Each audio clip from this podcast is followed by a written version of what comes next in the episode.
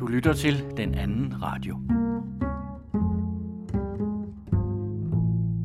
Den anden radio er en kultur- og samfundsradio på nettet. Du finder os på adressen den2radio.dk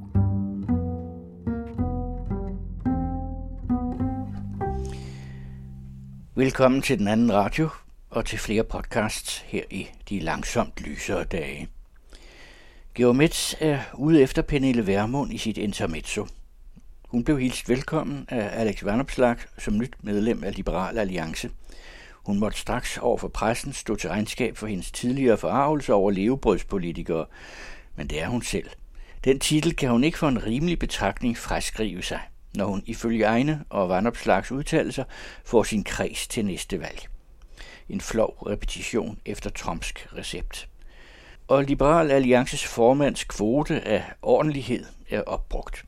Et kønt par, der varsler det politiske niveau i det fædreland, Pernille Vermund så ofte ordrigt og så hamdierne har påstået misbrugt i velfærdssamfundet og den farlige fremmedpåvirkning, uden strejf af evidens.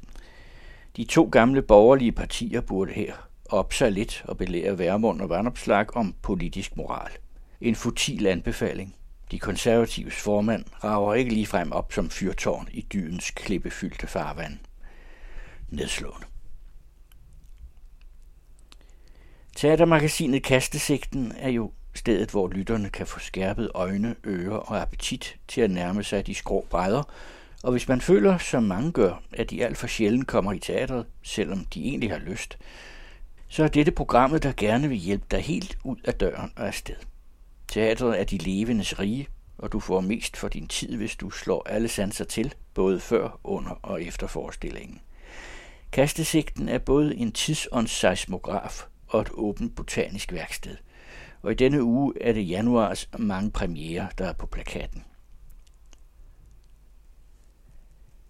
Et gammelt ordsprog lyder, et menneske dør to gange. Den anden død er at blive glemt.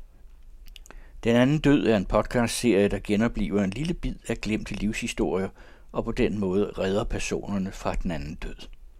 Serien Familiens fodnote handler om Alfred Ferdinand Carstens, som er Mikkel Andersens og Jakob Krauses tip-oldefar. Han mistede livet under 1. verdenskrig, ligesom det var tilfældet med mere end 5.000 andre sønderjyder i tysk krigstjeneste.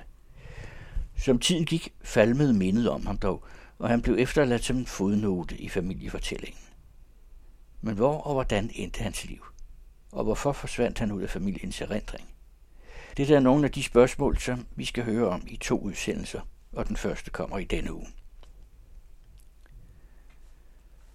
Vi er nået til den anden af tre podcast Stemmer fra den fireårige indsats i Mjølnerparken. De tre podcast blev i efteråret 2021 produceret af den anden radio som afslutning på det boligsociale arbejde Helhedsplan Mjølnerparken. Mjølnerparken er et almindeligt boligområde på Nørrebro i København, der gennem årene har været udsat for bandekrig, skud og med mange socialt udsatte borgere og deraf ghettostempling. I september 2021 var det slut med det boligsociale arbejde. Andre tiltag skal i spil. Renovering og nedbringning af almene familieboliger på 40 procent er påbegyndt. I denne podcast skal du høre om beboernes ressourcer og beboersammensætningen i Mjølnerparken, og hvordan ansatte takler arbejdet, når antallet af familieboliger skal reduceres med 40 procent. I skal møde Grete Kern Jespersen, der var sekretariatsleder i helhedsplanen Mjølnerparken, tryghedschef Eskil Dahl Pedersen og tidligere politimand Søren Viborg. De to sidstnævnte arbejder fortsat med trygheden i Mjølnerparken i forbindelse med udflytning og nedbringning af familieboliger i boligafdelingen. Hvis man ligner en grønlænder, har man noget at skulle bevise, også i dagens Danmark. Men Bodil har aldrig rettet ind. Hun og hendes søskende er vokset op på Amager i 1960'erne som de eneste børn i kvarteret med et fremmed udseende. Deres mors østgrønlandske ophav gav anledning til voldsom racisme med dertilfølgende traumer for hele familien, men Bodil har altid nægtet at genkende sig selv de fordomme, hun blev mødt med. Hun blev den grønlandske pige, der slog fra sig i skolen, en succesfuld dansk iværksætter i Nuuk, og nok den eneste københavnske frisør, hvis bedstefar var åndemaner. Men vi skal også ind på, hvordan man risikerer at blive behandlet, når man som midalderen kvinde med et grønlandsk udseende går ned i et dansk supermarked. I programserien Arktis i hjertet møder vi tre kvinder, hvis identitet bygger både på dansk og grønlandsk kultur. Det moderne rigsfællesskab er et produkt af en fælles kolonihistorie, hvor Danmark var magtudøver og Grønland blev domineret. Det er et historisk forhold, der har efterladt en arv af sagte og usagte fordomme om grønlændere. Den røde tråd i mange af disse stereotyper er alkoholisme, mindre værd og for kvindernes vedkommende seksuel villighed. Tage Bagmand og den tyske efterkrigstidsslager. Det er en lang, interessant serie, som den anden radio nu genudsender, og vi er nået til den tredje podcast. Den handler også om kabineskuter, folkevogn eller måske endda en Opel Kadett. Den vesttyske slager i 1950'ernes Wirtschaftswunder.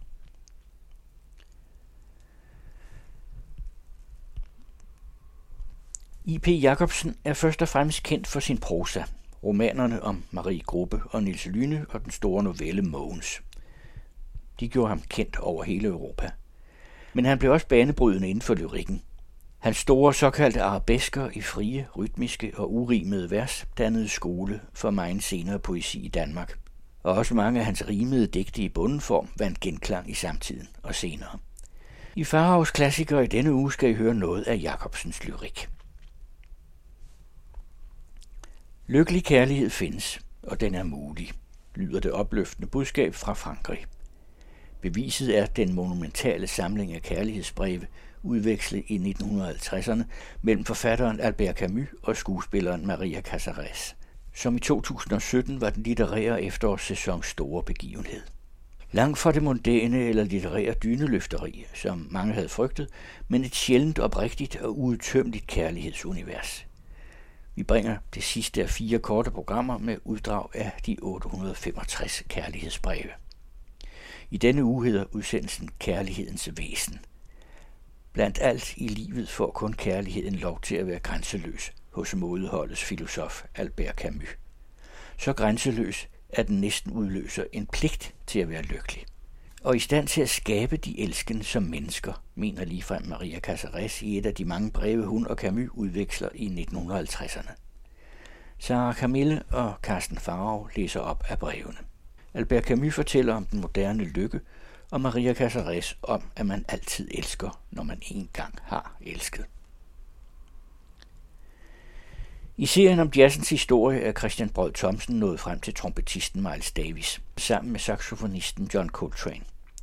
Ud fra bogen Drømmejazz, jazzens historie belyst gennem 100 af de bedste CD'er, har Christian Brød Thomsen produceret denne serie på 22 udsendelser til den anden radio. Den anden radio.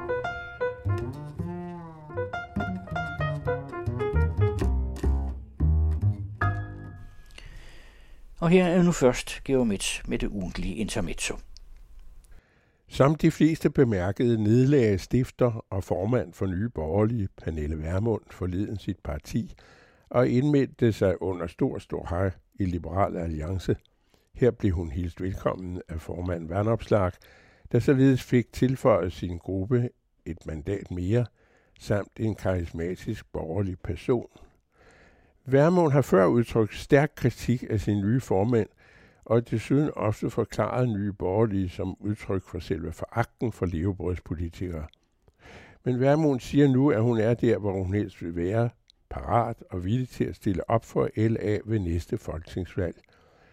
Journalisterne spurgte hertil, hvorledes hun forsvarede en så synlig kovending, og hvordan hun selv mente, at hendes troværdighed tager sig ud nu – det må vælgerne afgøre, svarede Værmund, men således ikke besvarelse af et rimeligt spørgsmål om hendes eget syn på egen adfærd, uanset at det ubestridelige er vælgerne i sidste ende ved at stemme på hende, mere nærlæggende eller værd, der afgør Værmunds politiske fremtid.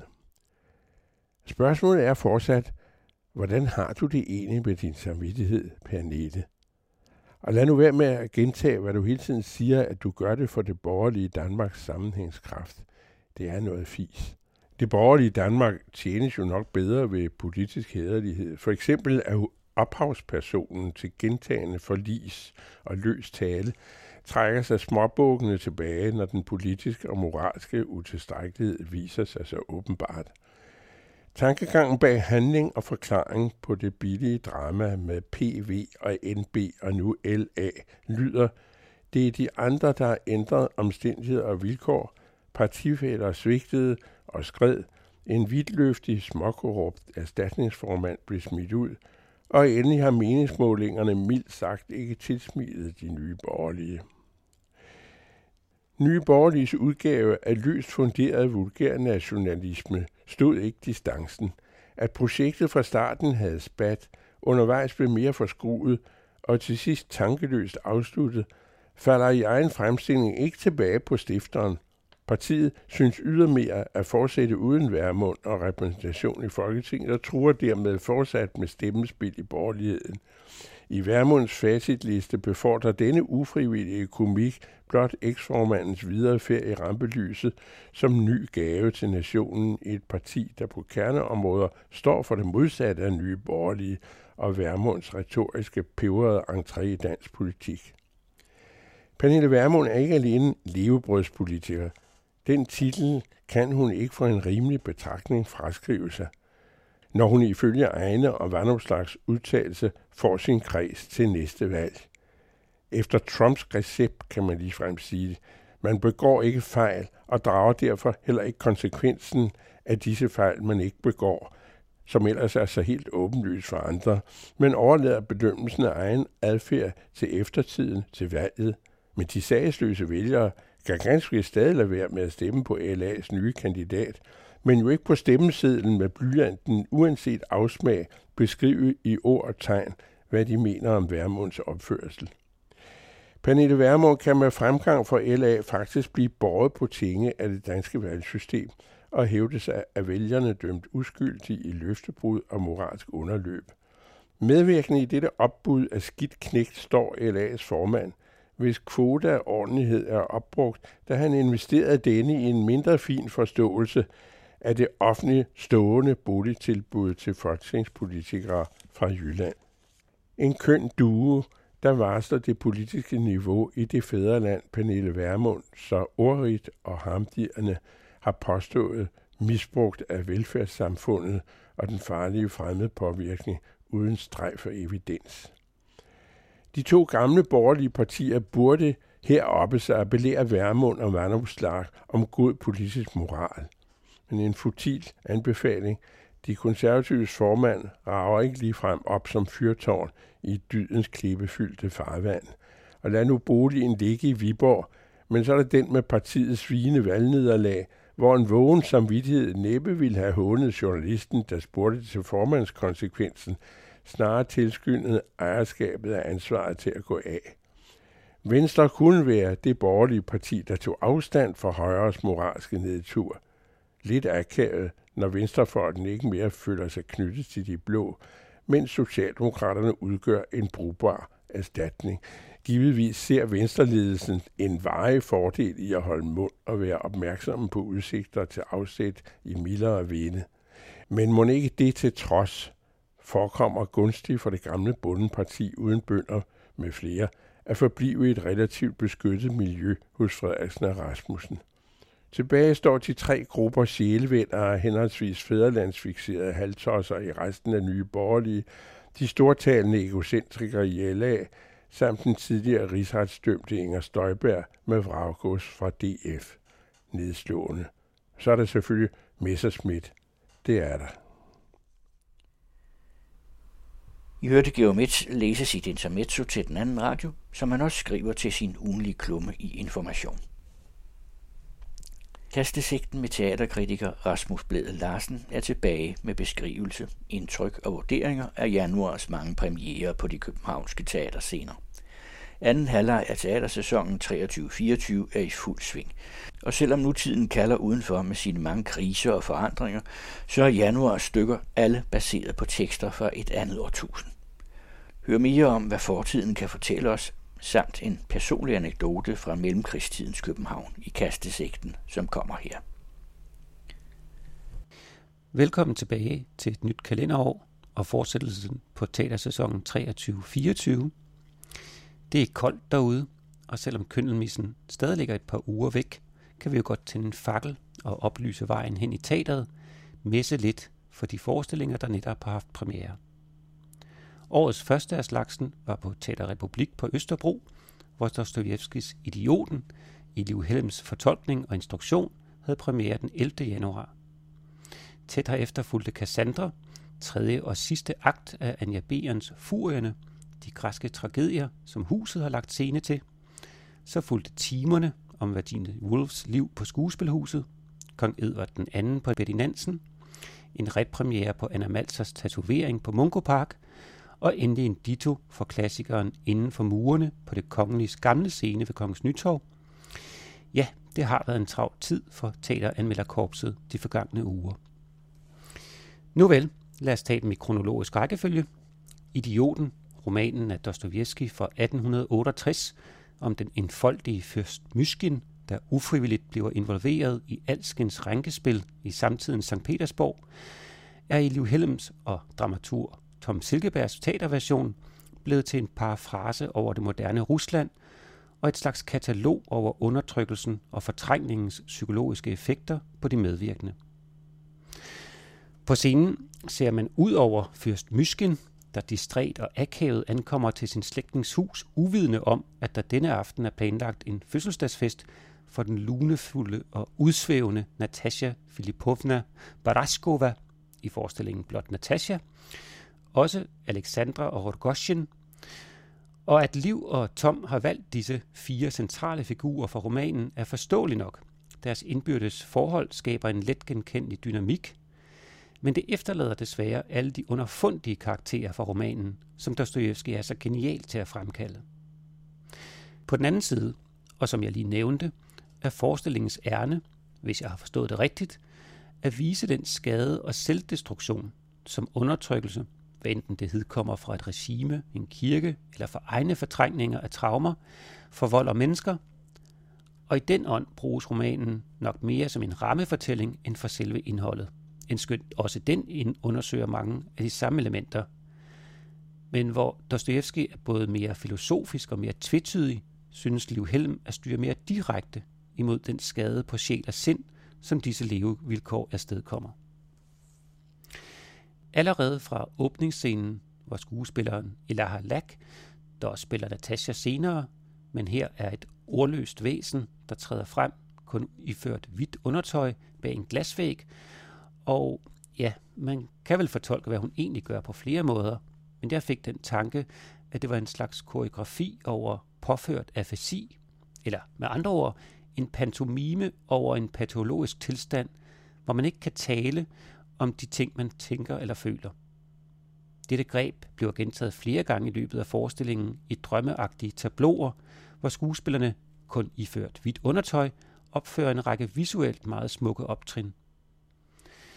Scenografisk mindede det utroligt meget om Liv Helms iscenesættelse af Lille Ejolf på Husets Teater, men var glasvæggen dengang adskilte figurerne på scenen fra det druknede barn og alle de følelser, forældrene ikke kunne sætte ord på, før den fysiske udløsning i den sidste dramatiske slutscene, så er det næsten som om, at det er omvendt her. Figurerne på scenen begiver sig ud i en hæsblæsende og meget fysisk dialog, hvor falskhed og ydmygelse og nederdrægtigheder kappes om at skabe mest mulig støj og følelsesmæssig interferens. En adfærd, der kun alt for åbenlyst eksponerer de psykologiske vilkår, de lever under, mens optrinene bag glasvæggen nærmest får karakter af sådan, ja, terapeutiske yogaøvelser. Men det er måske kun mig, der ser det sådan.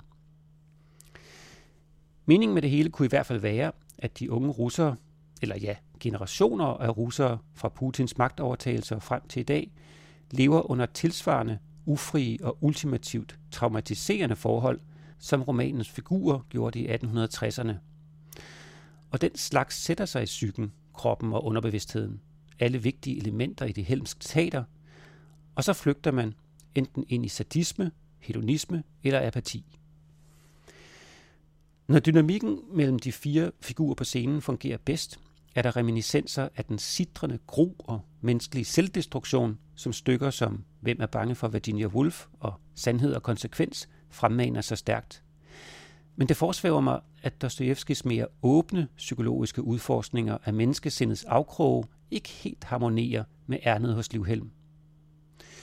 Og i forlængelse heraf er scenografien af Ida Graup i mine øjne mere kalkeret over en jagthytte end et St. Peterborgsk palæ med sine udstoppede dyr og geværer på væggen. Og det ledte selv sagt associationerne hen på jagtens symbolik. Og der er jo en scene bag glasvæggen, hvor en flitsbue spiller en central rolle. Men jeg fik aldrig rigtig afkodet, eller i det mindste en fornemmelse for præcis, hvordan dette jagtunivers var ment som spillende sammen med fortællingen på scenen. Under alle omstændigheder var vi, og det gælder her tilfældigvis også den læseklub, vi sad ved siden af, nogenlunde enige om, at stykket ikke rigtig formår at komme ud af stedet. Det var som om, at den samme højintense udladning af indestængthed blev gentaget om og om igen. Og hverken figurerne på scenen eller publikum i salen slipper fri af denne i længden lidt trættekære gentagelse. Hvis det også er hensigten med stykket, at iscenesætte den komplette udsigtsløshed, som mange russere utvivlsomt må føle, ja, så respekt for det. Men jeg og vi anede, at der var noget mere på spil, som desværre ikke blev forløst. Hvad dette eventuelt kunne være, behøver man ikke at gå rundt derhjemme og spekulere alene over, for teateret har inviteret til en talk, som det hedder på nudansk, den 1. februar, om både romanen og forestillingen med folkene bag og det er helt gratis at deltage. Og man kan til med ligeledes helt gratis opleve højtlæsning af romanen på teateret den 31. januar og den 7. februar. Det er der public service om noget. Idioten går til 17. februar. Næste premiere var Timerne på Skuespilhuset, instrueret af norske Eline Arbo og med Sofie Gråbøl, Karen Lise Mønster og Josefine Park i de bærende roller. Den springer vi over i dette program, ikke af kvalitetsgrunden, men simpelthen fordi vi har så mange andre forestillinger at komme omkring. Men så meget kan jeg da sige, at hvis man var glad for filmen af samme navn, så er stykket et rigtig godt bud på en stærk teateraften. Derfra gik turen ud til Betty Nansen og Elisa Kravrups fagntag med Christopher Marlowes Edward den anden. Om det var fordi, at flere af skuespillerne fra det legendariske ensemble fra det Røde Rum igen var samlet på scenen, eller noget andet, der gjorde sig gældende, ja, det ved jeg ikke. Men det er i hvert fald længe siden, jeg har været til premiere med så mange skuespillere og teater- og filmfolk blandt publikum. Betty Nansen havde den aften sådan en rigtig elektrisk københavnerbegivenhedsenergi, som i sig selv var lidt berusende. Og energien fra foyeren blev på mange leder og kanter omsat til teatermagi på scenen, i hvert fald i den første halvdel. For Edvard den anden bliver under Kragerup og her er det simpelthen igen Tom Silkeberg, der er dramatur. Ja, det bliver mellem deres hænder en forestilling med to meget forskellige halvdele. Præmissen er, for dem der ikke lige har Marlow og Edvard den anden i frisk erindring, en historisk tragedie om kong Edvard den anden, der kommer til magten i 1307, men hvis åbenlyse kærlighed til den franske adelsmand Gaveston bryder datidens normer, selv for en konge, og ender med hans afsættelse i 1327 hvorefter han hensynede i fangenskab.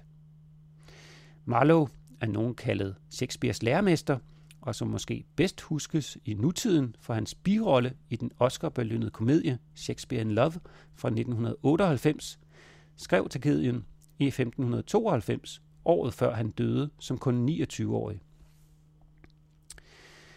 Forlægget til den aktuelle forestilling er altså en kærlighedshistorie mellem to mænd, sat i 1300-tallet, skrevet i slutningen af 1500-tallet, og med en meget tidstypisk, ja, tænk bare på Shakespeare, udlevering af magtens korruption, kirkens hykleri, og med adlen som en flok sleske vindbøjtler. Og folk, der har gået i teateret på Betty Nansen, og særligt dem, der også havde fornøjelsen af at opleve Elisa Karup og hendes røde rum-ensemble i de gyldne år i skuespilhuset, kan næsten på forhånd regne ud, at sleske vindbøjtler og erotiske kroppe er guld i hænderne på hende. Der er vel næppe nogen i kongeriget, der som Elisa Kaurup formår at instruere de enkelte skuespillers kroppe til at indgå i en større ekspressiv organisme, der i kraft af ikke ord, men mimik, gestik og flydende, smukt koreograferede poetiske overgange og strømninger i hele ensemblet, fortæller og fortryller. Og når det lykkes, og det gjorde det ofte i første halvdel, så er det virkelig kunst af højeste karat. Der er i og for sig slet ikke brug for scenografi i den verden, som der jo også kun sjældent var i det røde rum. Men når der nu står to bænke på scenen, hvorfor så ikke bruge dem? Og det gøres med så stor virtuositet i den første kærlighedsscene mellem Edward og Gaveston, spillet af henholdsvis Peter Plagborg og Simon Bennebjerg, at man næsten fristes til, om ikke andet så i drømme, at rive den scene ud af stykket og putte den i lommen til en regnværsdag. Der er så meget forelskelse og skønhed i de fem minutter, at intet andet betyder noget. Jeg var også begejstret for den i øvrigt modholdende, for ikke at sige spartanske scenografi, der i al sin enkelhed bestod af en trone og et vinduesparti, der med sine kirkelige associationer hang dømmende over tronen. Resten var scenegulv og et gråt forhæng, hvor foran bag os til venstre Line Felding sad med sin cello og slaginstrumenter og akkompagnerede forestillingen. Jeg skulle lige til at sige, ligesom i det røde rum, men nu skal jeg nok være med at dvæle mere ved det rum. Ja, det skulle da lige være den konstatering, at samspillet mellem det ni mand store ensemble oplevedes som havende en ekstra dimension, når det var eks-røde rummere, der interagerede. Nu vel, handlingen skrider frem. Gaveston giver den gas ved det engelske hof som en udstyr og ustoppelig drama queen. Jeg ved ikke, om det her lønner sig at stille det skeptiske spørgsmål, om ikke hans karakter bliver lidt for endimensionel i betydningen overdreven, affekteret og udstyrsdukket med lange læderstiletter. Det skaber selvfølgelig en komik, og ingen gør det vel bedre end Simon Bennebjerg, men det bliver bare lidt nemme point. Og harmen hos kirken og adelen får tilsvarende ikke rigtig karakter. Det bliver langt hen ad vejen lidt for lidt karakterernes psykologi og mere brug af let genkendelige stereotyper, der driver handlingen, hvis I altså spørger mig. Denne refleksion delte jeg med min ledsagerske efter stykket, der dog slet ikke synes, min anke var væsentlig, hvilket gav mig anledning til at bore lidt i min egen rolle, eller funktion, om man vil, som anmelder dernede på syvende række. For nogle gange er et teaterstykke jo også bare underholdning og æstetiske virkemidler, en eskapi eller dagdrøm. Der er jo ingen lov, der siger, at alt på de skrå brædder skal være dybsindigt, vedkommende eller en troværdig fremstilling.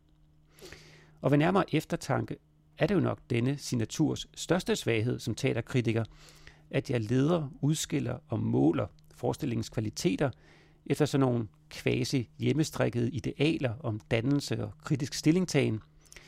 Og det er der jo heldigvis masser af teater, der ønsker, men teater, der går andre veje og bruger andre semiotikker for at iscenesætte, som i nærværende stykke, et queer-perspektiv på historien og dens arketyper, ja, jeg indser lidt modvilligt, at jeg nok ikke evner at vurdere kvaliteten i disse værker ud fra deres referencer, men påtvinger dem mine egne, og det er sgu ærgerligt.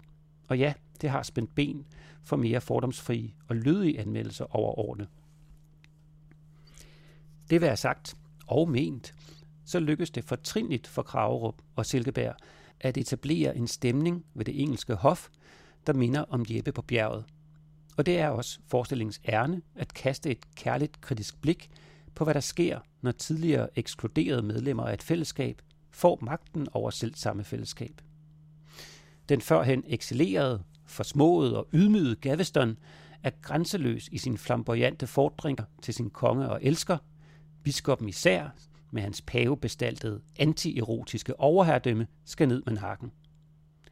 Men Gavestons hybris bliver selv sagt hans fald. Til sidst må kongen erkende, at også hans magt beror på kirken og adelen, og han landsforviser sin elskede.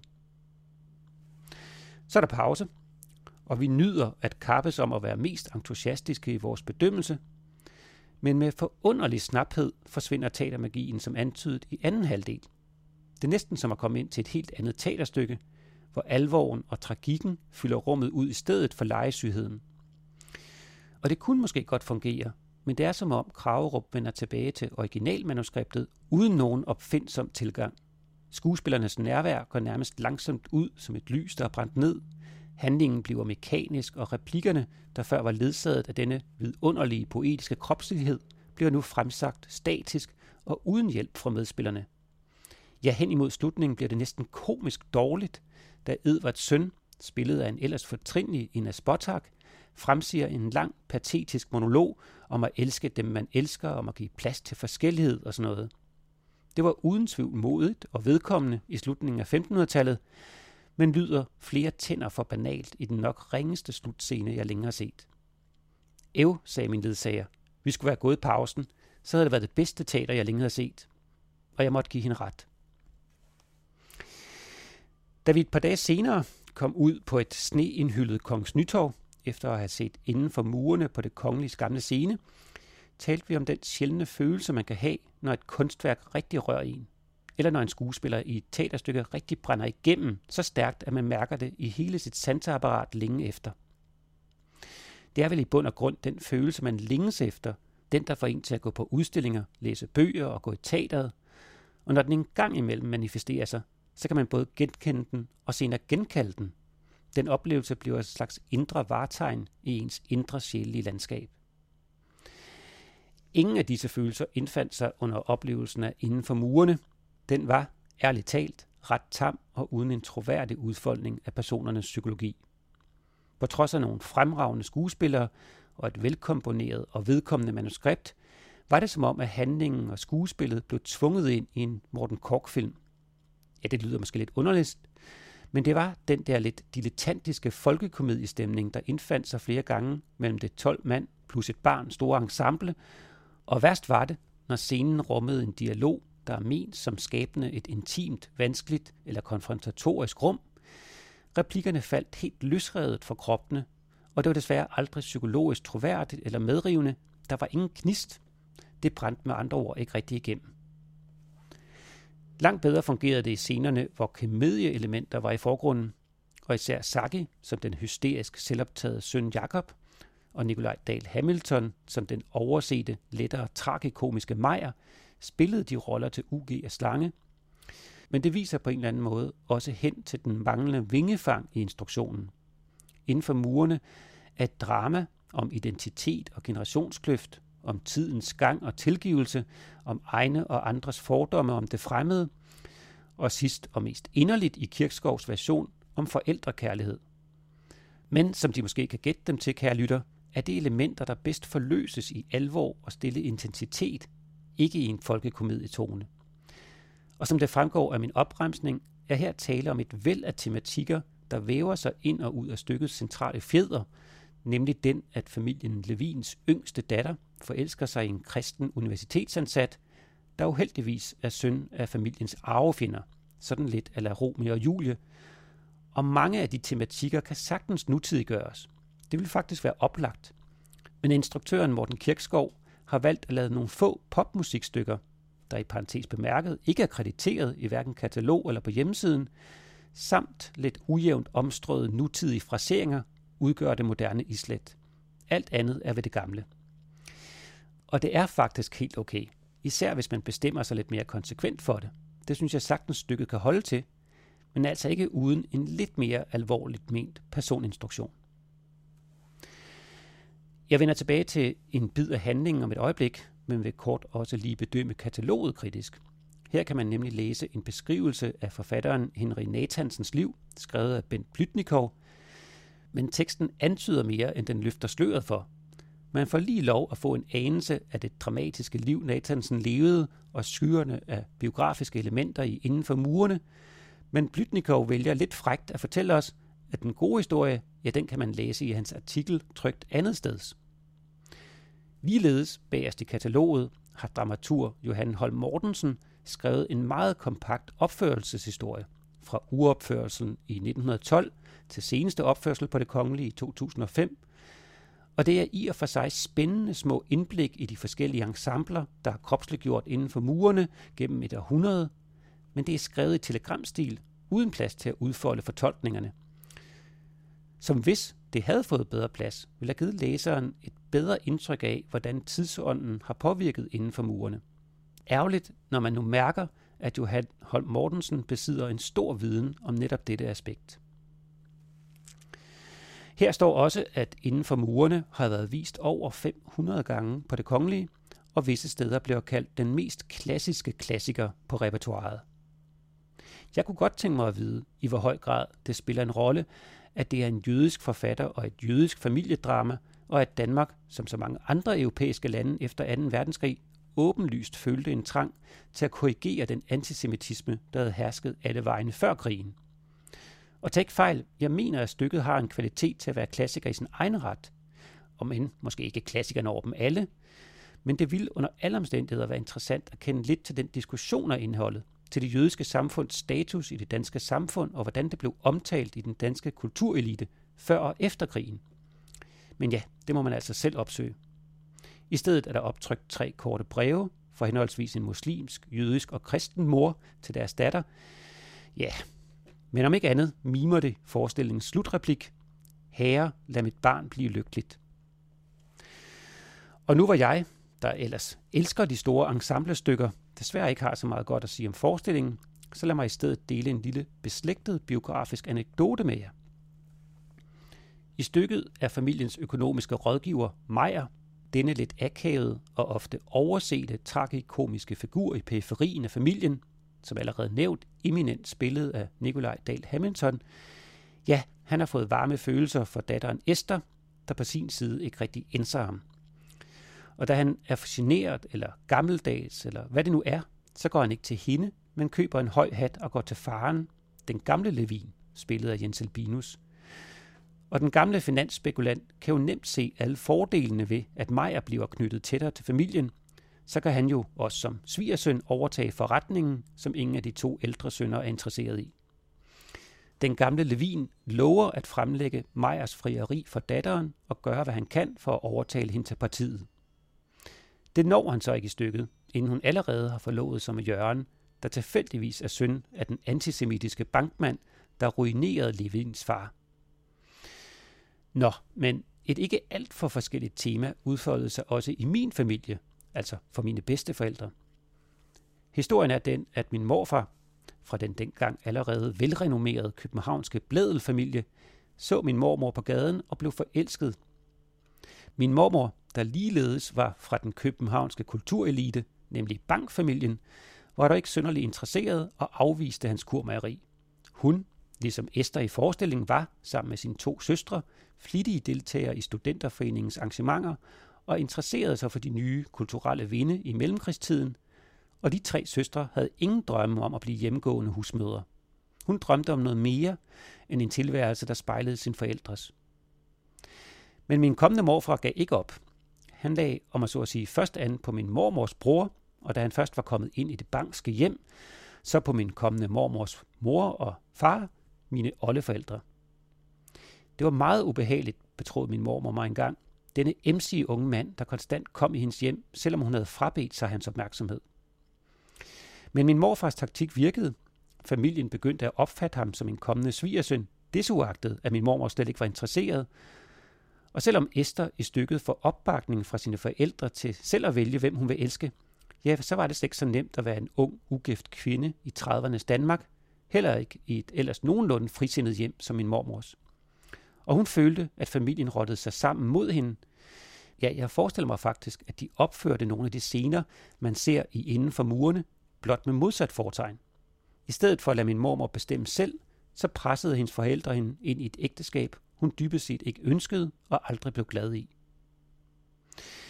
Og det har formentlig været mere normen end undtagelsen dengang, hvilket gør Nathansens forstående jødiske forældre, angiveligt kalkeret over hans egne, så meget desto mere interessante, i og med, at de var langt forud for deres tid, som jo også var en tid, da Kajtet forsøgte at assimilere dem. Ja, som allerede sagt, stykket indeholder utrolig mange interessante brydninger, blot formår den aktuelle version ikke at levende gøre dem. Hvis man vil trodse min krasse kritik af Inden for murene, så kan man se den indtil 17. februar. På huset går for tiden Cassandra, sidste del af trilogien Furier. De to tidligere stykker, Fedra og Elektra, er begge blevet anmeldt her i programmet. Og det handler altså om, at Anja Berens ser tre kvindelige skikkelser fra de græske tragedier i et nyt lys, eller lad dem fortælle historierne. Dette lykkes efter min smag rigtig godt i den første, og mindre godt i den anden del, og nu bindes der så sløjfe på trilogien med Cassandra. Et kort leksikalt opslag fortæller os, at Cassandra på græsk betyder hende, som forfører mænd, og at hun er datter af kong Priamos, konge af Troja og dronning Hekabe, samt at Cassandras skønhed forledte Apollon til at skænke hende profetiens gave. Men da hun ikke gengældt hans kærlighed, nedkaldte han en forbandelse over hende. Ingen skulle tro på hendes rigtige forudsigelser. Der er simpelthen også noget, der hedder Cassandra-komplekset, eller Cassandra-syndromet, en betegnelse, som hæftes på helt korrekte advarsler eller bekymringer, der ikke bliver hørt. Disse små, om man så at sige, biografiske elementer er gode at kende, når man går ind og ser stykket på Husets Teater. I første del var det Marina Buras, der kropsliggjorde Fedra. I anden del var det Asta August som Elektra. Og nu er det så Benedikte Hansen, der som Cassandra lukker og slukker for denne verden. Og det er det helt rigtige valg. Hun er Cassandra. Hun er den forkyndende og profeterende plagede seerske, der er vidne til krig efter krig efter krig. Døde og slagtede befolker hendes sind, og det spilles hudløst på scenen, og det vises utrolig smukt og æstetisk, og samtidig grumt og illusionsløst i scenografien, igen skabt af Christian Albrechtsen, der i al sin enkelhed består af en projiceret film bag Cassandra, hvorpå forførende skønne slow-motion nærbilleder af kroppens rynker, der som dybe fuger eller afgrunde af mismod, tegner et krigens mønster hen over mennesket. Ja, det er et mørkt sted, vi er.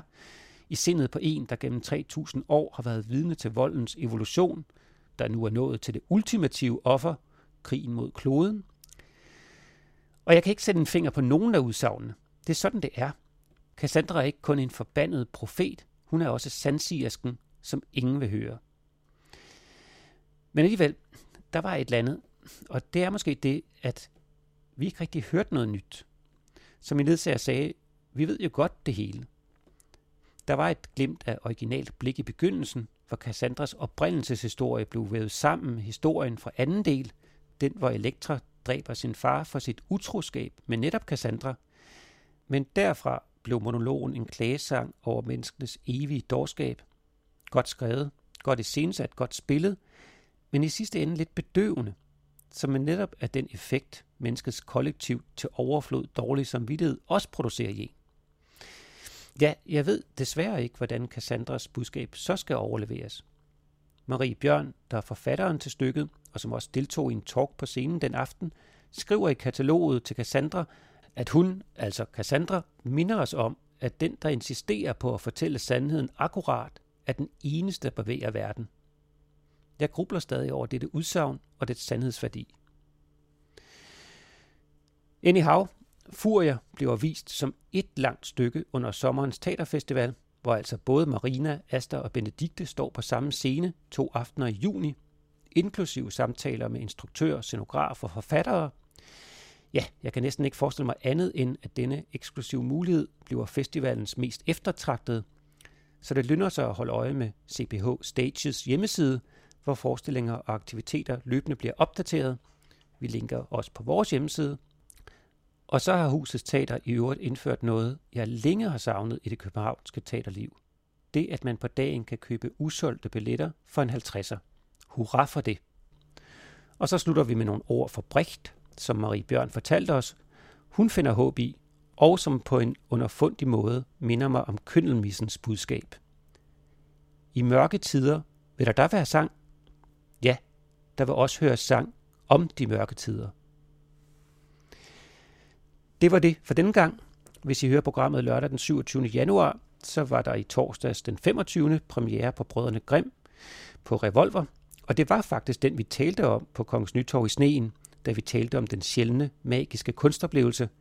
For den oplevelse havde Freja Klint givet mig i Alice på Bedinansen i efteråret, og hun spiller en af hovedrollerne her.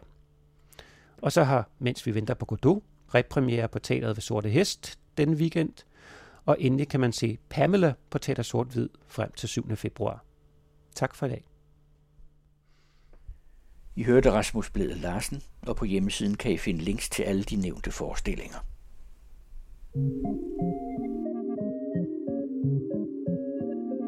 Den anden radio. I dybden, i bredden, i højden.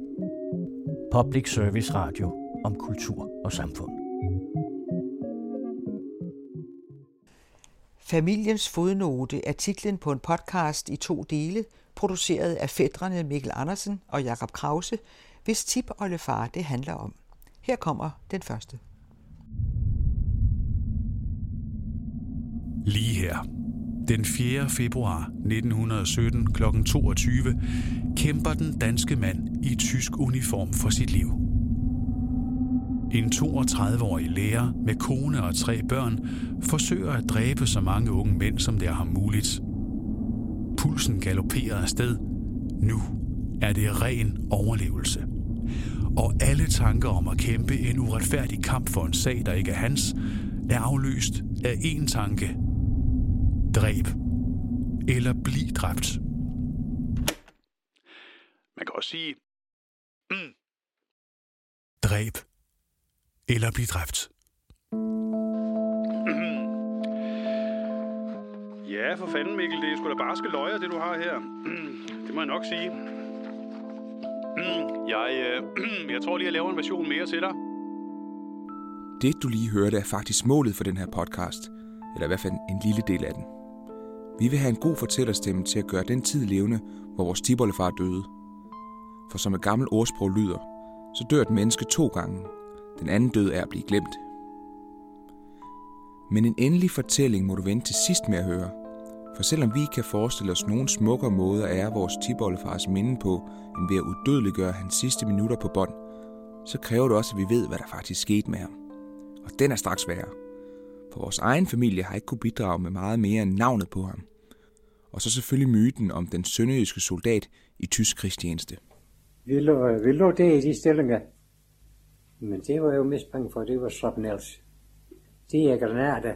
Og lige så kommer over fjenden, så eksploderer de jo, så er det bare små, spidse, øh, store stykker til at flyve. Og det var slemt. For det er jo i tusindvis i, i, i sådan en granat. Og, det, og vi tog det ud af 1200 mand, og kom kun 300 tilbage. Jeg hedder Mikkel Andersen. Jeg hedder Jakob Krause. Vi er fædre med et sønderjysk ophav, og vi har altid været svært historieinteresserede. Som små fik vi at vide, at vores tiboldefar faldt i 1. verdenskrig, på samme måde som ca. 5.000 andre sønderjyder gjorde det. Når man som os er lidt krigsliderlige, så var den historie altid forbundet med en stærk sønderjysk stolthed og indignation over, at Tyskland på den måde kunne gribe ind i private danske hjem og ødelægge familier i hele landsdelen, når fædre, sønner og brødre blev omdannet til kejserens kanonføde. Men som du snart vil opdage, så tyder mere og mere faktisk på, at mindet om vores tibollefar ikke helt passer med historien om de mange danskere, der uretfærdigt blev tvunget til at forlade len i de gamle danske marker og drage afsted i tysk uniform. Med andre ord, måske smed vores tibollefar sin le lige rigeligt hurtigt, og havde måske knap så meget foragt for den tyske sag, som vi ellers gik og troede. Men det er bare noget af alt det, vi har fundet frem til på vores opdagelsesrejse, som du nu kommer med på. Vi har været rundt i Sønderjylland. Og jo længere de kommer hen i krigen, så tog de jo også nogen, hvor det handicappede, eller hvad skal han sige mm. det, hvor der måske ikke havde ja. kunne mange den lille finger, eller de røg skulle med, så man så slæbte ja. på det ene ben. Ja. Vi har været i Frankrig. This is our uh, third uh, mission in France. Last year we were in, in the Champagne in Reims. Og tilbage i Sønderjylland igen. Alt sammen i forsøg på at komme nærmere ind på livet og døden af vores tipoldefar, Alfred Ferdinand Carstens. Men turen starter hverken i Sønderjylland eller i Frankrig. Den starter i Aarhus, hvor mindet om vores tipoldefar lider det første store knæk.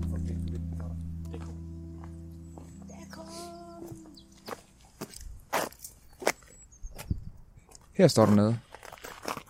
Mindesmærke. Her står der så for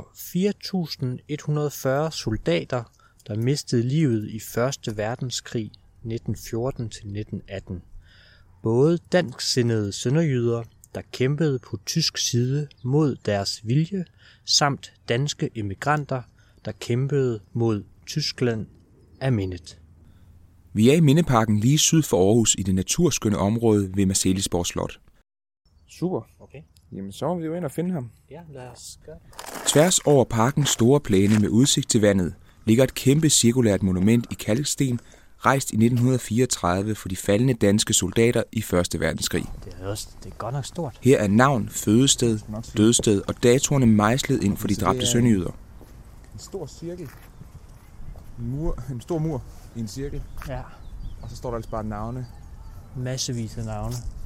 Og de er så øh, alfabetisk på efternavnet, eller hvad? Yes. Og så står der, hvor de er fra.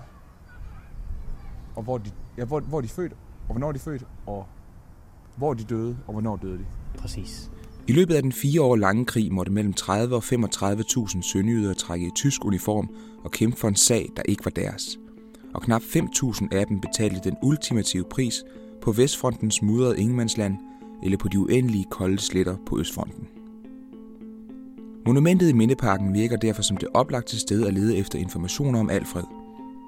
Men vi har taget optageren med, for alt er ikke som det bør være. Et rygte har svirret i familien, der tidligere på året har været på besøg i Mindeparken. Vores tipoldefar står åbenbart ikke på mindetavlen med tusindvis af andre dræbte sønyder for krigen. En... står der her Carlsen, Carlsen, Carsten, Carstens. Peter Carstens.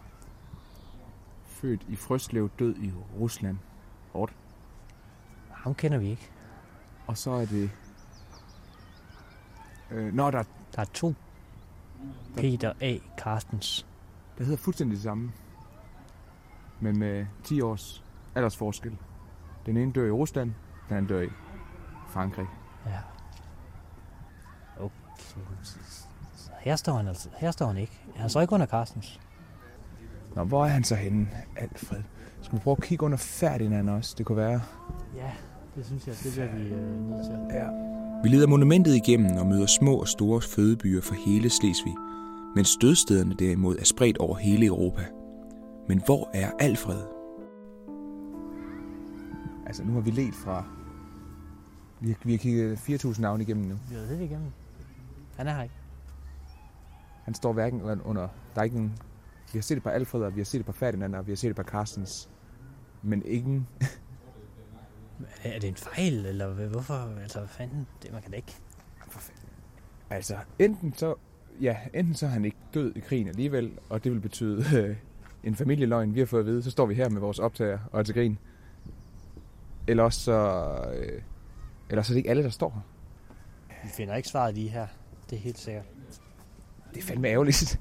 Det var her, vi skulle vide, hvor han døde, så vi kunne komme videre i teksten. Det var jo også... Øh, det var det, der skulle fungere som en ledtråd til, til næste skridt.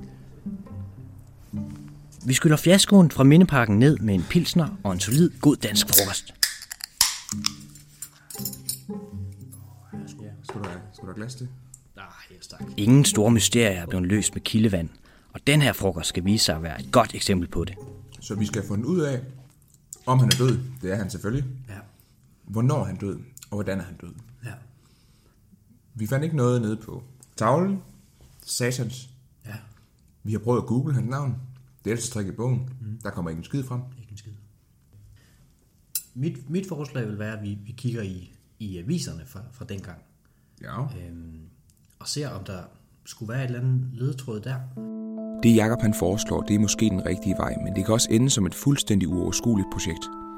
Omkring 1. verdenskrig var der hundredvis af aviser og dagblade i Danmark og Slesvig, og vi har hverken år eller dato til at snævre søgningen ind.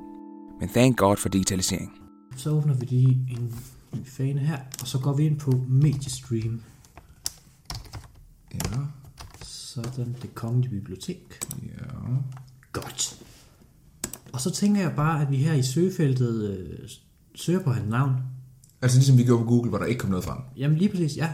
Okay, Øhm, ja. Så søger vi på Alfred Carstens, tænker jeg bare. Ja. Og så søger vi inden for 1914 til 1918. Bare Ja. lige for at få begrænset os lidt. Godt. Godt, lad os prøve at se. Så trykker vi søg. Vi støder relativt hurtigt på en annonce fra Vestjyllands Socialdemokrat fra den 21. februar 1917. Okay, hvad står der så? Øh, Amtsforvalter Paulsen af Egernsund har modtaget den sørgelige efterretning, at hans svigersøn, lærer Carstens af Bækken ved Rinkenes, er falden. Paulsens har for noget tid siden også mistet deres eneste søn, som var løjtnant i krigen. Fanden? Tiboldemor Frida Paulsen. Ja. Det må jo være... Er det hendes far så, eller hvad? Hvis det er hans svigerfar, Ja. så er det jo hans kones far. Hun er født Paulsen, så altså Frida Paulsen. Og så det her, det er hendes far, der skriver... Som åbenbart er amtsforvalter. Ja, i Jørgensund. Nå. Det kan jo kun være ham så. Her har vi altså noget meget brugbart. Vi ved ikke, hvor hurtigt nyheder har spredt sig fra slagmarken til Danmark, men hvis annoncen er trykt den 21. februar, så må Alfred sandsynligvis være død i januar-februar 1917. Men vi står stadig uden en præcis dato, og vi ved heller ikke, hvor henne han døde. Vi søger lidt videre og finder så endnu en annonce, denne gang fra Nationaltidene fra den 11. april 1917. Prøv at høre her. Ja. Faldende fra Åben Rå Amt, Ringenes Sogn, Alfred Carstens fra Bækken. Og så, så står der så parentes, enke og tre børn. Det er, det er sgu hård kost. Det, det er jo ham. Vi skulle fundet ham, du. Vi ved nu, han var lærer. Vi ved, at han boede i Rinkenes. Ja. Vi ved, at han højst sandsynligt er død første halvår 1917. Ja. Og vi ved, at han var gift, det ved vi selvfølgelig, med Frida. Ja. Og havde tre børn. Børnene han efterlader, og som blandt andet tæller vores oldefar, kan ikke have været gamle, da han døde. Så det kan også være derfor, at mindet om ham ikke rigtigt er i vores familie. Måske. Men det vigtigste ved det her er, at vi nu med 100% sikkerhed kan sige, ja, han døde i krigen, nærmere bestemt i starten af 1917. Hvert sovn, der har haft øh, øh, faldende ja. i krigen, de er blevet mindet på en eller anden måde. Ja. Øhm, og det, er- det er vel typisk ved kirken, men jeg tænker, man har måske sat en sten, og så nævnt, øh, Ja, du siger noget der. nævnt de navne, der nu er, er gået tabt. Der er vel kun øh, én ting at gøre nu. Det er øh, at rykke til Ringenes. Og der kan jo være, at vi faktisk får en rigtig dato. Og måske en by, eller et gravsted, eller Der kan et slag, stå, eller ja, eller præcis. Det, jeg, jeg tænker, at det måske ligesom er som en, en gravsten, hvor der står de her oplysninger, og måske, øh, det kan godt være, at han ikke ligger der fysisk, men jeg tænker, der, der er der et eller andet... Øh,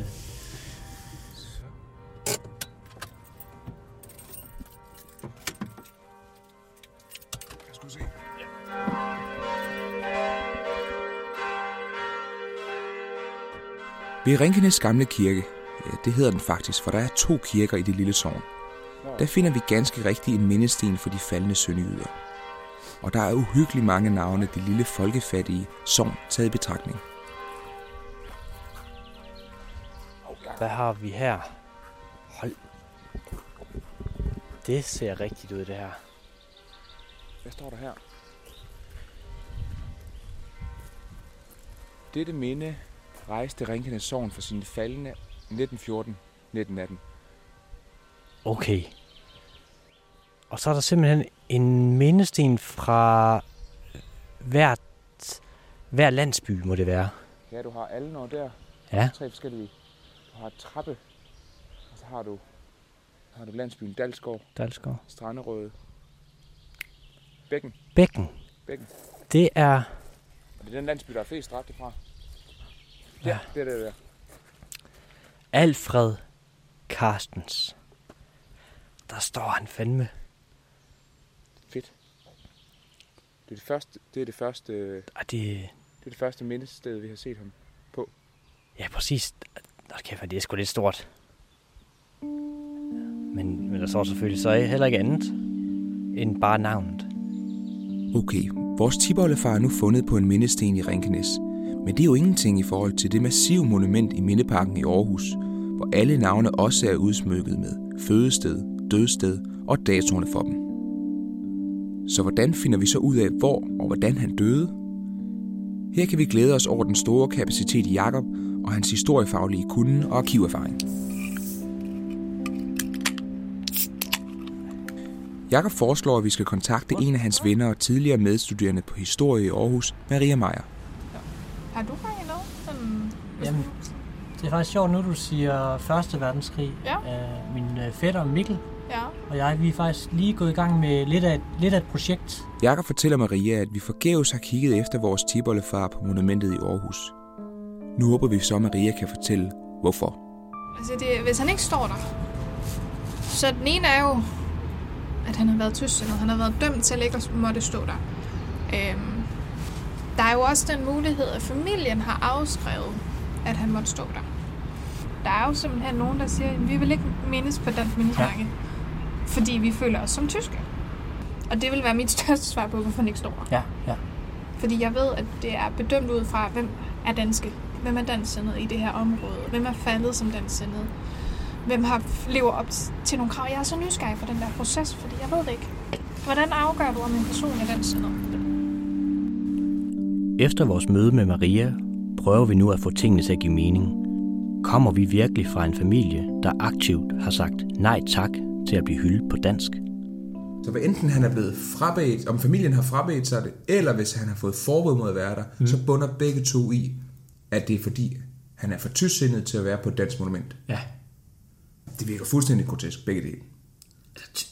Altså, tys, at han skulle være tysksindet, det forstår, det, det, det er aldrig, nogen, aldrig noget, der har, der har peget på i vores familie. Nej. Altså, altså, vores familie er sgu da dansk som dagen er lang. Hør, den tysksindede mulighed kommer tydeligvis bag på os.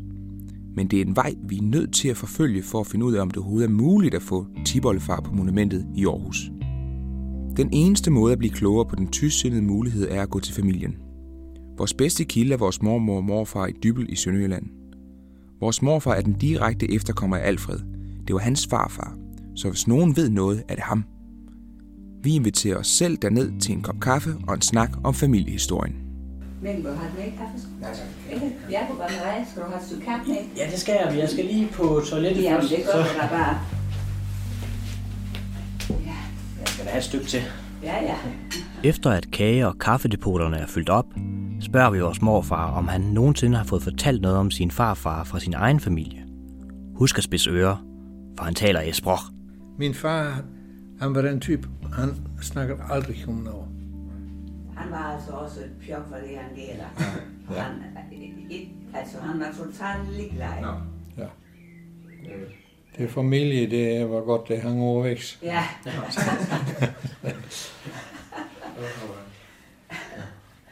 Han gik ikke så højt op i det. Nej.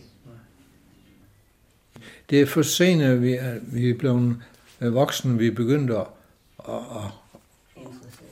at, at interessere os. Hvad er det for noget, det er her?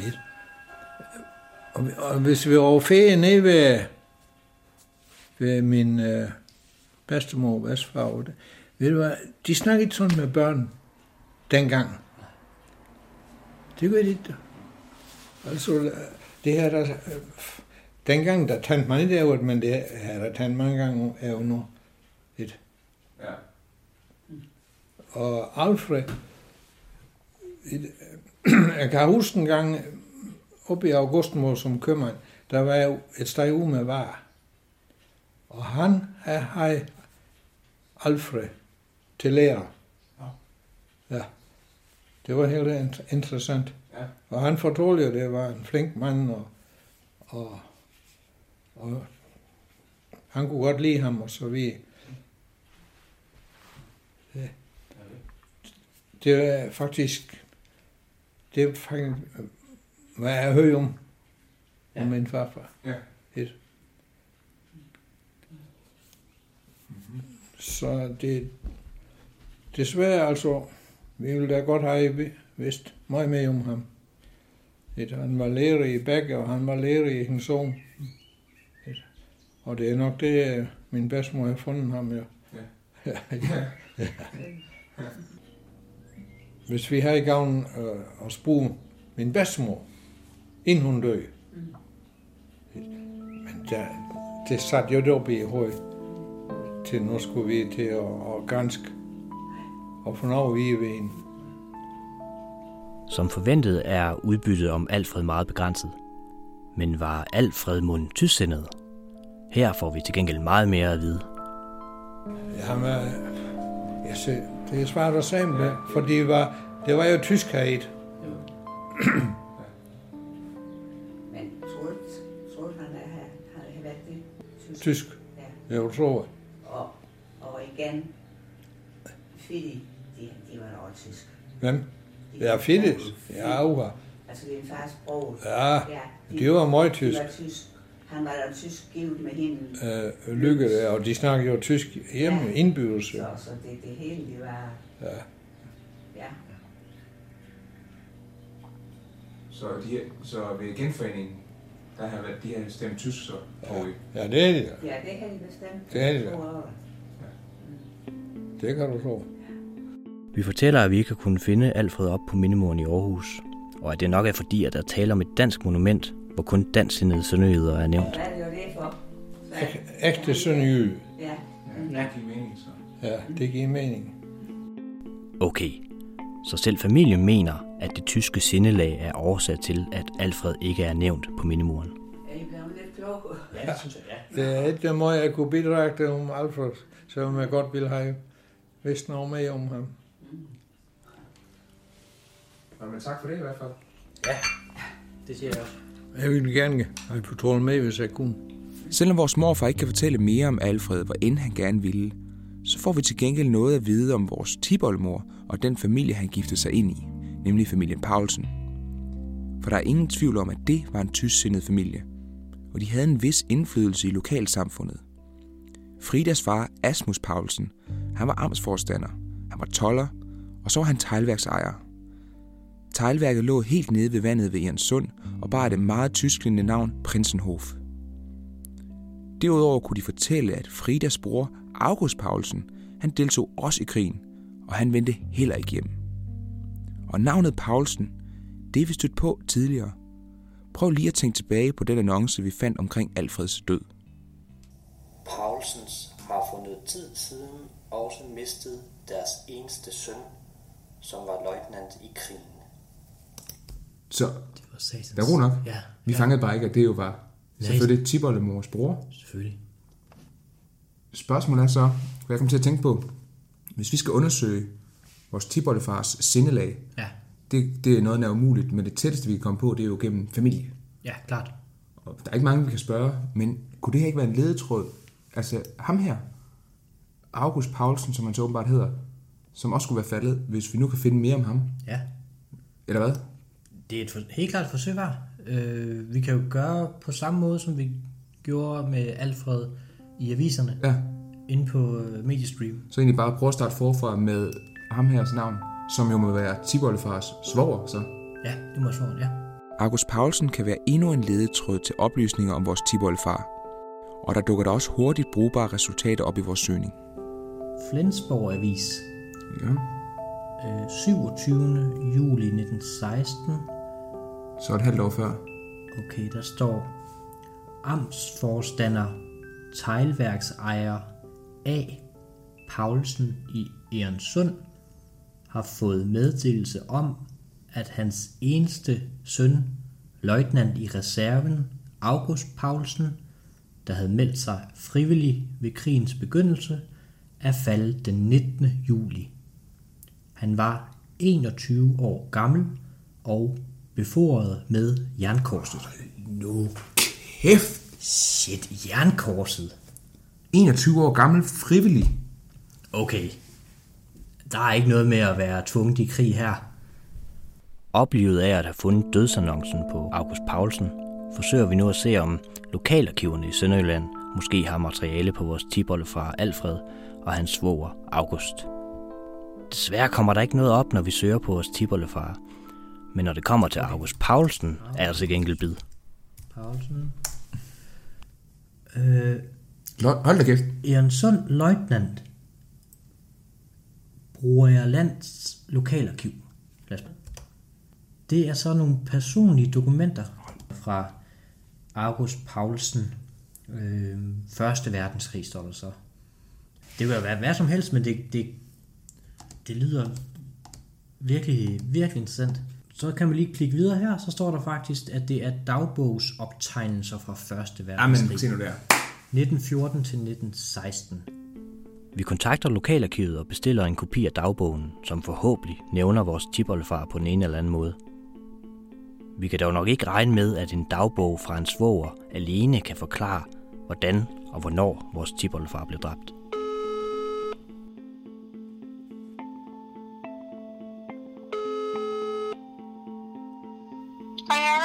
Hej Maria. Vi tyrer endnu en gang til hjælp for Maria, som jo hjalp os sidst med mindemoren i Aarhus. Vi fortæller hende, at vi er begyndt at lede efter oplysninger om vores tibollefar gennem personer, der har været tæt på ham, mens han levede. Men vi er gået i stå, og vi har svært ved at komme videre. ved, jeg ved ikke, om, hvor meget I ved om jeres mor og sådan noget, men, men altså hun har jo... Har hun fået pension, tror du? Prøv sådan, de havde sådan noget øh, arkivalie, en aktmappe per krigsinvalid, eller en per efterladte. Så der vil burde ligge, øh, at der er ikke blevet kasseret materiale, så vidt jeg vi ved. Okay. Hvilket er meget heldigt for jer, fordi så kan I faktisk øh, få fat i sagen. Det er et genialt råd, som vi slet ikke har tænkt over. Vores tipoldemors enkepensionssag er dybt personlig og beskriver formodentlig alt fra familieforhold og økonomiske udstående til Alfreds militære karriere. Det betyder også, at vi højst sandsynligt her får svaret på, hvordan Alfred endte sine dage. Det kræver at der overhovedet findes sådan en sag. Så har vi noget her. Lad mig se. Det er jo et kæmpe Excel-ark. Hold da kæft. Der er, ja, der er jo knap 3.000 sager. Øh, 2957 for helt præcis. Efter længere tids søgen har vi fundet frem til et register over invalidenævns enkepensionssager. Kan vi søge i det, eller? Ja, det kan vi godt. Øh, lige to sekunder.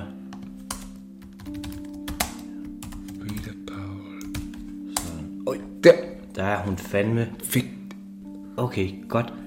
Og så kan man, vi kan, vi kan lige, vi kan klikke på den, og her står der så, Frida Carstens, født Paulsen, øh, ansøgning om enkepension efter Alfred F. Carstens død i Frankrig 1917. Sagen ligger på Rigsarkivet, og modsat dagbogen fra August Paulsen, som vi også går og venter på, så kan enkepensionssagen kun ses fysisk på Rigsarkivets læsesal. Men det er sommerferie, og det betyder lang ekspeditionstid. Vores efterforskning har haft en naturlig pause, men Jakob har alligevel brugt lidt af sin sommer på at grave efter oplysninger, der kan føres videre. Kom ind for. Tak. Alt vel? Jo tak. Stille og roligt. Jeg var fandme spændt på, hvorfor jeg skulle tage optageren med. Ja, jamen det... øh, Kan du lige holde, skal lige Han er tilfældigvis faldet over en bog, der ganske uventet viser sig at indeholde brugbare informationer om vores tipoldefars skæbne. Og så se den her bog, jeg har lige her. Lærerne i Nordslesvig. Ja. Hvis du nu slår op under C, så får vi at se, om der er noget, vi kan bruge. Jeg går ud fra, at jeg leder efter... Der står lige her, du. Alfred Fanden Carstens. Præcis. Og så så slå op på side... Her. Nå, hvad står der så her? Alfred Ferdinand Carstens, født den 20. august 1885 i Svabsted. Øh, søn af aktionator Johannes Carstens og hustru Margrethe Carstens. Han er uddannet lærer fra Tønder Seminarium i 1906. Han kom herefter til at fungere som fjerde lærer i Egernsund frem til 1909. Fra 1909 til 1910 var han lærer i Vejgaard, og fra 1910 til 1916 var han lærer i Bækken, Rinkenes. Tjek. Den 27. oktober 1907 blev han gift med Frida Auguste Paulsen, det er jo vores tibornmor perfekt. Hold nu kæft. Faldet 4. februar 1917. Court, Frankrig. Ej, det er løgn. Præcis, mand. Af alle steder er det en bog fra 1978 om lærerne i Nordslesvig, der indeholder de meget vigtige oplysninger om vores tiboldefars død. Vi har nu en præcis dødsdato, og måske endnu vigtigere, vi har nu også et navn for det sted i Frankrig, hvor han mistede livet. Det er jo fuldstændig det, vi har let efter. Det er så vildt. Jeg forestår, at vi smider, mens jernet er varmt. Ja. Og prøver at få undersøgt nogle af de her ting. Bøllenkur. Bøllenkur. Så ikke Bøjlenkur. Okay. Okay.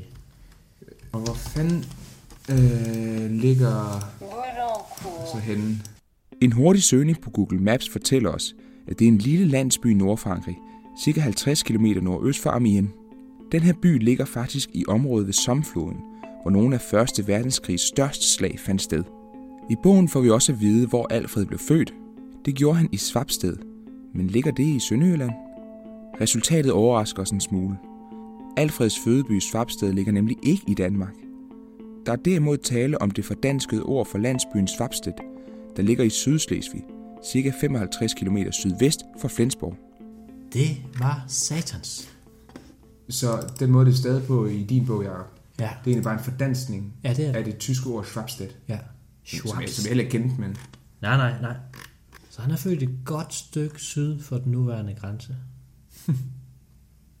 det, det, altså, det taler jo ikke sådan for, at han, han bliver ikke mere med dansk af det her i hvert fald. Nej, det, det gør han ikke. Altså, der var selvfølgelig også øh, dansende dernede. Jo, jo. Og stadigvæk, men... Men, ikke? Jo.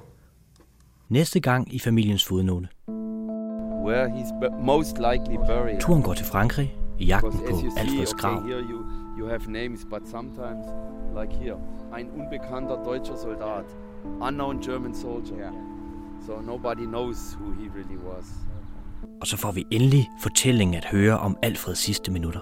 Ja, så skal mikrofonen også lige kunne holde sig til det, og det kan den, hvis jeg lige spænder den lidt der. Kan den ikke det? Jo.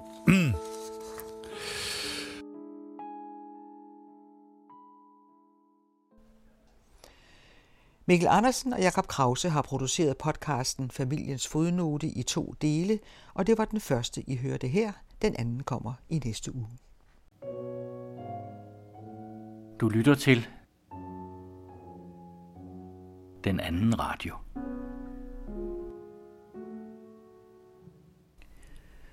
Og nu til den anden af tre podcasts, Stemmer fra en fireårig indsats i Mjølnerparken, et såkaldt ghettoområde på Nørrebro i København. Denne gang er det de ansatte tæt på boligområdet, der får ordet. Podcasten er produceret for Helhedsplan Mjølnerparken af Anne Eggen, og det er hende, der introducerer. Du lytter til en af tre podcast med titlen Stemmer fra en indsats, Helhedsplan Mjølnerparken. De tre podcast er en mosaik af stemmer fra erfarne folk, der alle har arbejdet intenst med det boligsociale arbejde. Du hører repræsentanter fra boligselskabet Bovita, kommunen, daglige ansvarlige og medarbejdere. De har organiseret, koordineret, analyseret og samarbejdet om helhedsplan Mjølnerparken gennem årene. Jeg hedder Grete Kern Jespersen, og øh, jeg er leder af en boligsocial helhedsplan. Jeg er 66 år gammel, og jeg har arbejdet inden for området med integration siden 1984. Hvor er det, vi sidder henne? Vi sidder på Hoders Plads i Mjølnerparken, eller ved Mjølnerparken, og i sekretariatet, og her har jeg arbejdet de sidste 12 år. Det, der skal ske nu, er, at helhedsplan Mjølnerparken skal lukke. Og du er med til at lukke det. Er det i orden? Ja, det har været planlagt i lang tid, at det skulle lukke. Vi synes, vi har arbejdet frem mod at lukke helhedsplanen ned i mange år. Cirka seks. Målet har jo været, at Mjølnerparken skulle klare sig selv. Beboerne skulle være helt almindelige beboere i København, og øh, behøvede ikke en ekstra social indsats. Men du bliver også nødt til at forklare mig, hvad en helhedsplan er. Den sidste boligsocial helhedsplan, den har haft tre ben at stå på. Det ene hedder tryghed og trivsel, det andet ben hedder uddannelse og beskæftigelse, og det tredje hedder forebyggelse og forældreansvar.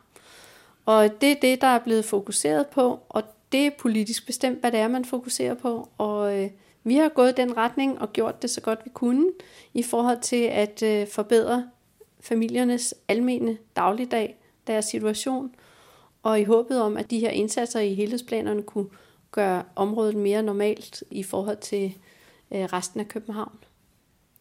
Kan du karakterisere det boligsociale arbejde? Hvorfor gør man det? Man gør det for, at beboerne skal få et bedre liv, at deres livsbetingelser skal blive bedre, både i den individuelle, personlige, øh, i familien, i opgangen, i hele bebyggelsen. Og at øh, det skal bedres, sådan så at man er i stand til at klare sig selv og kan trives i det boligområde, man bor i. Der bor rigtig mange familier, der ikke kan klare sig selv. Der bor rigtig mange familier, der er kommet til Danmark fra et andet land, fra en anden kultur.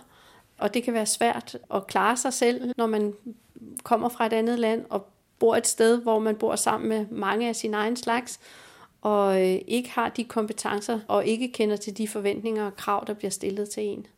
Hvis jeg går fire år tilbage, så var her en bandekrig. Øh, unge blev dræbt øh, her i boligområdet. Mange var bange. Folk holdt sig indendør, og, og børn kom ikke ud at lege, fordi de følte sig truede og bange. Og så til i dag, hvor min generelle opfattelse er, at har fredeligt, har stille og roligt. Der bliver ikke begået en masse herværk, der bliver ikke begået en masse kriminalitet. Voldsniveauet, i hvert fald blandt de unge, er blevet mindre, end det har været tidligere. Og det bygger jeg mest på, at jeg spørger folk, hvordan har du det, og hvordan går det, og hvad synes du? Og det har jeg spurgt om et stykke tid, fordi jeg vidste jo, at vi skulle lukke. Så det var også interessant at vide noget om, hvor vi er henne. De tre områder, som I så har arbejdet med, ikke? tryghed og trivsel, uddannelse og beskæftigelse og forebyggelse og forældreansvar. Hvordan har I gjort det praktisk? Så jeg kom her i 2010 og var fremskudt indsats fra jobcentret så det vil sige, at min, mit fornemmeste fokus var uddannelse og beskæftigelse. Og der var rigtig mange her, som ikke kunne klare sig selv, og som derfor var på overførselsindkomst, og havde brug for en indsats i forhold til at blive hjulpet frem mod uddannelse og arbejde. De indsatser, tryghed og trivsel, der handlede det jo meget om at få ensomme, der var efterladt alene, ind i et socialt fællesskab, hvor der foregik noget, som var læring i forhold til den hverdag, man havde. Det var for dem, som havde brug for at gå i skole, øh, at blive hjulpet til øh, at finde vejen frem til en skole, og så bruge lektiehjælp og dansk træning hos frivillige voksne, der kom og trænede. Og i forhold til småbørnene, så var det lektiehjælp for skolebørnene og gymnasieeleverne. Det var ligesom, kan man sige, på det uddannelsesmæssige, så var det der, vi tog et afsæt. Der var noget tryghed og trivsel, og det var mest de voksne kvinder, som deltog i det. Og så var der forebyggelse og forældreansvar, og forældrene kom, og deres børn gik til lektiehjælp, og, og forældrene mødtes, og, og der var frivillige undervisere og professionelle undervisere, alt efter hvilket niveau det var på. Nu siger du vi. Hvem er vi? Altså, her har været nogle rigtig stærke og dygtige lokale ansatte. De har jo været med til at bære helhedsplanerne, og det er derfor, jeg siger vi, fordi alene er man ingenting, mm, og at øh, vi er mange om at gøre det, og dem, der deltager, er også en del af dem, der løfter den meget ensomme kvinde, som bliver samlet op på den sorte plads og kommer op i caféen, øh, og måske ikke synes, at det er så nemt at komme på besøg sådan et sted i en café, hvor der sidder mange andre. Så vi hjælper hinanden. Det er noget med at øh, organisere rammerne, og så øh, tage hånd om de problemer, der er i hverdagen. For hvis man har mange hverdagsproblemer, så er det det, der optager ens opmærksomhed, så man har brug for hjælp til at få ryddet det af vejen, for også selv at komme afsted ud på en bedre landevej og kunne se de grønne træer. Hvordan måler man en succes i sådan noget boligsocialt arbejde? Ja, det gør man jo blandt andet på, hvem er det, man møder. Møder man tryghed? Ser man trivsel? Møder man kvinder, som siger, at smiler og er glade? Mænd, der er tilfredse? Eller er det mørkt og trist? Og generer man hinanden, eller tager man sig godt af hinanden? Og øh, altså her har været masser af, vi generer hinanden, vi burer os ned i kælderen og ser ikke dagens lys, men holder os hernede for os selv i klubber. Og der er jo mange sorte historier, der har været, og de er jo ikke væk alle sammen. Det skal man ikke tro, og der er der mange, der stadigvæk har rigtig svært ved at klare sig selv. Og jeg synes, at den fornemmeste opgave, kan man sige, i sådan noget arbejde her, det er at få folk hjulpet på vej, så de kan klare sig selv, så hverdagen bliver bedre, både for dem, og deres. Og deres, det er jo typisk deres familie og omgangskreds. Klubber er blevet lukket her på grund af kriminalitet. Og det er jo tryghed og trivsel for, for den del af beboerne, som ikke deltager i den her kriminelle verden og den kriminelle hverdag. Og de synes ikke, det er særlig sjovt. Og i forhold til forebyggelse og forældreansvar, så er det jo også, som, at man som forældre skal tage ansvar for sine børn og, og passe på dem. Og, og det gør man på en måde, hvis man føler sig tryg og glad, og det er et roligt område. Det gør man på en helt anden måde, hvis man synes, det er utrygt og farligt for ens børn at gå udenfor. Hvad synes du egentlig, der er det væsentligste i sådan en helhedsplan? Altså uddannelse og beskæftigelse, det er et grundfundament for at klare sig selv i Danmark. Det er også et grundfundament i forhold til at føle sig tryg, fordi hvis man er veluddannet, så kan man forstå de breve, man får næsten altid. Man kan handle, man kan lytte og forstå, man kan se fjernsyn og forstå, hvad der bliver sagt, øh, man kan høre radio og forstå, hvad der bliver sagt, man kan få et arbejde.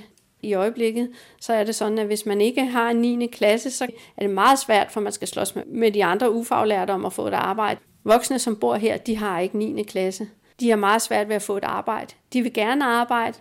Når de så får et arbejde, hvis ikke det er fra 37 timer kontanthjælp til 37 timer beskæftigelse, så har de ofte en kombination af kontanthjælp og arbejde, og det er rigtig administrativt vanskeligt at håndtere, så der skal hjælpere på banen, men de vil gerne. Det er ikke sådan, at, at folk her siger, at de vil ikke arbejde.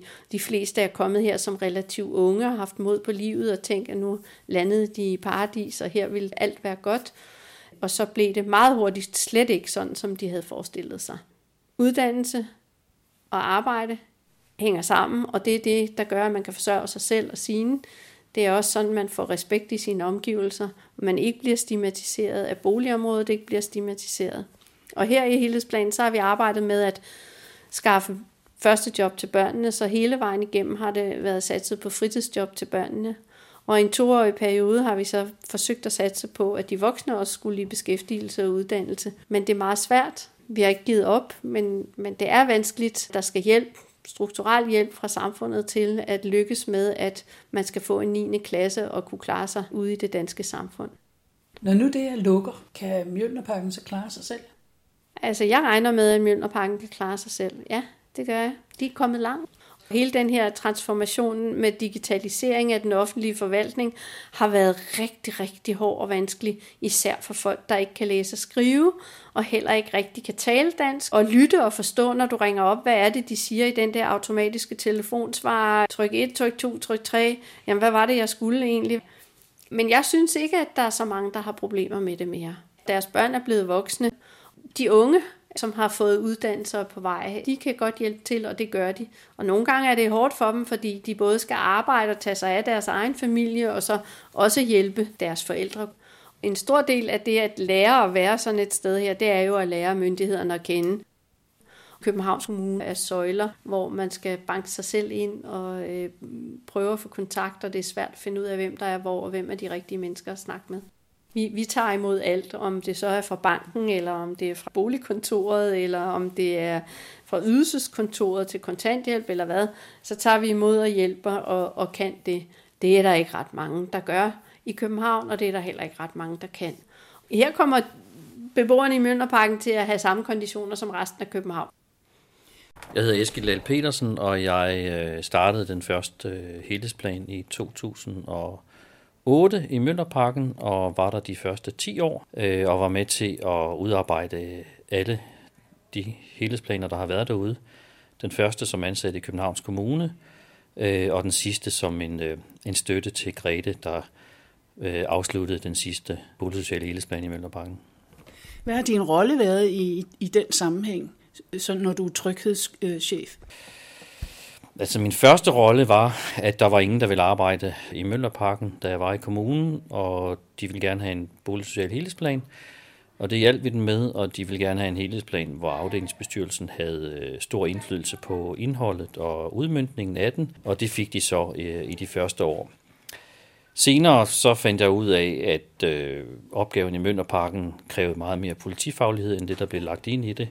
Så det nyttede ikke noget kun at satse på socialrådgivere, pædagoger og beboere selv, men at øh, det at opretholde ro og orden ude i afdelingen, det var afdelingsbestyrelsen ikke i stand til, og heller ikke boligselskabet. Så vi måtte øh, tage nogle nye greb i brug, øh, og det gjorde vi så. Vi var så ramt af helt fra starten, at øh, i 2008, der startede der en bande derude, der hedder øh, Brothers, og det var så et problem frem til 2016, hvor vi fik løst det. Men så kom det igen i forbindelse med, at en anden gruppering, øh, LTF, synes at så kunne de slå sig ned i Møllerparken og styre derude. Det blev så slået ned i 2017, og så fra 2018 og frem har der sådan været relativt roligt på den front. Hvordan kom I frem til øh, de arbejdsredskaber, I skulle bruge i forbindelse med at skabe mere tryghed? Københavns Kommune fik etableret noget, der hed en hotspot, hvor der var en, en politibetjent, der var i spidsen for det.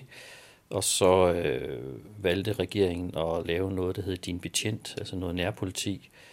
Og en af de betjente, der startede derude i 2011, analyserede så også frem til på et tidspunkt, at, at der skulle nogle andre greb til. Men det var svært at overbevise øh, Landsbyggefonden og kommunen om, at, at der skulle meget mere politifaglighed ind omkring opgaven øh, i Møllerparken. Det stod vi ret alene med, eller det stod jeg ret alene med. Altså jeg oplever i dag, at, at der er en bredere erkendelse af, at i nogle udsatte boligområder, der øh, skal der mere politifaglighed ind i opgaveløsningen, og ikke ingen. Er det noget med jeres nærvær, altså det der at være til stede øh, fysisk, som er en rigtig god idé? Ja, det er i hvert fald en god idé øh, i en opstart for at få øh, fod på, hvad er opgaven. Men man skal også passe på, at det ikke ender med at blive noget permanent. Så til tid og evighed, så skal man øh, øh, havne i en eller anden støttefunktion, som om, at det var Grønland eller Færøerne eller et eller andet, som aldrig nogensinde bliver selvkørende, at, at vi ikke får nogle almene boligområder, som til tid og evighed ikke kan spille ind i øh, de ordinære øh, tandhjul, der kører. Fordi vi har trods alt 61 afdelinger i Bovita, og de 55 af dem, de er altså i stand til at køre. Og der handler det jo ikke om, at vi skal have færre til at køre. Det handler jo om, at vi skal have de sidste til at kunne køre i et ordinært fungerende system. Jeg har jo udviklet nogle gode greb til at sige, her skal for eksempel handles hurtigt? Ja, det første der, og det vigtigste, det er, at, øh, at beboerne de respekterer demokratiske spilleregler. Og det vil sige, at det skal ikke være vold og trusler og din fysiske øh, formåen, der afgør, om du har ret og magt.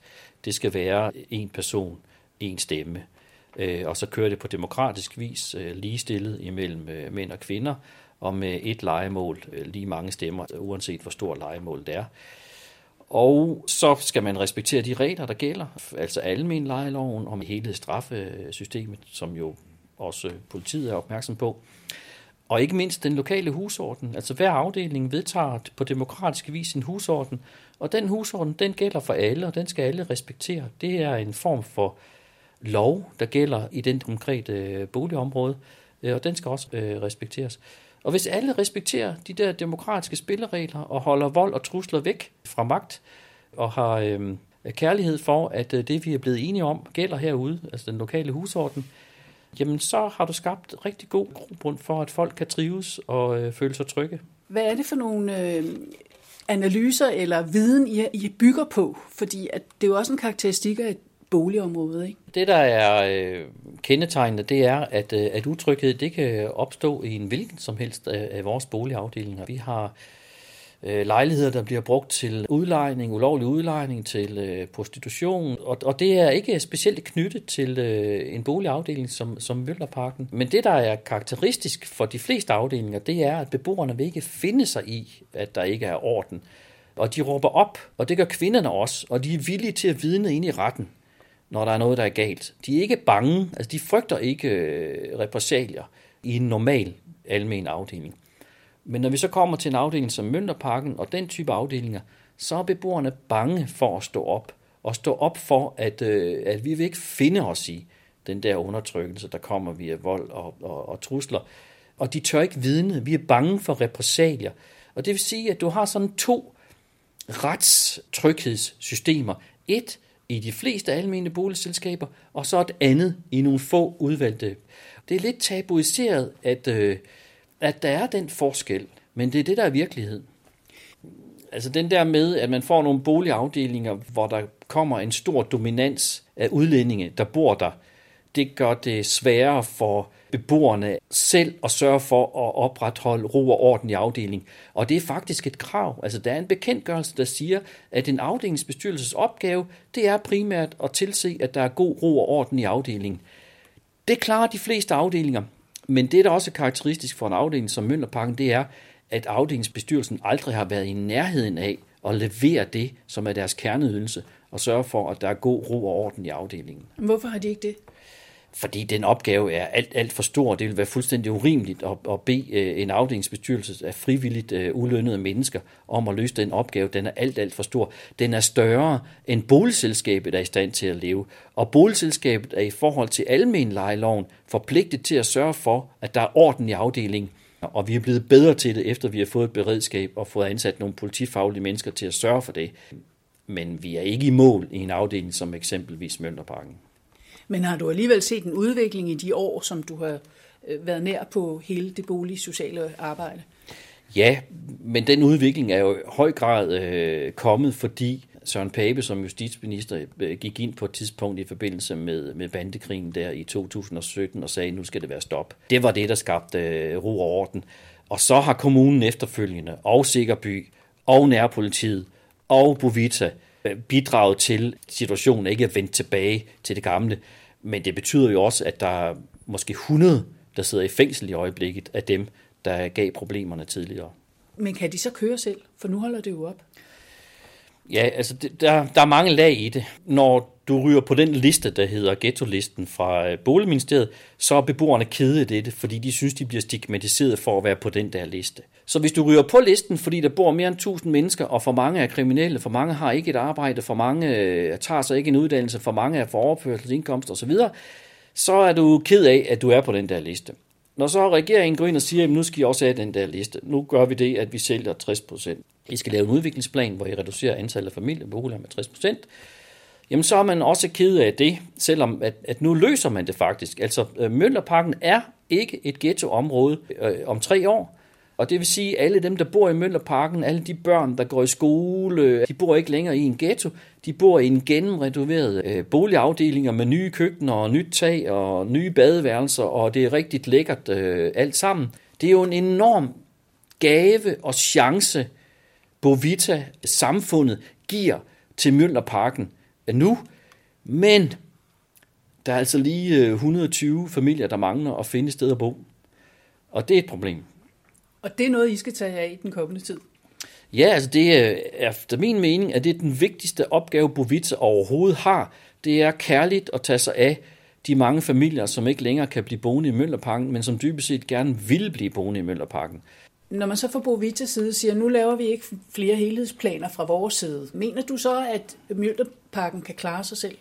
Når man går ind og frasælger går 2 og 3, og man i stand sætter går 1 og går 4, så er det op til beboerne at bevise, at de godt kan klare sig selv. Altså boligselskabet har brugt rigtig mange af de andre lejers penge på at hjælpe Møllerparken, og på et eller andet tidspunkt må Møllerparken også ligesom gribe skeen og sige, at øh, tak for hjælpen, det har været rigtig godt, nu tager vi den selv herfra. Jeg hedder Søren Viborg, jeg er 65 år gammel, og jeg er ansat i øh, Bovita som, som tryghedskonsulent. Jeg startede for fire år siden og startede som øh, leder af den boligsociale helhedsplan ude i øh, Mjøllerparken. Og hvad er din opgave?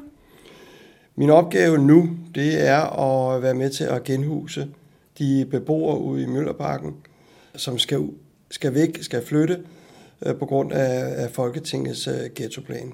Folketingets øh, parallelsamfundslov er jo støttet op af 80 procent af Folketingets medlemmer, og den siger, at vi skal reducere antallet af familieboliger med 60 procent. Helhedsplan Mjølnerparken omfatter jo en masse boligsocialt arbejde, og I har trivsel og tryghed som en af pindene.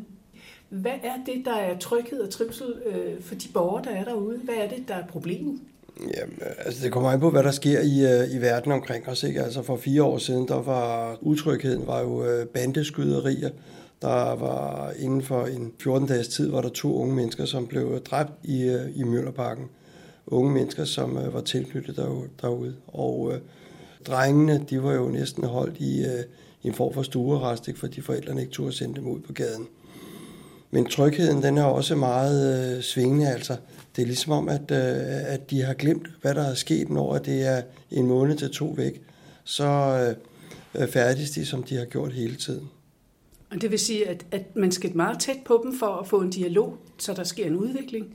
Ja, det skal man. Altså kendskab til, øh, til beboerne, og også at øh, beboerne kender en. Det er det, der øger trygheden, og det her, man har kontakt med dem sådan face to face, og de føler, at øh, man rent faktisk kan gøre en forskel for dem.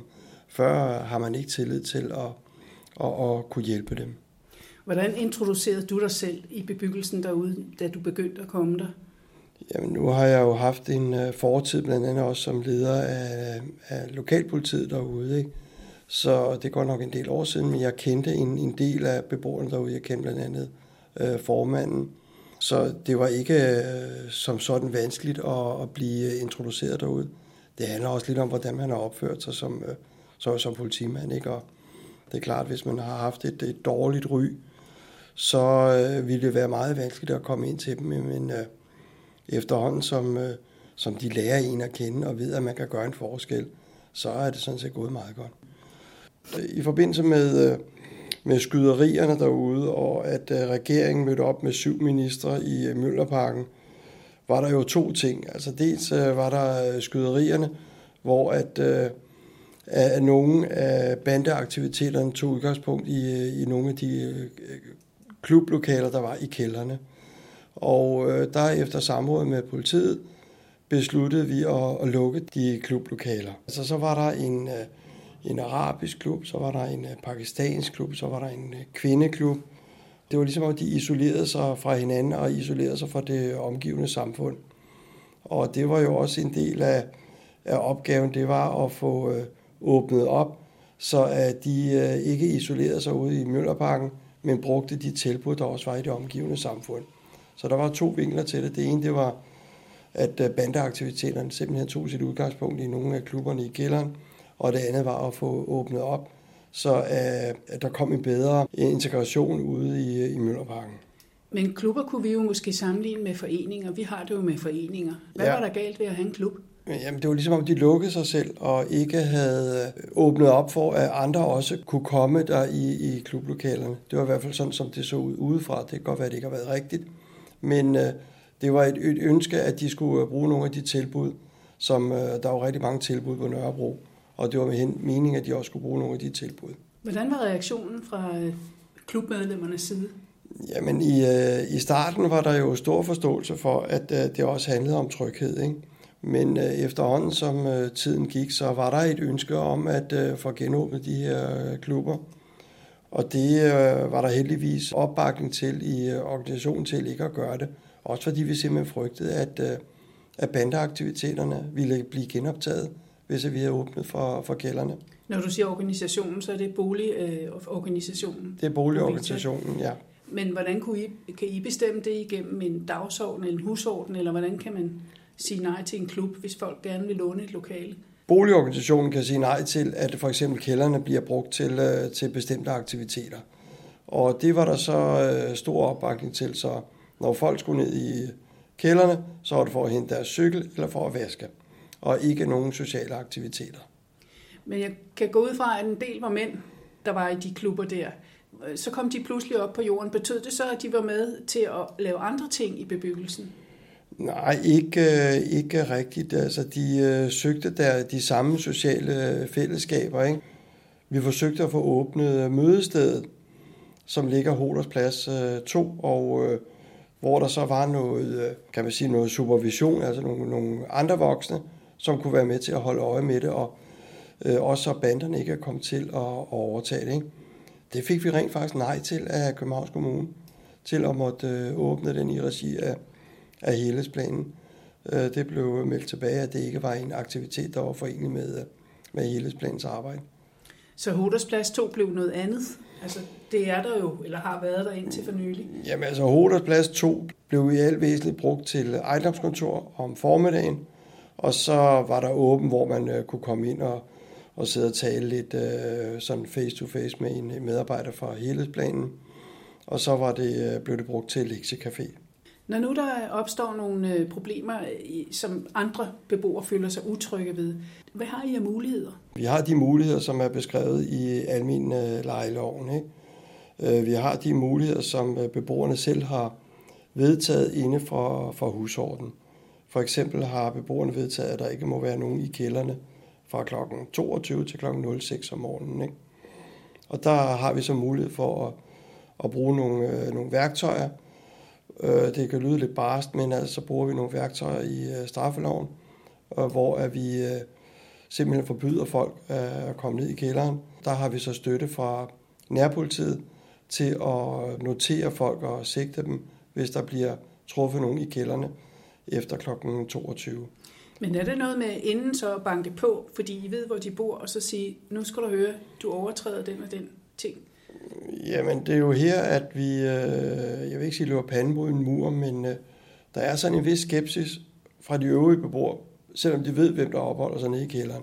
Altså, hvis vi ikke gjorde det initiativ, så var øh, kælderrummene var blevet en stor hasklub. Vi kan se på nogle af de anmeldelser, vi får, fra, dels fra nærpolitiet, men også fra beboere, at der er mange unge mennesker, som for eksempel sparker døren ind til, til kælderrummet og til kælderne. Og så øh, bruger de den til øh, varmestue ophold. Hvis ikke at vi holder kælderrummene lukket og holder dem under opsyn, så er der stor risiko for, at det ender med en stor hasklub. Jeg har set, at I har nogle forskellige redskaber og nogle måder, I tænker, I skal arbejde på, og I har så noget med hurtig handling. Kan du forklare mig, hvad hurtig handling så betyder i den her sammenhæng? Jamen altså hurtig handling handler jo om, at, øh, at beboerne skal føle, at vi tager deres øh, ting alvorligt.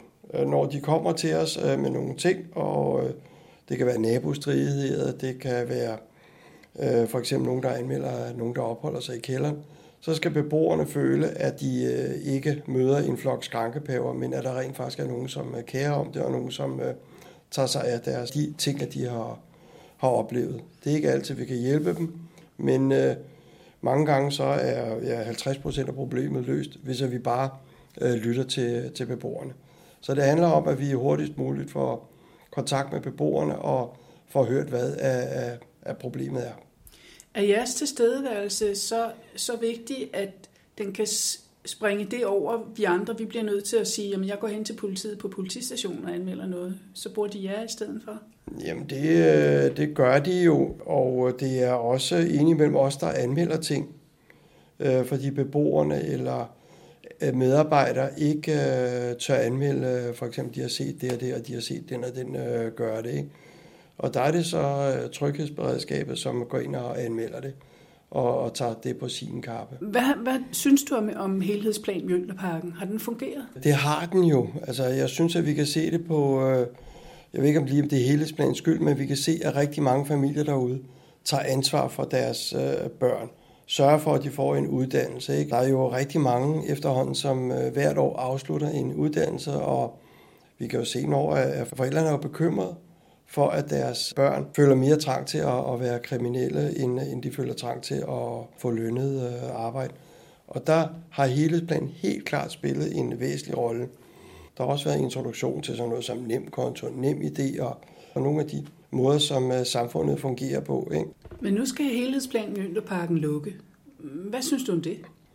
Jamen altså, hver ting har sin tid. Det har det. Møllerparken er kommet langt, øh, fordi der er så mange, der er kommet i uddannelse derude. Kriminaliteten er, er forholdsvis lav. Den er, jeg mener i ovenkøb, den er mindre end, øh, end det, der står i regeringens øh, ghettobakke.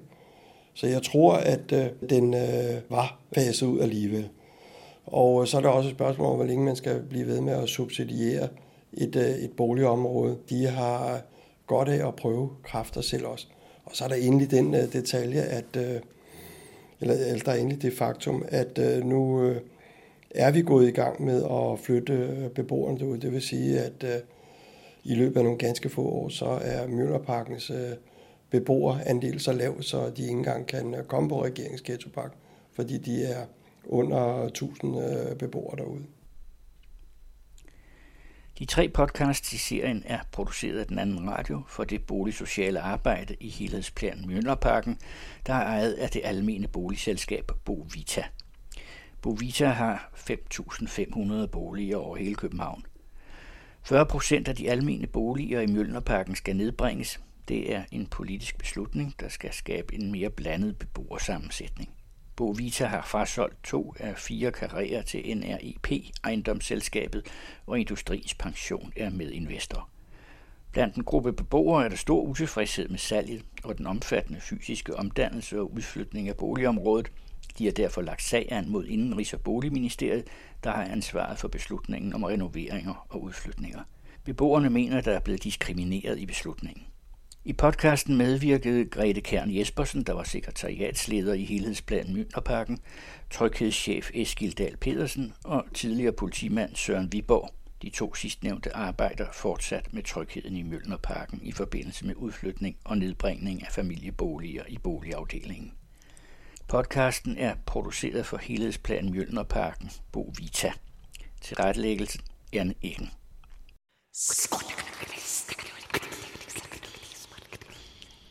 til den anden radio. I programserien Arktis i hjertet går den anden radio tæt på kvinder, der har en fod i såvel arktisk som dansk identitet. Vi skal her møde Bodil, der er barnebarn af en østgrønlandsk åndemaner, men bor i København, hvor hun er vokset op og arbejder som frisør. Utallige gange i sit liv har hun fået at vide af andre, at hun er fremmed. Og det uanset om hun har opholdt sig i Danmark eller i Grønland, hvor hun i perioder har været op for at arbejde. Hvordan får man et godt selvværd, når omverdenen møder en med fordomme? Og hvordan påvirker negative stereotyper om grønlandske kvinder ens hverdag?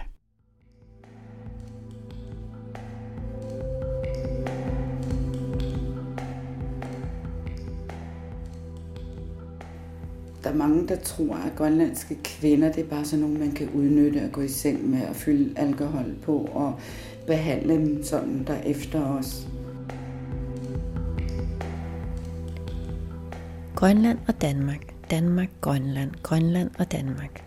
Når man som bodil er barn af rigsfællesskabet, nærmere bestemt med en dansk far og en østgrønlandsk mor, ligger det lige for, at livet kan byde på mange forskellige artede oplevelser. Det indre landskab er rigt, men møde med omverdenen, og i særdeleshed et dansk samfund, mange årtier før MeToo-bevægelsen, sætter sine spor på tilværelsen. Vi er en kold vinter eftermiddag budt indenfor hos Bodil, lidt uden for København, hvor vi skal høre om en side af vores samfund, der er de fleste af os fuldkommen ukendt.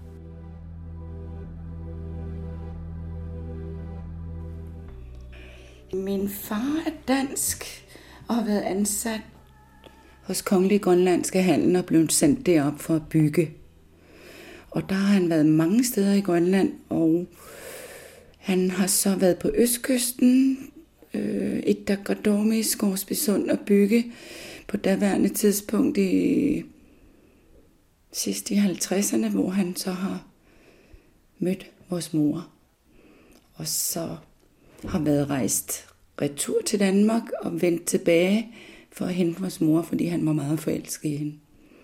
Og derfra har de så rejst rundt. Øh, det, vi har været på vestkysten, Upernavik, hvor min søster og jeg så er kommet til og er født der, men har haft vores første to leveår i Tule.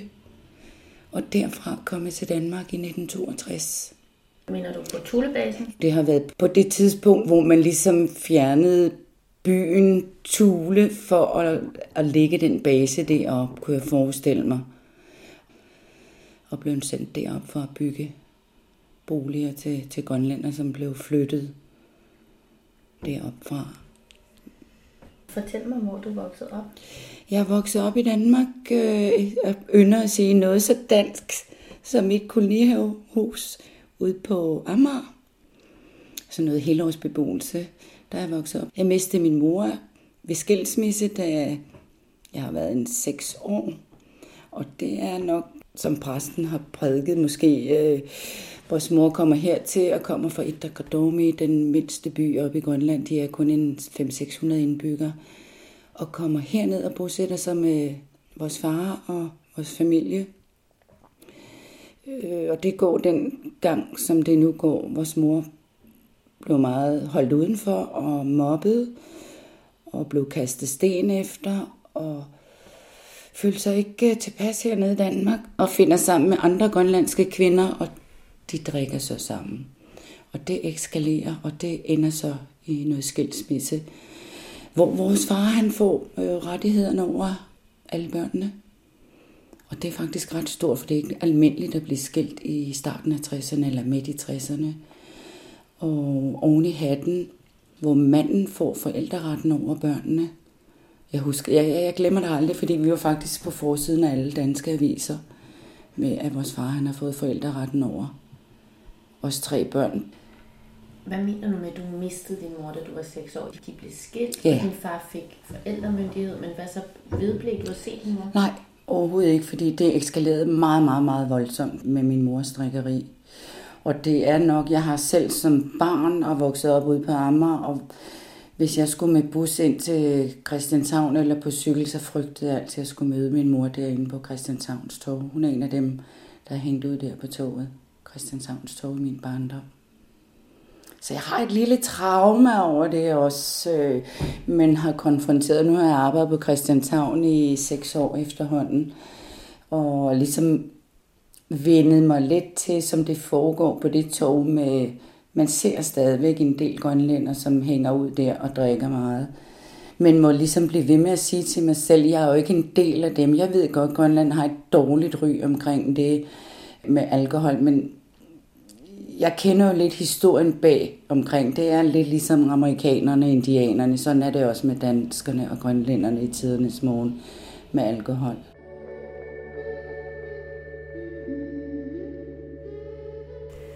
Altså, jeg, jeg, jeg er jo barnebarn af, af, af den sidste åndemaner i Grønland.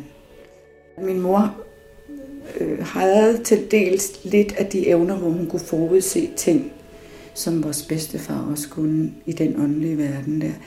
Vores bedstefar har vi fået fortalt af, af, af vores mor, at han var en af de gode. Han har været gift tre gange, men skilt sig af med en af sine koner, som også havde de evner, fordi hun brugte sine evner forkert med at mane folk.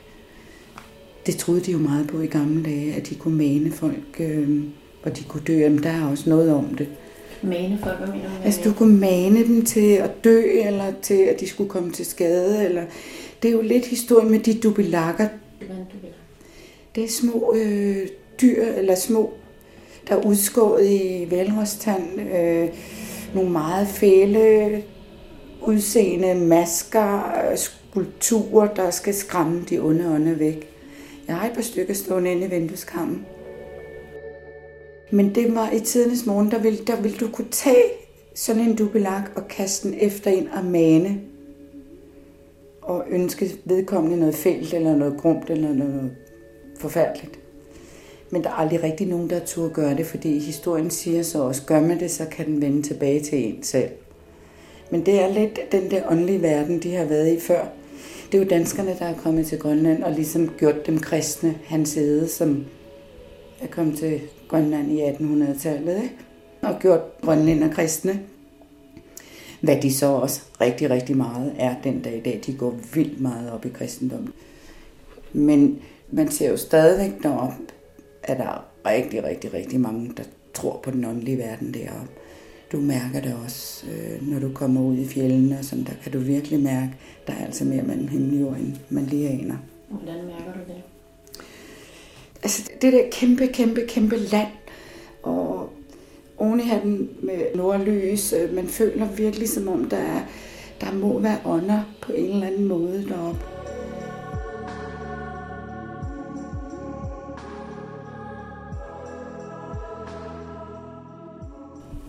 Øh, jeg har faktisk lige for ikke så længe siden læst af Østgrønlænder fra Amasalik Dasilak er faktisk den ældste stamme i den vestlige verden, der findes. Det er Østgrønlænder. Og man ville ikke i tidernes morgen lade Vestgrønlænder komme over til Østgrønland og bosætte sig i byen Amasalek for, at stammerne ikke skulle blive blandet op. Men det er så sket sidenhen alligevel. Jo. Men sådan tænkte man dengang i tidernes morgen. Det er noget, jeg lige har læst for ikke så længe siden. Og jeg egentlig tænkte, hold op, er jeg virkelig ud af sådan et, øh, en stamme, den ældste stamme i den vestlige verden? Altså i, i, på vores side er vi nok måske de første, der er blandet op med en europæer. Det er jo så vores far. I vores familie. Det er sådan lidt pudsigt at tænke på, synes jeg. som helt lille og som barn, så har jeg egentlig, der har jeg ikke tænkt over, at jeg var grønlænder. Og hvad er Grønland for noget? Altså for mig var det helt naturligt. Vi levede det ude på Amager, og det var det, det var hele verden for mig. Jeg anede ikke, hvad Grønland var. Man brugte, altså det var ikke almindeligt, man ligesom brugte at tale med os børn og fortælle os og gøre ved, øh, hvad, hvad er Grønland egentlig for noget, og I kommer derfra og sådan og sådan. Men nu siger jeg, at det brugte man ikke på det tidspunkt at tale. Selvfølgelig gjorde man jo det, men det gjorde mine forældre ikke. Så jeg har egentlig aldrig rigtig, sådan, rigtig været klar over, hvad Grønland egentlig er for noget. Andet end, jo ældre jeg bliver og begynder at blive teenager, kan jeg godt se, at jeg er anderledes, så begynder det ligesom, og alt det der, som man er blevet påduttet og være en spækhugger, eller hvad hedder det, sælhund og åndssvagt grønlænder og sådan, det begynder jeg først ligesom at tænke over, der bliver lidt ældre, altså teenager. Men på en eller anden plan, så fortrænger jeg det også. Øhm, jeg er ret god til at fortrænge ting.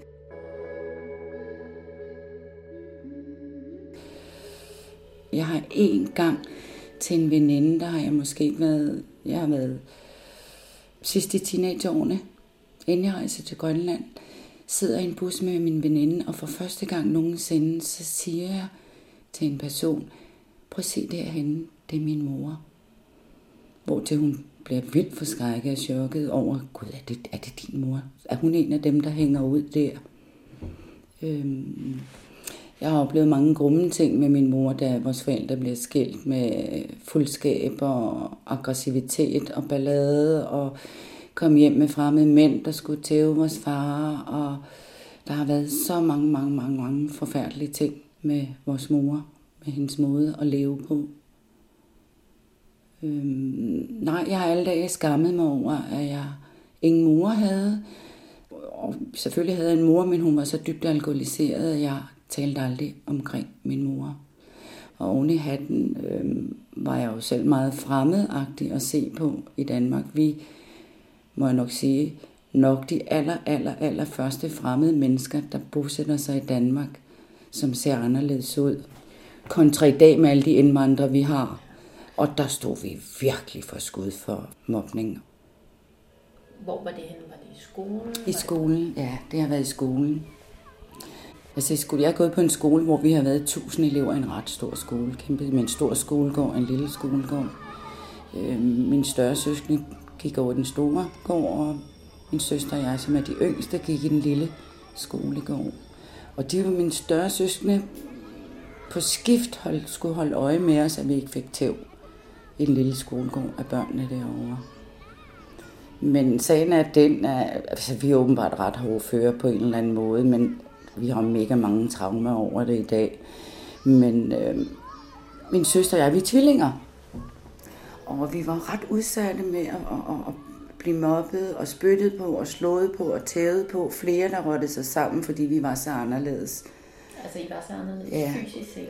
Øh, udseendesmæssigt. Ja. Øh, så vi skulle bare have tæv, men det, det endte jo op med til sidst.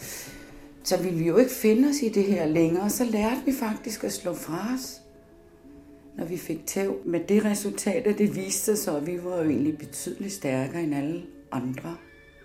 Så det hørte ganske hurtigt op med, at, at de plader så gjorde ved, fordi at vi kunne ligesom slå fra os på en eller anden måde og, og forsvare os selv med det resultat, at de selv øh, fik bank, og det hørte så meget hurtigt op.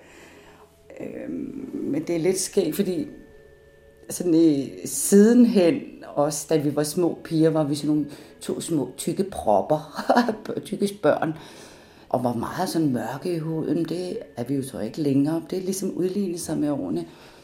Og da vi så lå hen omkring vores teenageår, så begynder vi at udvikle os og bliver faktisk, øh, uden at det skal lyde som om det er praleri eller noget, bliver vi faktisk nogle ret, ret kønne piger. Og mange af pigerne ville være veninder med os, fordi vi ligesom sådan tiltrække drengene på en eller anden måde. Øhm, altså, jeg ved ikke, hvordan jeg skal sige det, men alt det der dårligdom, som vi var udsat for som helt små børn, indtil vi blev teenager, begynder at kan få en dialog, ordentlig dialog med folk at snakke, og vi er faktisk øh, meget medgørlige og kloge nok. Vi er jo ikke født dumme, selvom altså, der er jo mange danskere, der tror, at grønlænder er dumme. Ja, der er stor forskel på Dan- Danmark og europæer. Danmark er ligesom inden omkring Grønland og har koloniseret Grønland i tidernes morgen og har så ud fra deres viden og den måde, de har hældt alkohol på grønlænder, givet dem et omdømme derefter. Men hele den problematik og historie er der ikke rigtig nogen, der kender ude omkring i Europa. Ikke engang i Sverige eller Norge har den opfattelse af, af grønlænder, som danskere har. Så jeg synes virkelig, det er grumt, at Danmark kan finde på, eller de opfører sig på den måde, som de gør. Og, og ligesom stigmatisere os på den måde, og det bliver ved, og det bliver ved.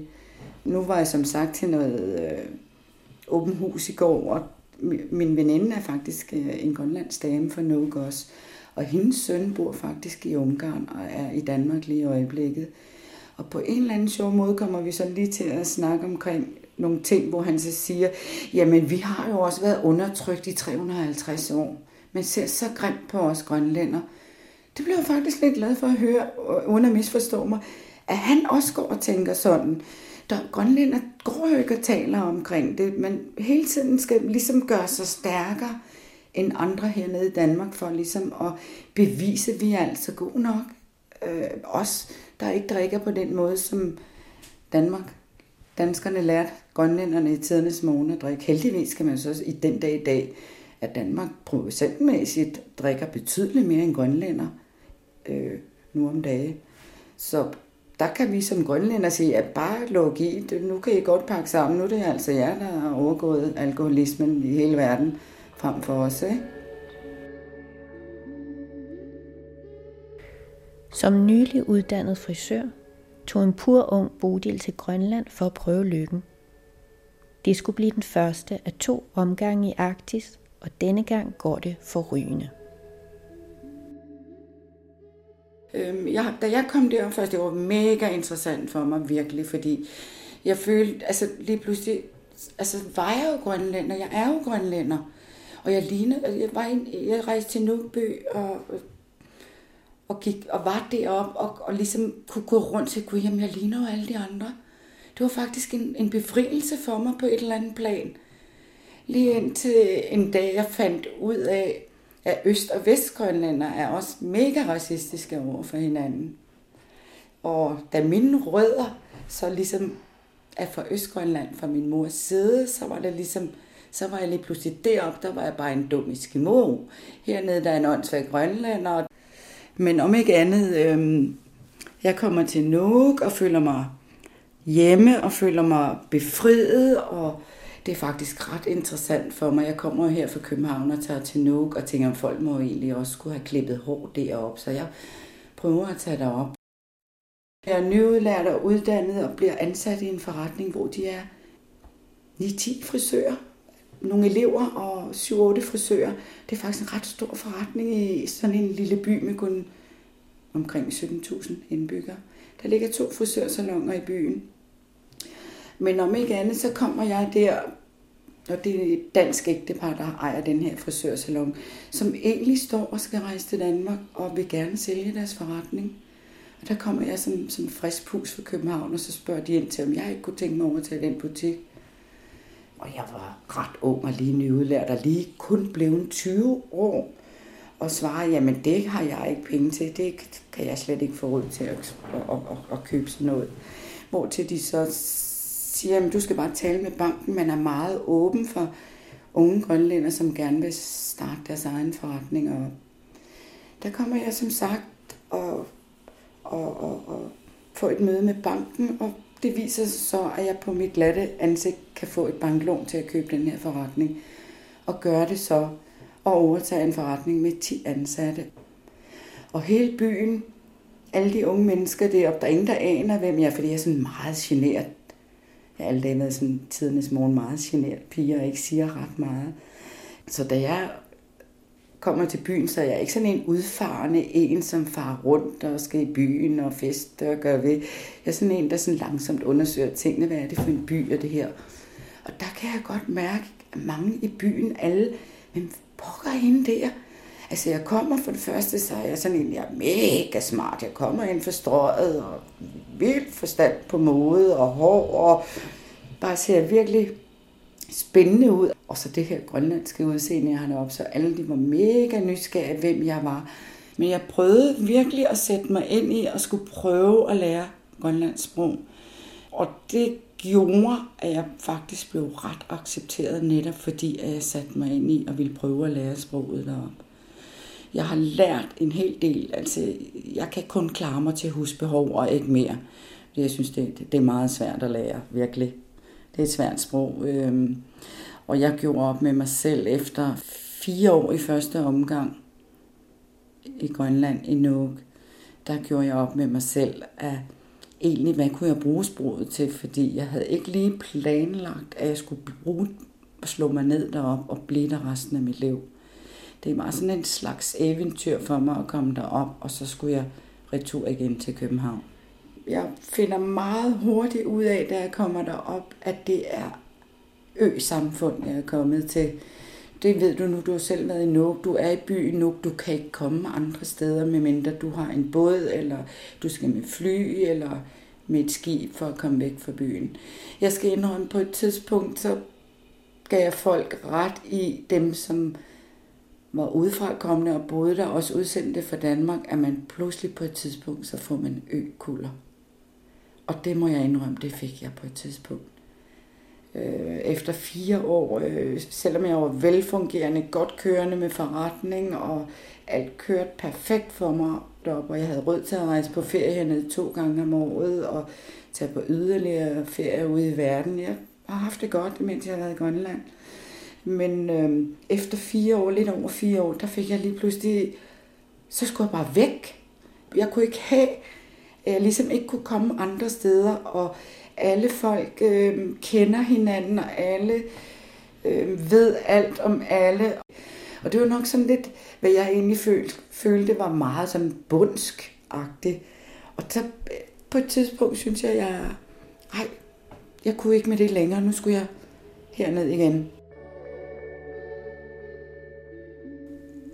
Når jeg selv er ude at rejse, så kender andre europæere eller rundt, folk rundt omkring i verden, de aner ikke, hvad Grønland er i, i, i mange henseender. Altså jeg har faktisk også været i Canada, der har man jo også inuitfolk derovre, og har været i Montreal. Øhm, der synes jeg, jeg mærker lidt af det samme som her i Danmark. Igen også, kanadierne måske også ser lidt ned på deres inuitfolk. Øhm, der synes jeg, jeg mærkede det samme lidt i Montreal, som jeg ligesom mærker her i Danmark. Altså Canada er jo et kæmpe land, og de har jo deres inuit-folk. De er jo ligesom afskåret fra, fra resten af, af Canada. De bor op, over på den anden side af Grønland, ikke? Men jeg synes, at europæer, andre europæer, synes, at gud, vi, vi er jo nogle spændende mennesker, og folk de tolker os, altså, har ligesom også konstateret, at grønlænderne er faktisk utrolig, utrolig venligsindet og meget åbne og meget glad folkefærd og meget, meget positiv folkefærd. Når man sådan fortæller europæere og andre folkeslag omkring Grønland, synes de, at det er spændende.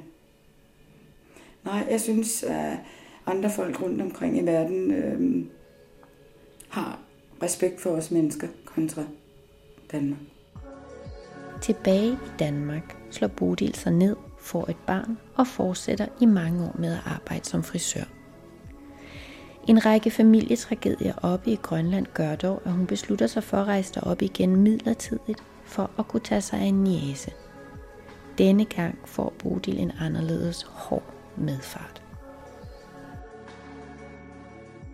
Så møder jeg en dansk fyr deroppe. Jeg møder ham faktisk i lufthavnen på vej herned på ferie. Jeg skal herned på ferie. Og noget åbne, og der møder vi hinanden. Jeg bruger 3-4 måneder på os, og ligesom at sige, hvad er han for en type, og hvad er han for en. Og efter 3-4 måneder at vende tilbage, efter tre ugers ferie, og har ligesom set ham her lidt an, hvad er han for en, og bliver faktisk måske ret glad for den her fyr, jeg møder, men jeg, i bund og grund så har jeg været ude for nogle tragiske skæbner, hvor jeg vidste, at begge mine brødre ikke inden for to år, de omkommer og jeg skal prøve at redde min jæse. Det gør egentlig nok, hvad jeg ligesom har analyseret med mig selv, at jeg trænger selv til tryghed og noget kærlighed og nogen, der passer på mig. Så jeg griber fat i den første og bedste, jeg møder, og det er ham her, jeg møder, som så også drikker, uden at jeg ligesom aner det og finder ud af det. En dansk mand, ja, øh, som er deroppe og arbejder som noget maler. Jeg er 49 på det tidspunkt, og der er et lille halvt år til, at jeg bliver 50 år. Og på en eller anden sjov måde, så får vi så snakket om til en eller anden sjov aften, hvor vi sidder også med vin og hygge os og alkohol. Når jeg bliver 50, så skal vi giftes. Det er en joke, starter det med, men det ender, kunne hjælpe med sådan, vi bliver gift på Rådhuset. Og efter vi blev gift, så begynder alle tiltagene med at begynde at være voldelige og slå og tæve løs på mig og skal bestemme og dirigere. Hvis der er noget, man ikke kan med mig, så er det bestemt over mig. Politiet vil ikke hjælpe mig op i Nuuk, og der føler jeg lidt, at det igen, at jeg bliver diskrimineret i mit eget land. I store træk er politibetjente op i Nuuk af danske. Og der er meget øh, i byen deroppe stadigvæk sociale, dårlige øh, mennesker deroppe, hvor der er en del alkoholisme og ballade med, hvor de på en eller anden måde føler jeg, at jeg, fordi at jeg er grønlandsk kvinde, så skal jeg ikke have hjælp. Og det er jo en dansk mand det her, så det er nok min egen skyld. Da det så sker anden gang, hvor jeg faktisk er ved at blive slået ihjel, der vil jeg ikke melde noget, fordi jeg har ligesom smagt deres øh, kost en gang før politiet med manglende hjælp og opbakning til mig. Så vælger jeg ikke at sige noget, men øh, de er så farvet på hospitalet, som man kalder Sana deroppe. At det, uanset hvad jeg siger, så var de ligeglade med, de synes bare, at de skulle ringe efter politiet, så de kunne se mig, hvad den her person havde gjort mod mig.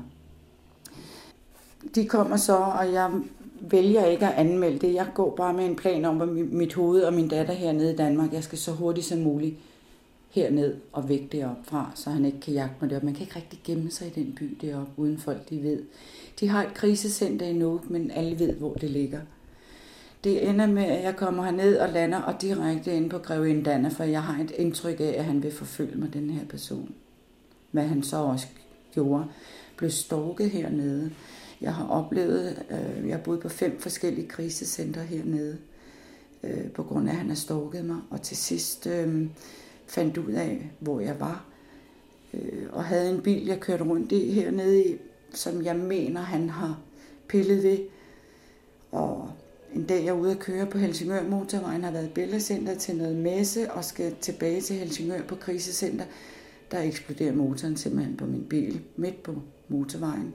Det er ham, der har været inde og pille ved min bil og kommet sukker i benzintanken.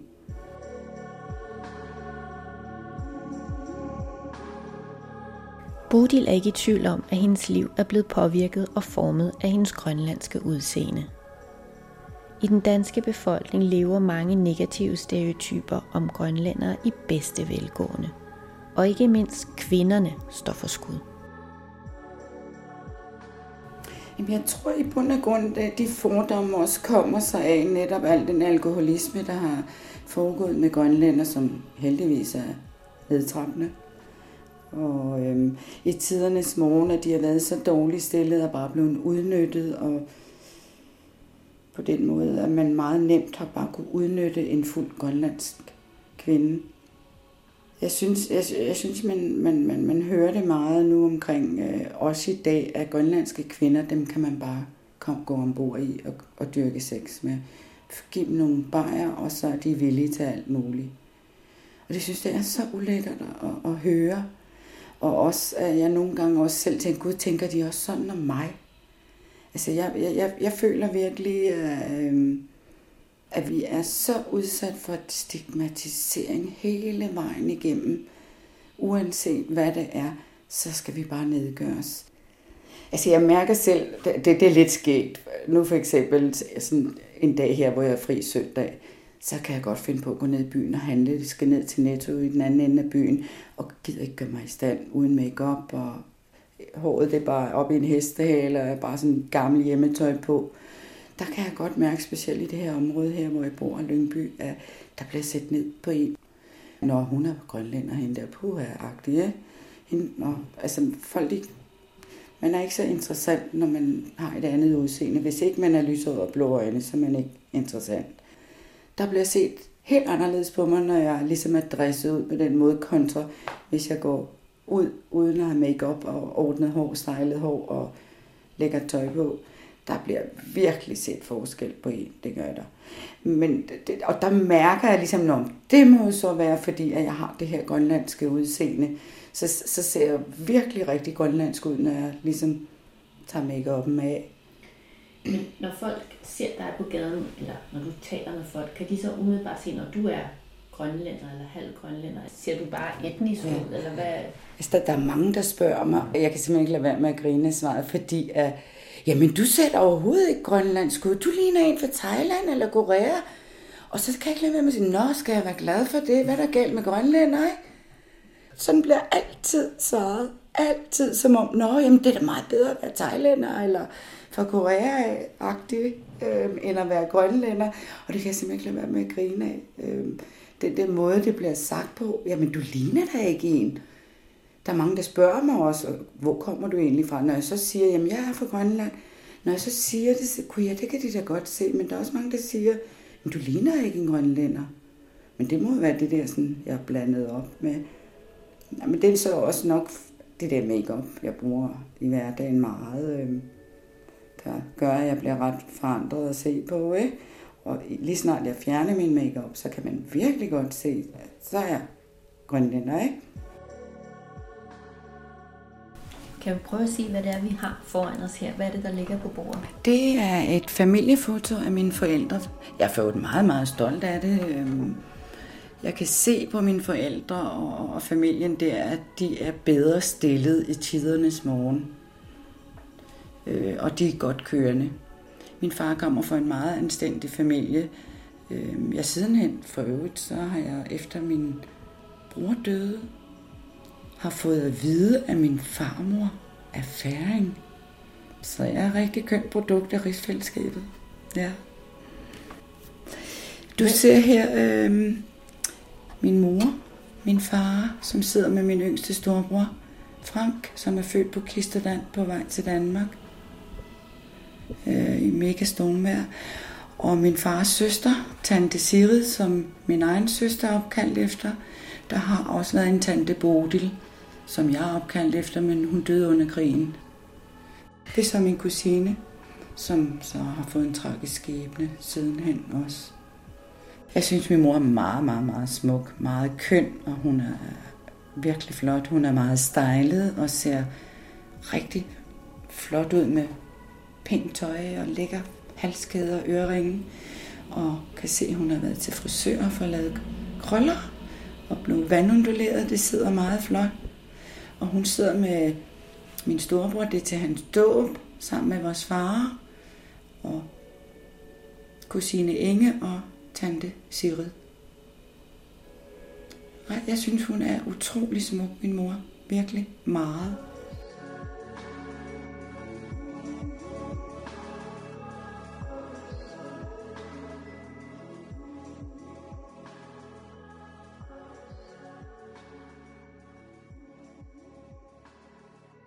Det var Bodil Elisabeth Eriksen, der blev interviewet af Nora Agnete Metz, der også tilrettelagde. Den anden radio. I dybden. I bredden. I højden. Public Service Radio om kultur og samfund.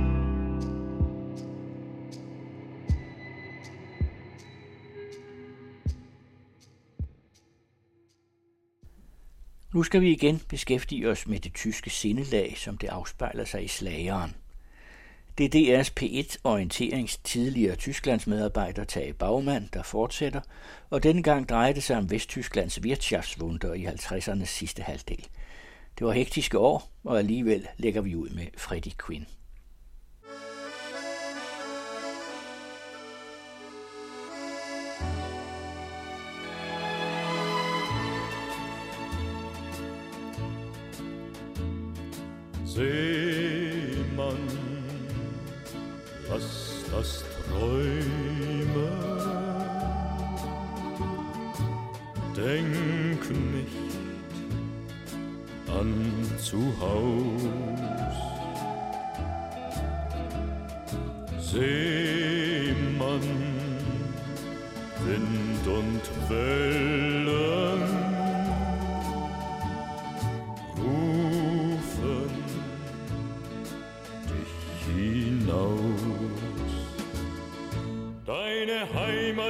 Das Meer, deine Freunde sind die Sterne über Rio und Shanghai, über Bali und Hawaii. Man kan sige sådan lidt, lidt firkantet, at fra 52, 53 og til 55, der er lyden af tysk underholdning, det er, Øh, det er stadigvæk lyden af Capri-fiskerne og Bella, Bella, Bella Marie, hvor man altså simpelthen siger, vi vil ikke vide noget om, om hverdagen. Vi vil fortælle os noget om nogen, der har det godt nogle andre steder.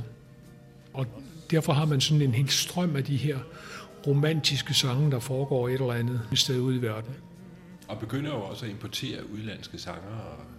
Det gør man i, i, i den grad, og det er der en god grund til, kan man sige. Der er et stort pres på de tyske øh, radiostationer og på pladeselskaberne osv., fordi de unge tyskere har en anden mulighed, hvis de vil. De kan nemlig høre uh, The American Forces Network, eller The Allied Forces Network, altså soldatersenderne, uh, som sender amerikansk og britisk popmusik. Så derfor så ved tyskerne godt, hvad der findes. Man er endnu ikke så integreret, kan man sige, i Vesten, at man uden videre accepterer popmusik på engelsk. Man vil gerne have tysk. Mm. Øh, og derfor bliver meget... Ja, det bliver vel egentlig ved i mange år frem. Ikke? Det var ved temmelig længe. Men man opbygger altså så i Tyskland en industri, hvor man ligesom laver sine egne ting, der lyder som om, om jeg så må sige. Og øh, 1955, Freddie Quinn, det handler ikke længere om, at man vil være fri for den trælse hverdag. Det handler lige så meget om, hvilke muligheder har jeg? Hvad, hvad kan jeg drømme om? Fordi man føler, at man er nået et sted hen, hvor man kan tillade sig ligesom at have en idé om en fremtid, en idé om et liv, man, man kan skabe for sig selv. Så det er en, en slags feel-good-faktor i 55, ikke sandt? Man er igen blevet noget. Man er en del af, måske ikke en, en hel del af det gode selskab, men man er en lille del af det gode selskab igen. Man kan se, at hvis man knokler, populært sagt røven ud af bukserne, så kan man også få sig lidt penge, måske få sig en kabineskuter, måske få sig en lille bil, en folkevogn måske. Hvis man er minearbejder i Ruhr-distriktet, øh, måske endda en Opel Kadett. Det var sådan nogle drømme, man havde. Og man, man drømte om den store verden. Man drømte om at komme ud og se den store verden. Ikke for at, at flygte hjemmefra, men for at få nogle indtryk, man kunne tage med hjem. Og, øh, og det var ligesom det nye. Seemann, lass das träumen. Denk nicht an zu Hause. Og, og øh, Freddie Quinn er ligesom kvintessensen af både udlængsel og hjemstavns forbundethed. En af hans øh, sange, øh, som blev meget populær i de år også, handler om, at han gerne vil en gang til Bombay igen. Han vil gerne en gang til Shanghai, en gang til Rio, en gang til Hawaii, en gang gennem øh, Suezkanalen, en gang gennem Panamakanalen, men også gerne hjem igen, hjem til Hamburg, Altona. Øh, og, og, og, og den der dobbelthed, den ligger måske et eller andet sted også i, i sådan den almindelige øh, øh, tyske tilgang til livet og verden på det her tidspunkt. Es geht besser, besser, besser, immer besser, besser, besser, denn wir haben viel geschafft in kurzer Zeit. Es geht weiter, weiter, weiter, immer weiter, weiter, weiter. Wenn's so weitergeht, Wir schaffen wahre Wunder und die kann jeder sehen. Es geht besser, besser, besser, immer besser, besser, besser und das Leben wird als Leben wieder schön. Es geht besser, Katarine Valente 1956. Ja. Altså, det er igen sådan John Monsen-agtig en kommentar til ja. samtiden. Ikke? Ja, bedre og bedre dag for dag. Øh, og, og det var i hvert fald noget, som enhver tysker kunne skrive under på, fordi fra 55 og frem kommer øh, den virkelige højkonjunktur i, i, i, i Tyskland, i Vesttyskland. Frem mod, mod 1960-61, hvor Tyskland har overbeskæftigelse. Altså en arbejdsløshed, der er mindre end det, man skulle forvente af almindelige strukturelle grunde. Øh, og det Ja, de mange gæstearbejder, som man kaldte det dengang. Ikke? Det, det er en af grunden til, at man indkaldte gæstearbejdere først og fremmest i første omgang tyrkiske gæstearbejdere til mineindustrien, automobilindustrien, øh, Men Jugoslav, også fra Italien og Portugal. jugoslaver, italienere, det var de store grupper. Italienere til byggeriet, øh, men også til øh, restaurationsbranchen. Jugoslaver først og fremmest til restaurationsbranchen. Es geht leichter, leichter, leichter, immer leichter, leichter, leichter. Es geht leichter auf der Lebensleiter rauf. Es geht höher, höher, höher, immer höher, höher, höher. Und das Höhergehen, das hört gar nicht auf. Tyskland stod med arbejdskraftsmangel, og det betød også, at de unge tyskere vidste, at de kunne få et job. De var unge, de var meget selvbevidste, og det var de, fordi de følte måske med rette, at forældregenerationen havde mistet en del af deres Integritet. Ja, deres moralske autoritet i hvert fald. De arbejdede hårdt, de unge mennesker, og de havde penge. Og de ville mor sig, når de havde fri. Og de ville have twist and shout, og de ville have rockmusik, og de ville have noget, de kunne identificere sig med.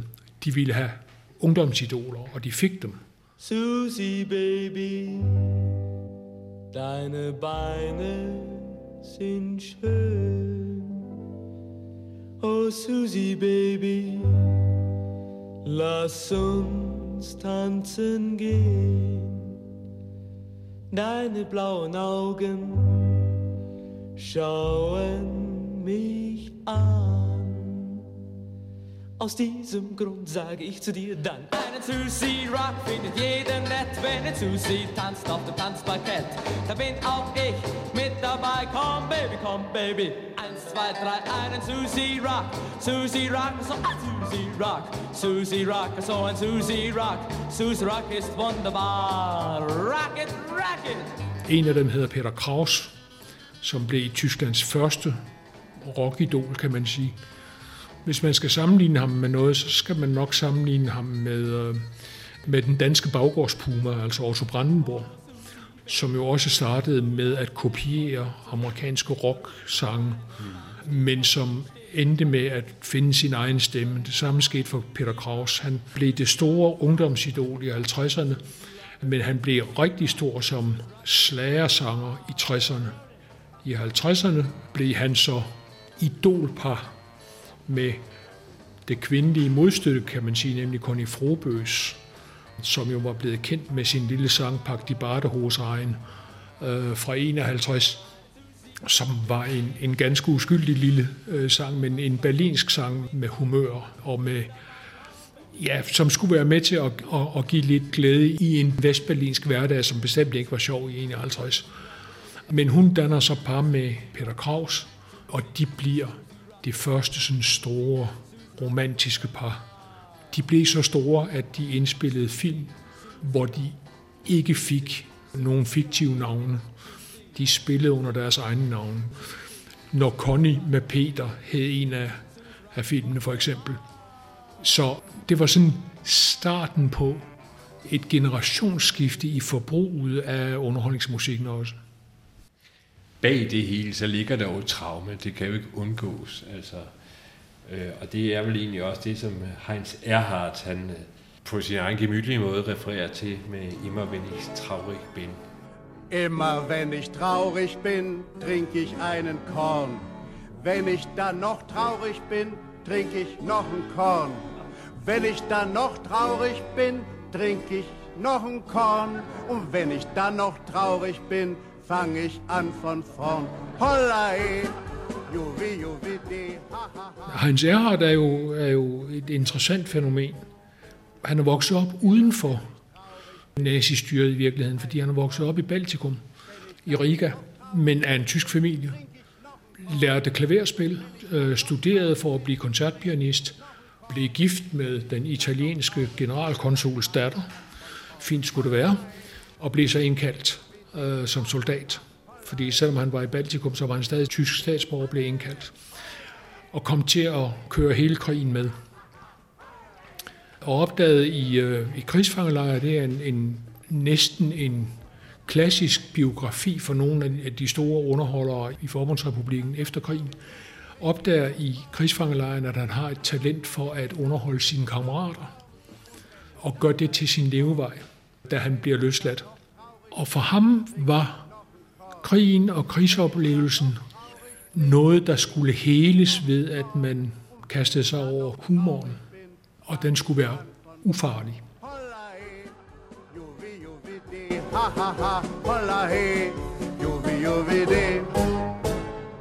Der er ikke noget som helst politisk bid i Heinz Erhards humor, men han blev så stor i Tyskland, at man næsten ikke kan beskrive det.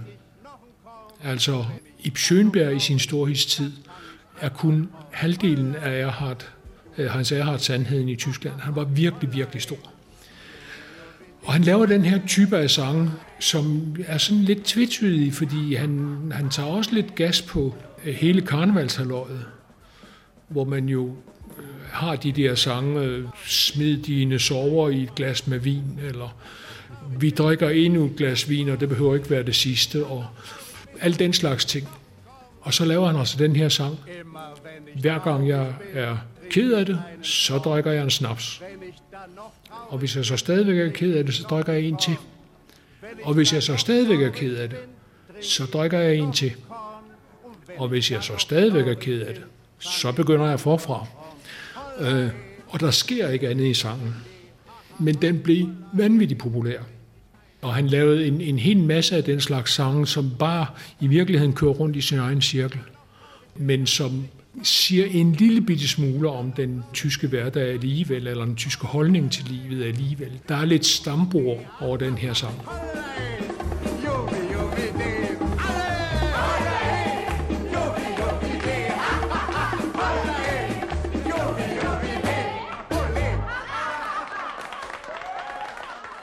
Hans Magnus Enzensberger, han har sagt om Wirtschaftswunder, at øh, Tyskland, de gik opad, men de gik ikke fremad. Altså, de bevægede sig opad, men de bevægede sig ikke fremad. Det er vel egentlig meget træffende, er det ikke?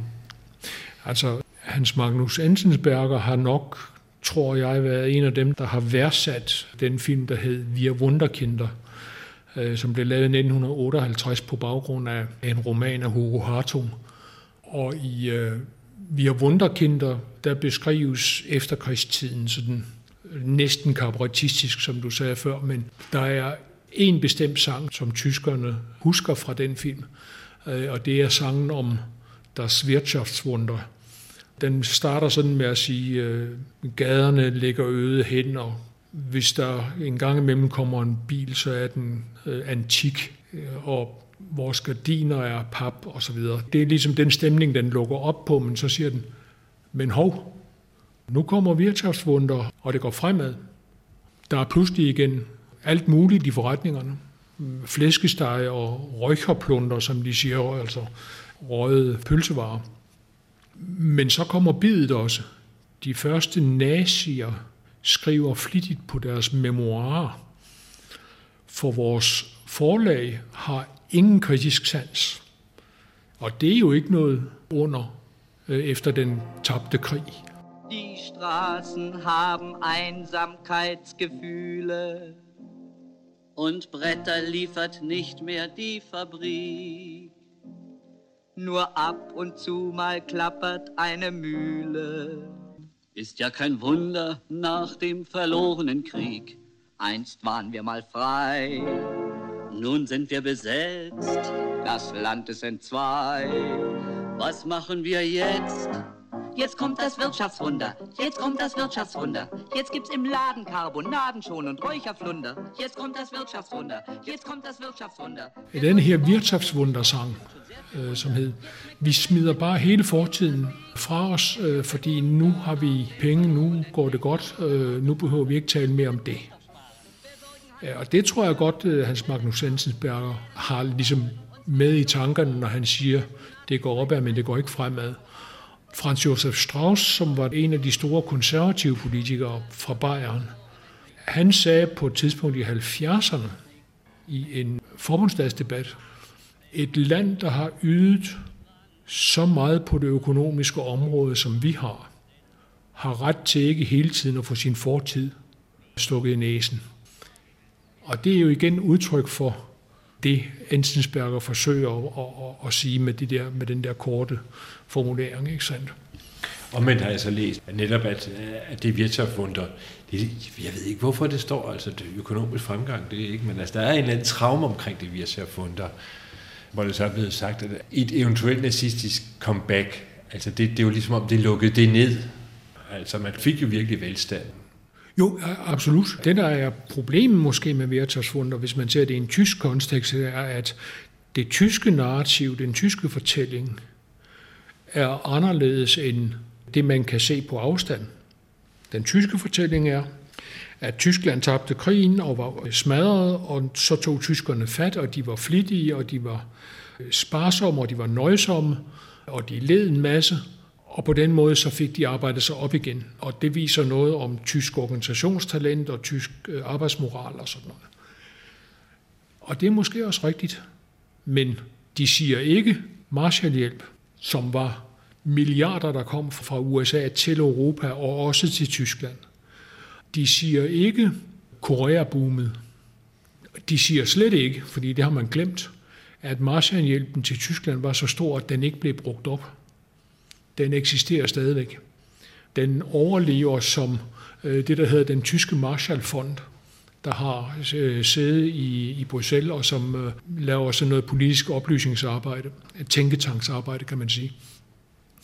Så der kommer altså også noget til dem udefra, kan man vist roligt sige. Og det øh, overser man ofte i den tyske fortælling. Så man ser sig selv som nogen, der ved egen kraft har arbejde sig ud af en fortid, man helst ikke vil mindes om. Og det gik jo for så vidt godt et stykke tid.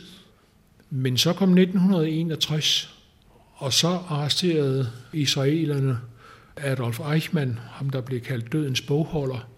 De bortførte ham fra Latinamerika, stillede ham for retten i Tel Aviv, og pludselig blev det hele øh, revet op igen. Så der er sådan et, et, et øjeblik mellem 55 og 61, hvor der er nogenlunde fred, og hvor man kan kaste sig ud i det gode liv og drømmen om det gode liv.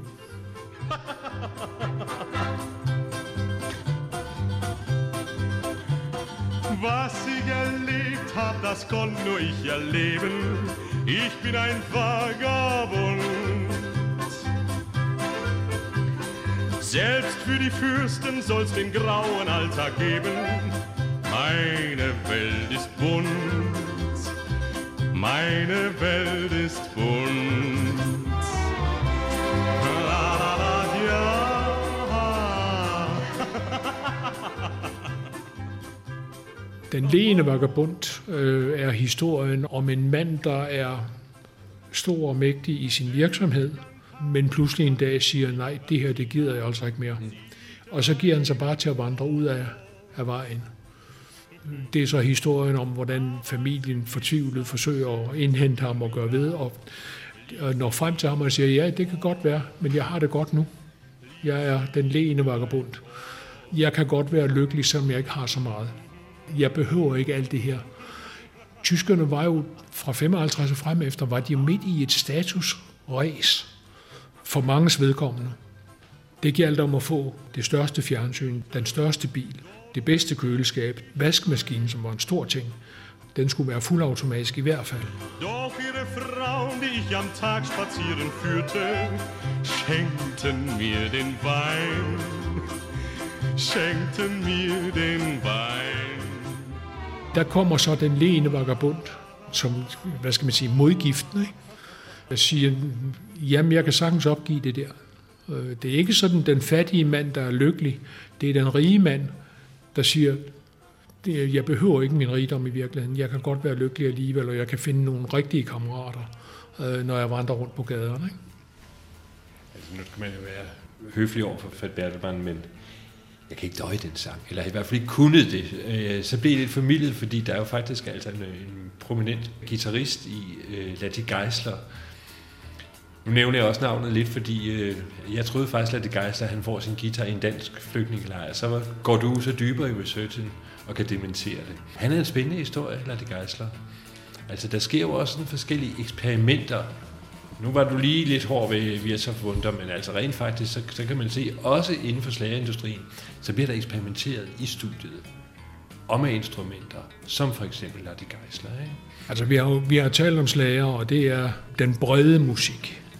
Men der er ved siden af denne her jo også andre øh, musikalske udviklinger i gang i Tyskland.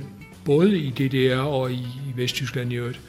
Men i Vesttyskland, der får man muligheden for at knytte til der, hvor man måtte slippe i 30'erne. Altså man, man knytter til de første sådan jazzrytmer, øh, swing, bands, orkestermusik, big band musik. Det bliver en stor del af, af efterkrigstiden også. Det er jo ikke sådan, at man går fra øh, 1945 til rock and roll, øh, fordi der ligger jo noget derimellem, og det var den store jazzperiode, det var der også herhjemme. jo. Og der blomstrer altså en hel masse op i Tyskland, som er nyt og anderledes, og man, man synes ligesom, at man har friheden til at eksperimentere. Fordi man har ikke nogen kultur, nogen tysk kultur, man skal stå på. Og, og noget af det, der så ender med at blive de særlige tyske orkesterklange og musikklange og sådan noget, det opstår ved tilfælde. Og der er Ladi Geisler jo et, et, et eksempel. Han, øh, han er vokset op i Prag. Af forskellige grunde blev han af nazisterne, eller af de invaderende tyske styrker betragtet som tysker. Hans far er tysk, og hans mor er tjekkisk. Men resultatet er, at tyskerne siger, du er værnepligtig. Og det er sådan i slutningen af krigen, fordi han er for ung til at komme ind fra starten af krigen, hvor man virkelig har brug for kanonføde. Øh, og der bliver han indkaldt. Og han bliver sendt nordpå til fronten op i Slesvig-Holsten, hvor britterne står. Og han bliver taget til fange af britterne, og det bliver sådan hans aha-oplevelse, om jeg så må sige. Fordi han kunne jo godt være endt alle mulige andre steder. Han kunne være endt på Østfronten og var blevet taget til fange af russerne. Men han ender altså hos britterne, som har taget rigtig, rigtig mange krigsfanger på det her tidspunkt. Og de øh, stuer dem sammen på, ja, på åbne marker, hvor de kan få plads til dem. Det skal man bare øh, ligesom tænke over. Det er 19, 20, 21-årige knægte, der øh, sidder på en pløjemark, og de får der øh, noget mad, de kan leve af, og de har tøj på kroppen, og, men de har intet at gøre. Kedsomhed fra morgen til aften. Ladi Geisler har gennem sin korte soldatertid sparet alle sine cigaretter op. Fordi han ryger ikke, men han ved, at det kan blive valuta på et tidspunkt. Øh, og det er godt til at, at lave bekendtskaber med og sådan noget. Så han har en helt stor madsæk fuld af cigaretter. Og i lejren er der også en matros, som er storryger, men har en guitar. Og så laver de to en hurtig handel, og sådan får øh, Ladi Geisler sin første guitar.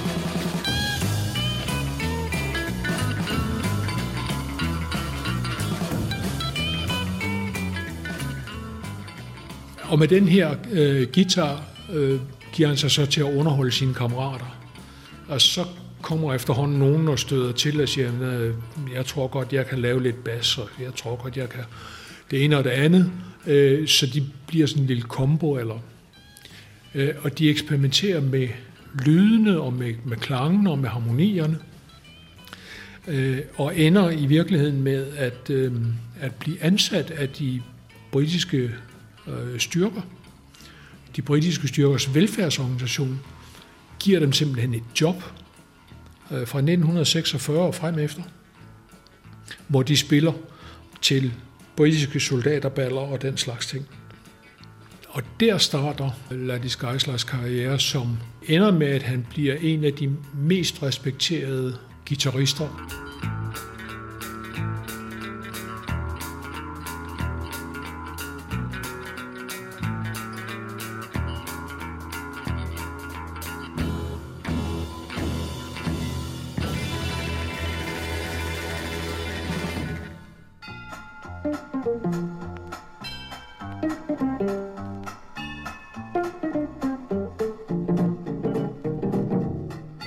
Er jo en parallel, øh, altså en af de allermest prominente, som vi jo siden må få på scenen, for han debuterer faktisk, pladedebuterer i eget navn i 59, under sit rigtige eget navn, Hans Last, men vi kender ham som James Last.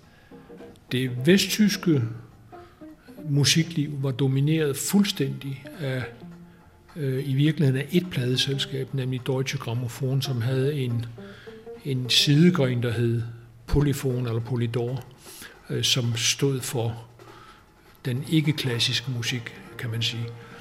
James Last var en af dem, der blev tilknyttet Polydor på et tidspunkt. Og han blev opfattet som så spændende, at han fik opgaven med at udvikle orkesterklangen for de orkestre, der indspillede på Polydor. Og deraf kommer er begyndelsen til den helt specielle øh, klang, som vi alle sammen kender som, som James Lars partyklang, mm. som så kommer i 60'erne, 70'erne og frem efter. Men han har altså sine rødder her også. Vi nævnte øh, Ladi Geisler. Ladi Geisler ender med at blive en af hovedkræfterne i Bert Kempfers orkester, og er med til at præge den særlige Bert Kempfert-klang med sine basrytmer, sammen med en, en Janitschar, der bliver øh, berømt for sit bløde arbejde med, med den lille kust mm-hmm. på, øh, på, på, på trommerne, øh, som begge er karakteristiske for Bert Kempfert. Men de kommer også herfra, og de har også øh, sådan en historie, der hedder, jamen vi stod der midt i et hul, og vi måtte gribe ud til alle sider for at finde noget inspiration og, og sætte det sammen på vores egen måde, og det kom der altså noget ud af. Vi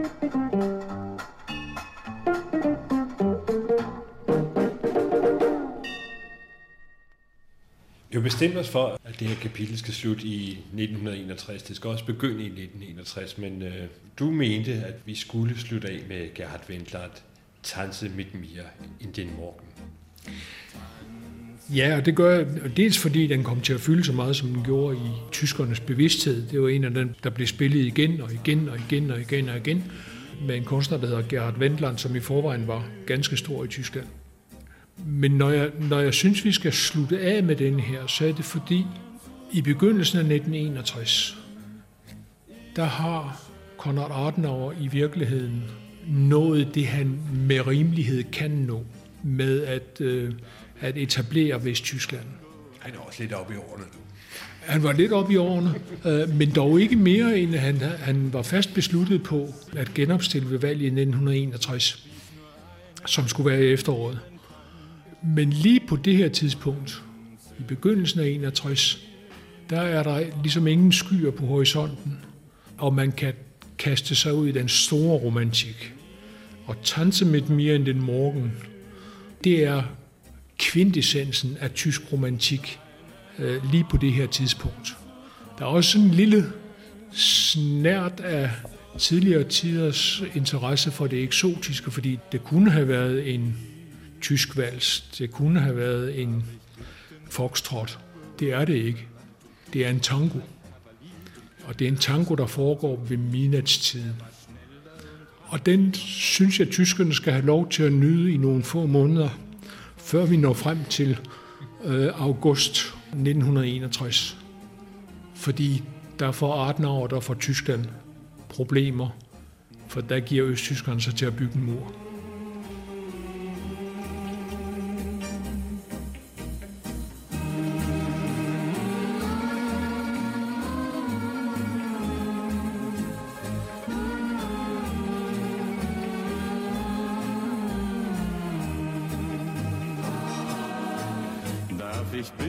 Zum Tango um Mitternacht. Ruf ich bei Susanne schon am Morgen an. Hat sie mich auf deswegen oft ausgelacht. Wenn es zwölf ist, lacht sie mich an. Tanze mit mir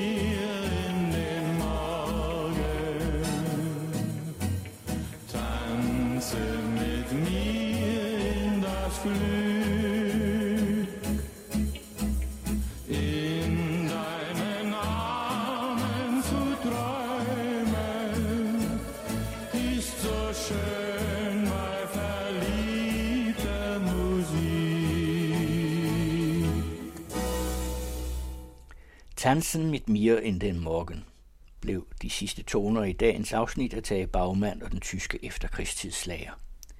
Serien er lavet af Søren E. Jensen sammen med Jytte Nordholt.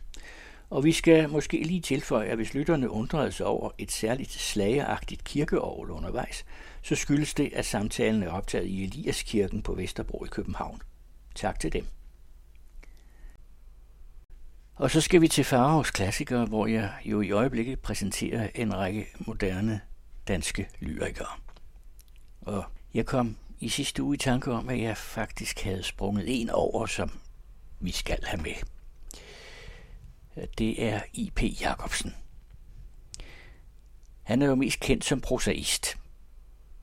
Den store novelle Mogens og de store romaner Fru Marie Gruppe og Niels Lyne. De kom i 1870'erne og øh, gjorde ham berømt langt ud over landets grænser. Først havde han jo studeret naturvidenskab og øh, sigtede mod at blive øh, botaniker, og han havde oversat Charles Darwins om arternes oprindelse i 1871-72, og senere menneskets afstamning og paringsvalget i 1874-75. Men han ville jo også være forfatter, og begyndte at skrive digte. Digtene udkom først efter hans død.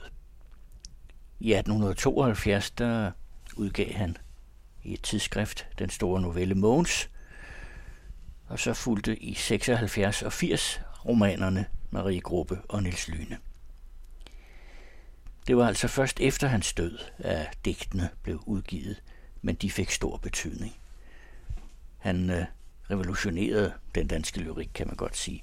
Der var før ham nogen, der havde skrevet lidt øh, urimede digte, blandt andet Carsten Haug, men øh, det var I.P. Jacobsen, der viste, hvad man virkelig kunne i den form. Store arabesker, kaldte han dem. Og hvorfor ikke begynde med en arabesk? Den hedder bare en arabesk. Men øh, man kender den også under titlen Kender du pan? Har du faret vild i dunkle skove? Kender du pan? Jeg har følt ham. Ikke i de dunkle skove, mens alt tigende talte. Nej, den pan har jeg aldrig kendt.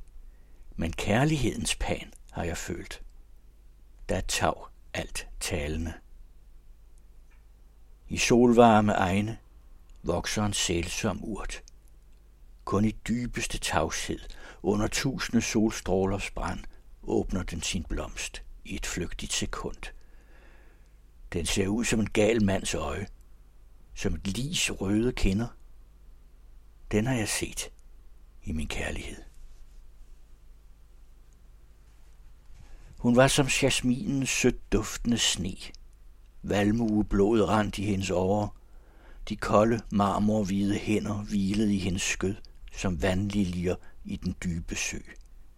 Hendes ord faldt blødt som æbleblomstens blade på det dukvåde græs. Men der var timer, hvor de snodede sig kolde og klare som vandets stigende stråle. Der var suk i hendes latter, jubel i hendes gråd. For hende måtte alt bøje sig. Kun tvinde turde trodse hende, hendes egne øjne. Af den giftige liljes blændende kalk drak hun mig til. Ham, der er død, og ham, der nu knæler ved hendes fod. Med os alle drak hun, og der var blikket hende lydigt. Løftet spæger om usvigelig troskab af den giftige liljes blændende kalk. Alt er forbi.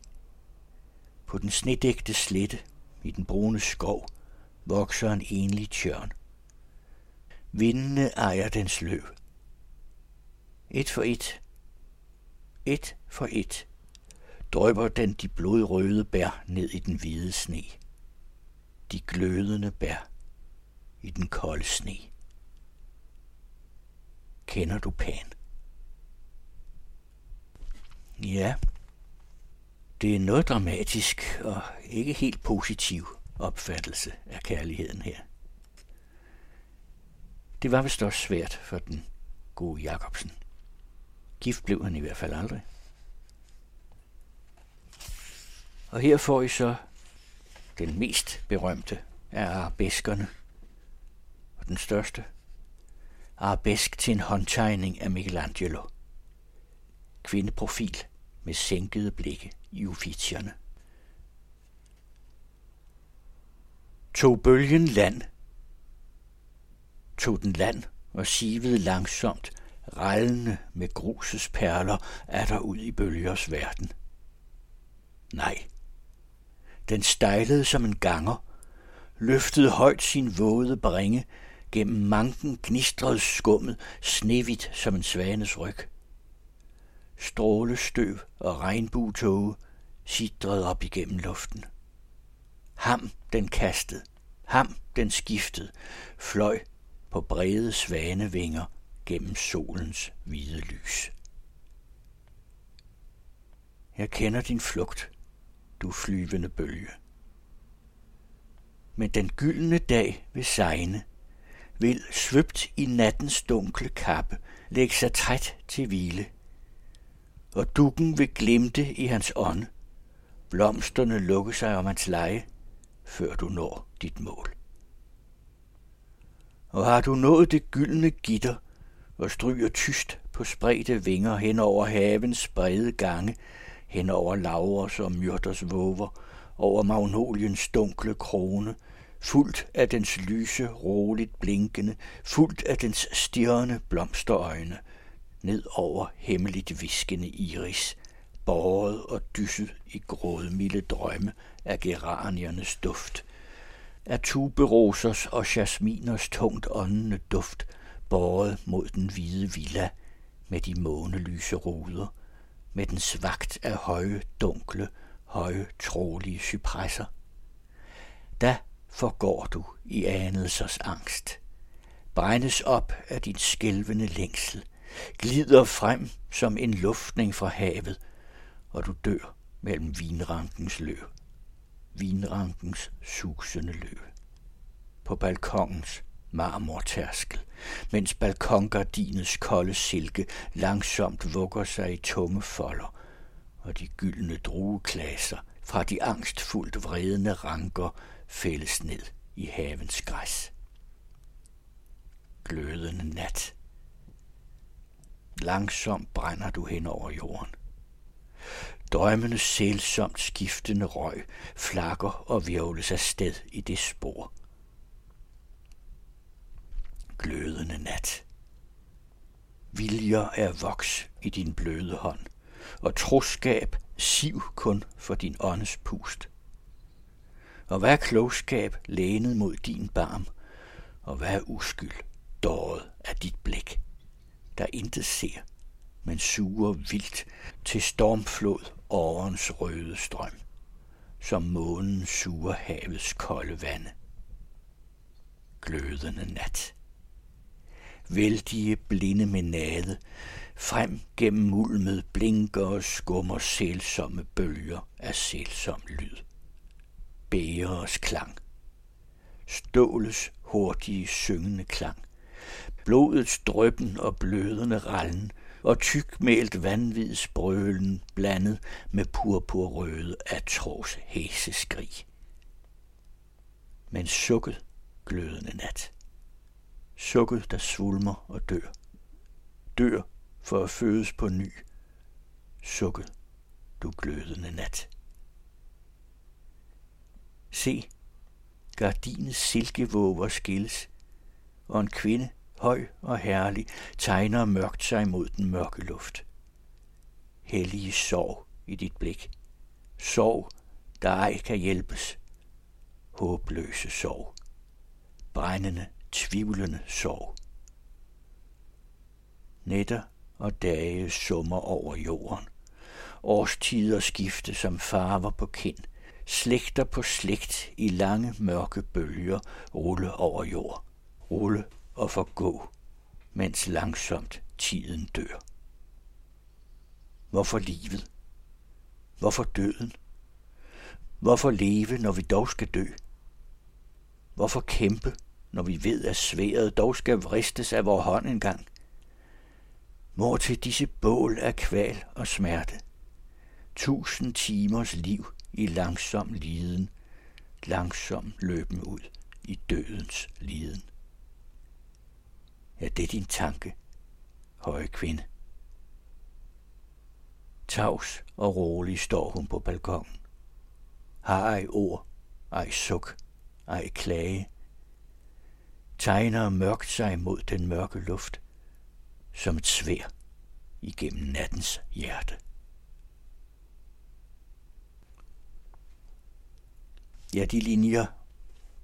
Hvorfor leve, når vi dog skal dø? Det er der mange, der har spurgt om. Det er der mange, der har taget til sig i dette digt. Og Herman Bang gav en gang i novellen ved vejen et svar på det spørgsmål. Han lader en af sine personer sige, vi er her jo for forplantningen. Man kan nok høre, at I.P. Jacobsen havde opgivet sin kristne barnetro og var blevet ateist med hud og hår. Og så skal I lige have nogle af hans øh, mere traditionelle digte med rim og fast rytme. Det første digt er en lille gruppe, der hedder Stemninger, lyder sådan her. I rummet det vældige vugges, hvor jord som på havet et blad. Og jeg er et støvgræn, der glimter, Gud ved, i lyset af hvad. Og dog er det hele solsystem, der vugges i æderens bad. En krusning i mine tankers hav. Kun lille og kruset af hvad. Ja, han kunne stille nogle gode spørgsmål. Og her til sidst et digt, som uh, folkevidet har mundret sig med. Det starter nemlig sådan her, det bødes der for i lange år, som kun var en stakket glæde. Og øh, man kan høre det i den formulering. Det bødes der for i lange år, som kun var en stakåndet glæde. Men det står der altså ikke. Og det kan godt være, at øh, det også hentyder til Elskovs glæde, men ikke kun til den. Det bødes der for i lange år, som kun var en stakket glæde. Det smiler man frem i flygtig stund, man bort kan i år ej græde. Der regner sorg, regner harm af roser røde. Der æges på lykkens gyldne jul så fast af en intet sanser. Men sorgens trælsomme tunge lis, det venter os dog, når vi stanser. Der render sorg, render harm af roser røde. Der leves i lyst som halvt i drøm, men sorgen har ingen drømme.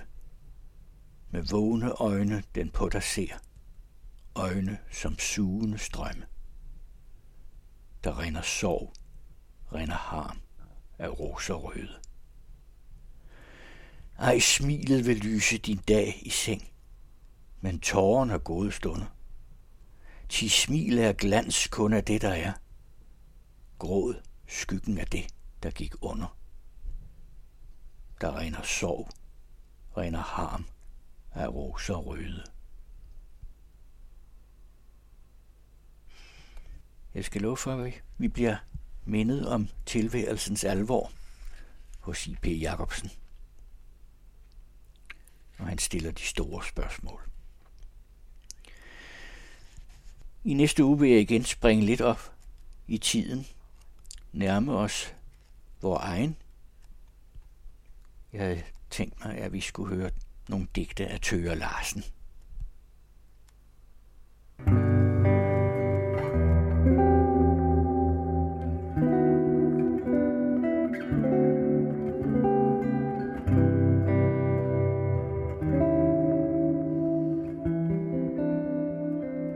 lytter til den anden radio.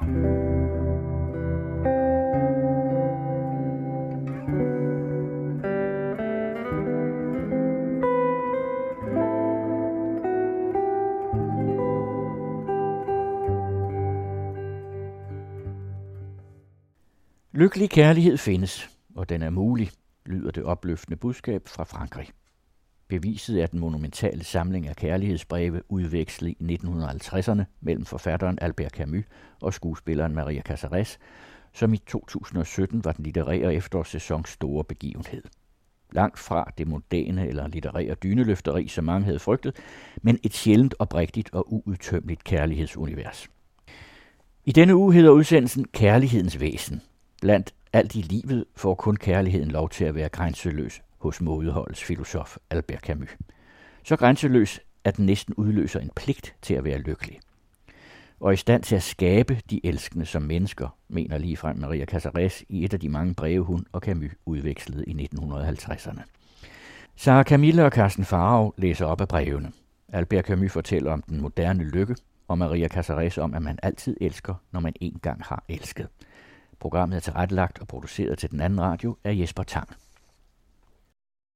I et berømt ungdomsessay, Festen i Tipasa, fortæller Albert Camus, hvordan han mødte al verdens herlighed i form af retten til at elske umådeholdent. Der findes kun én kærlighed i denne verden, kan man læse. At omfavne en kvindes krop er også at knuge den forunderlige glæde ind til sig, som stiger fra himlen ned mod havet. Elementerne er altså mobiliseret, og af det samme essay fremgår det, at den grænseløse kærlighed næsten udløser en pligt til at være lykkelig.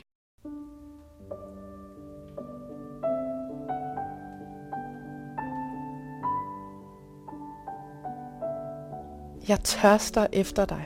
Når du åbner dig for mig, forstår jeg om sider, hvorfor jeg blev sat i verden. Jeg elsker dig. Hvilken lettelse, hvilken stor lykke at se dig forskønne alt.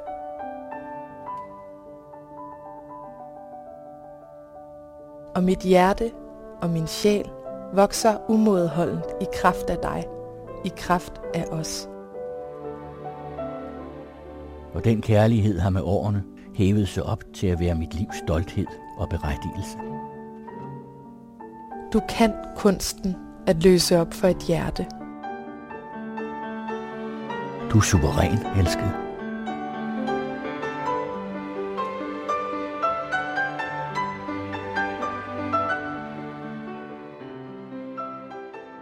Mådeholdets filosof, hybrises, det vil sige overdrivelsens udfordrer, nemesis, det vil sige retfærdighedens og ligevægtens vogter, bærer altså også tanken om, at der trods alt findes en ting, som er og bør være uindskrækket, som bør omfatte hele registret. Og den går fra Eros, jeg elsker din krop og din sjæl med den samme taknemmelighed, skriver Camus, og Maria Casares, kan du mærke mine læber på dine, og dig på mig, dig i mig.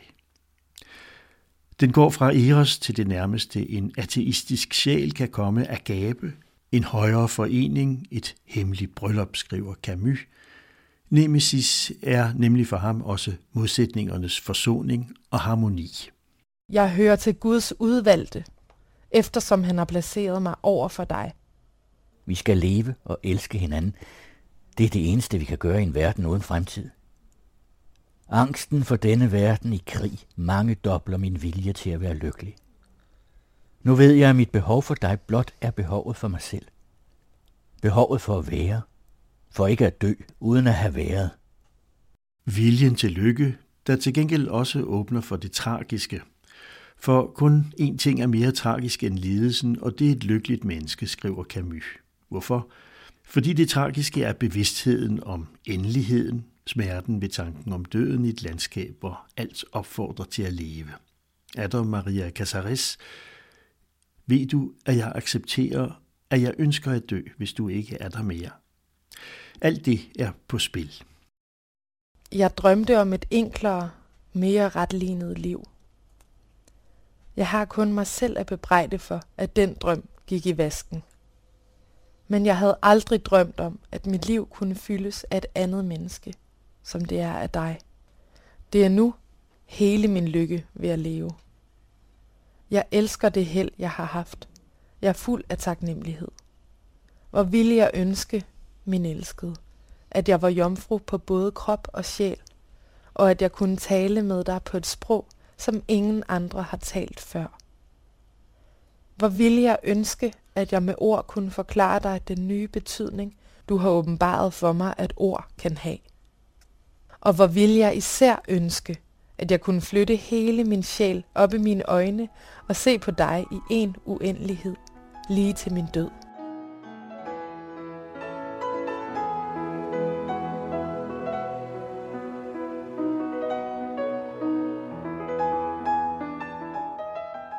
Den kærlighed, der ikke kan vokse sig større imellem os, bliver dybere og dybere og binder os sammen i den smukke, uophørlige varme, som fylder mit hjerte hver gang jeg tænker på dig. Sandheden er, at alt andet end dig og mit arbejde er ligegyldigt for mig. Bare det var lige så let at skrive, som at være lykkelig ved din side.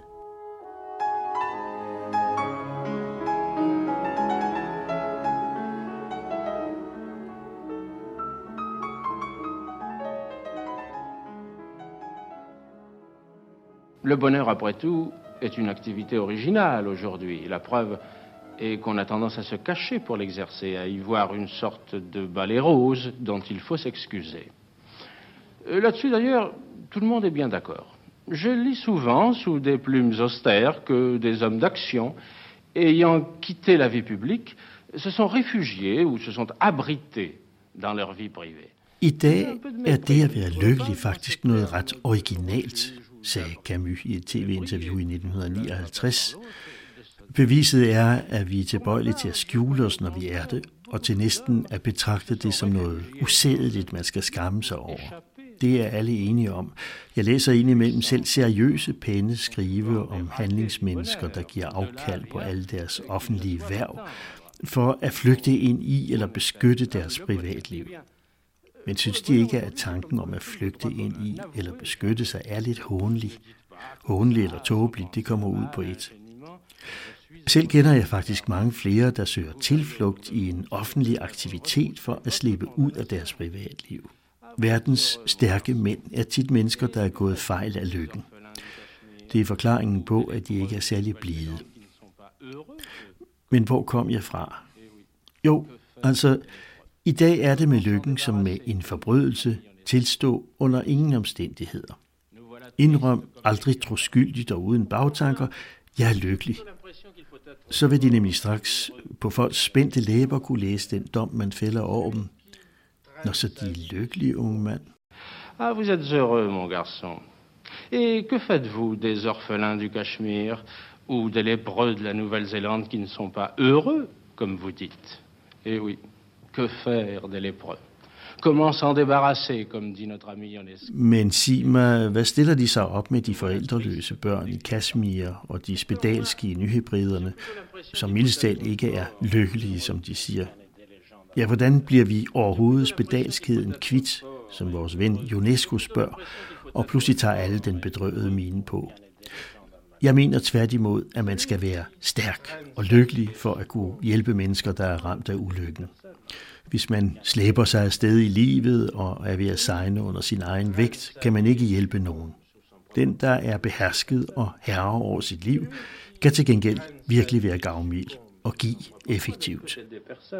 Celui au contraire qui se domine et qui domine sa vie, celui-là peut être vraiment généreux et donner efficacement. Jeg er jaloux. Lige så åndssvagt jaloux, som noget menneske kan være. Jeg læser dine breve, og hver gang jeg støder på navnet på en mand, bliver jeg tør i munden. For du omgås kun mænd. Det er sikkert helt normalt for dig i dit fag, i dit liv. Men hvad skal jeg bruge normal kærlighed til, når jeg er fuld af vold og skrig? Det er sikkert heller ikke intelligent, men hvad skal jeg med intelligens i den her situation? Brevet her er fra 1944, det vil sige kort tid efter det første møde, og historien melder ikke noget om, hvorvidt Camus havde grund til at være jaloux eller ej, hverken da eller senere, og heller ikke om jalousi overhovedet er en følelse, der hørte til i kærlighedens repertoire i forholdet mellem Maria Casares og Albert Camus. Til gengæld gjorde Camus aldrig noget videre for at skjule sine mange andre kærlighedsforhold, foruden Francine, hustruen, til skuespillerinden Catherine Sellers fra 1900 56 til den amerikanske Patricia Blake, der oprindeligt var hans guide under en kulturdiplomatisk rejse til New York i 1946, og til Mi, den danske fotomodel og maler Mette Ivers, som han mødte kun et par år inden sin død. Han var fascineret af den dobbelte kærlighed. Han mente, at man kan elske to personer på samme tid, fortalte Katrine Seller senere i et interview. Når han, og det vil sige Don Juan, når han forlader en kvinde, er det ikke nødvendigvis, fordi han ikke begærer hende mere, skrev Camus i Sisyphos-myten. En smuk kvinde er altid atroværdig. Nej, det er fordi han begærer ny, og det er ikke det samme. Uvidende, at han kun havde nogle få dage tilbage at leve i, skrev Camus den 30. december 1959 hverken mere eller mindre end fire kærlighedsbreve. J har fire kvinder på en gang og fører altså et tomt liv, står der til gengæld også i et notat til den sidste ufuldendte roman, Det første menneske.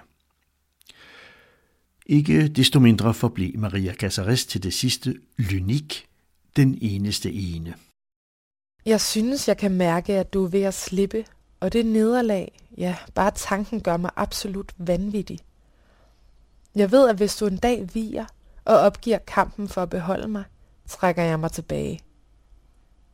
Jeg ved det.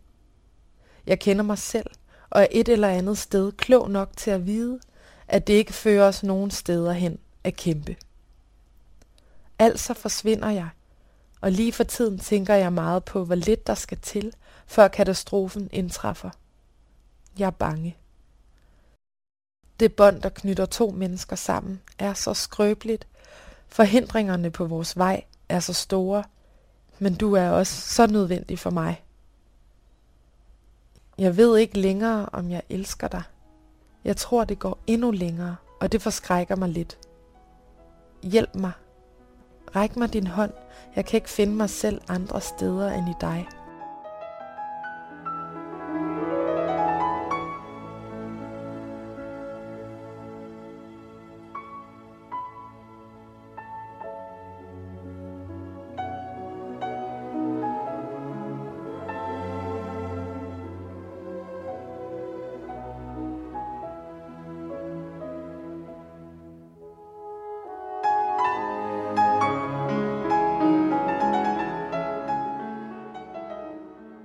Algier, den 18. februar 1955. Byens skønhed gør mig helt beklemt. Jeg havde fuldkommen glemt den under mit ophold i den parisiske nat. Alene min mors glæde er rejsen værd. Hvor jeg bebrejder mig selv, at jeg ikke tager ned lidt oftere. Og hvor er det skønt at være elsket på denne måde, for det man er, og uanset hvad man er. Hvor er det også dejligt at elske sådan af hele sit hjerte. Under vores frokost sammen med hele familien følte jeg mig tryg og understøttet. Jeg forestillede mig, at du også var her, og min lykke var fuldkommen.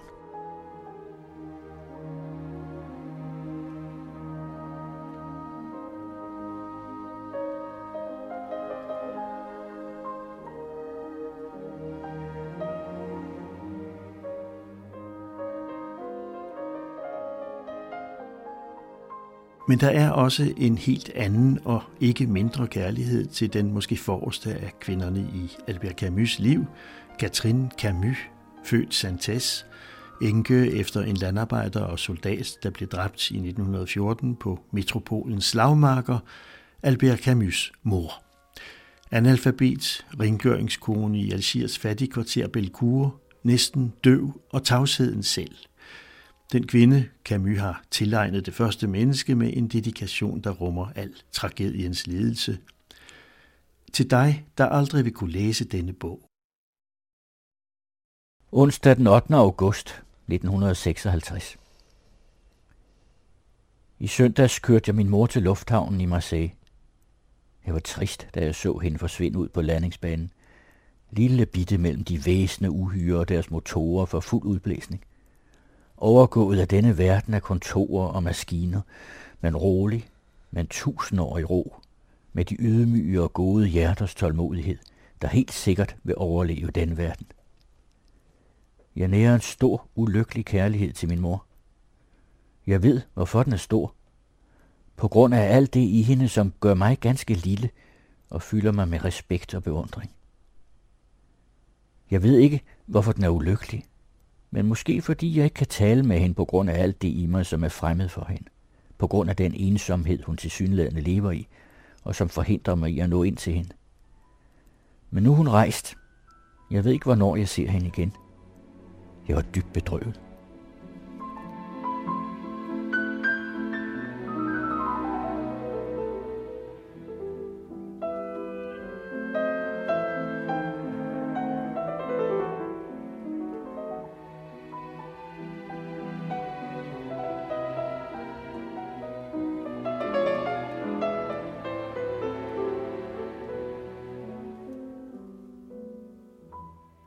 Jeg har ikke længere alderen til at forføre dig, men jeg er stadig ung nok til at holde på dig.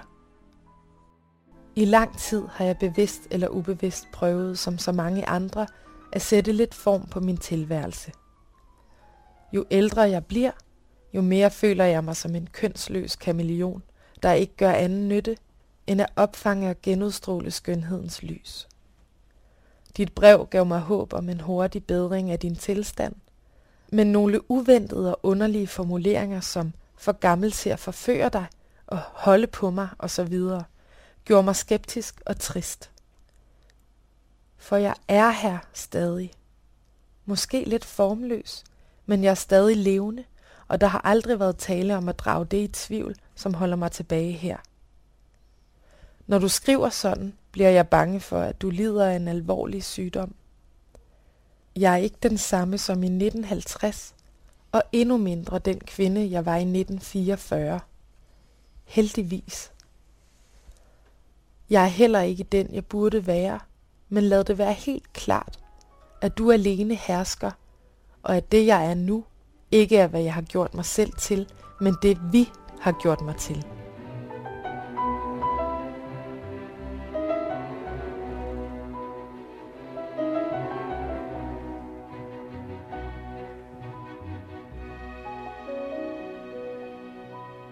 Eh bien, euh, il y a une force de caractère, même, euh. De har en fantastisk karakterstyrke, sagde intervieweren i fransk fjernsyns populære litteraturmagasin dengang, Apostrof. En karakterstyrke, der forhindrer dem i at begå dumheder. Vous empêche de faire des bêtises. Euh... Oh, Dem har jeg som begået mange af, svarede hun. là, For eksempel, da de mødte Camus, så besluttede I, at I skulle skilles ved krigens afslutning. Og overraskende nok holdt I ord. Et le plus étonnant, c'est que vous, vous tenez parole. Oh, je crois que tous les deux, on se ressemblait sur certains points et qu'on avait un, un sens de ce que j'appelle la fidélité, c'est-à-dire ou destin, ou je dirais un mot que, que maintenant on n'ose plus dire, honneur. Ah bah... Mais je sais pas, quand on dit honneur, on dirait que... Jeg tror, svarede Maria Casares, jeg tror, vi lignede hinanden på visse punkter. Vi havde sans for det, jeg kalder troskab eller skæbnen. Jeg kan også bruge det ord, man ikke tør sige mere. Ære. Når man elsker et menneske, så elsker man det for altid. Selv hvis det bare er et venskab. Ellers skal der foreligge et brud, og hvis der foreligger et brud, så er det fordi, at man har taget fejl. Ellers bliver vi med at elske hinanden for livet, også selvom man ikke ses mere. Ligesom jeg et sted siger, at hvis man en gang i sit liv ikke længere har været alene, så bliver man det heller aldrig mere. Men man skal til gengæld have været så heldig eller så besluttet, at man lukkede op for at tage imod mødet på det rigtige tidspunkt. de- d'accueillir, d'accueillir au moment où il faut la rencontre, c'est possible. Kom og trøst mig. Du er min eneste kilde til glæde og smerte på én gang. Alt andet er overfladisk forfængelighed. Jeg elsker dig. Jeg begærer dig, forguder dig, savner dig, håber på dig, venter på dig, bærer dig og ringer, så snart jeg kommer til rummet.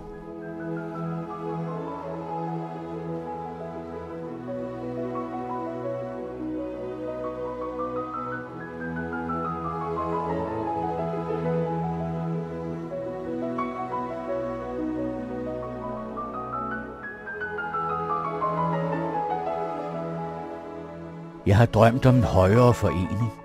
En slags hemmeligt bryllup, der bandt os sammen hinsides alle hverdagsomstændigheder og uanset hvor vi hver især befinder os. Et vidunderligt bånd, som vi uafbrudt har befæstet. En harmoni, ingen andre kan opleve, men som for os er kærlighedens sande fødestreng. Et evigt kongedømme, og kun vores, dit og mit. En så dyb og naturlig sikkerhed, at alt andet bliver let, og som gør os fri og bedre mod vores medmennesker. Sikkert bare en drøm.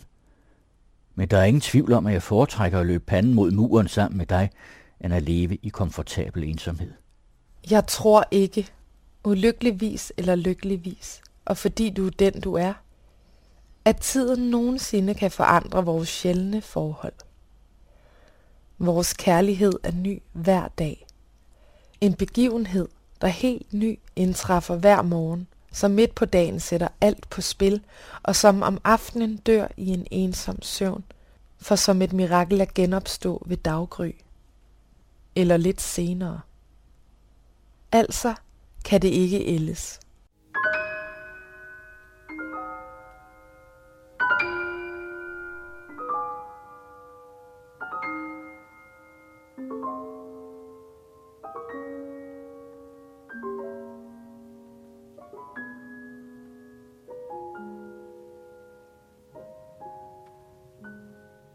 Lourmarin, den 30. december 1959. Sidste brev. Bare for at sige, at jeg ankommer tirsdag. Jeg kører op sammen med Michel og Janine Gallimard, der kommer forbi her på fredag. Jeg ringer, så snart jeg er ankommet. Men vi kan måske allerede nu aftale at spise middag sammen tirsdag.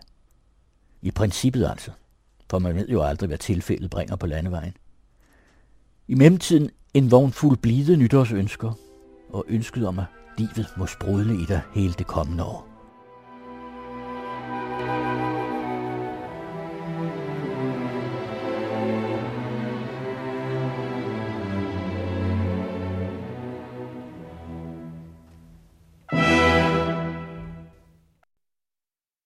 Middagen tirsdag aften blev aflyst af Camus død på landevejen den 4. januar 1960. Gallimars bil kørte af uforklarede grunde af vejbanen og blev smadret mod et platantræ.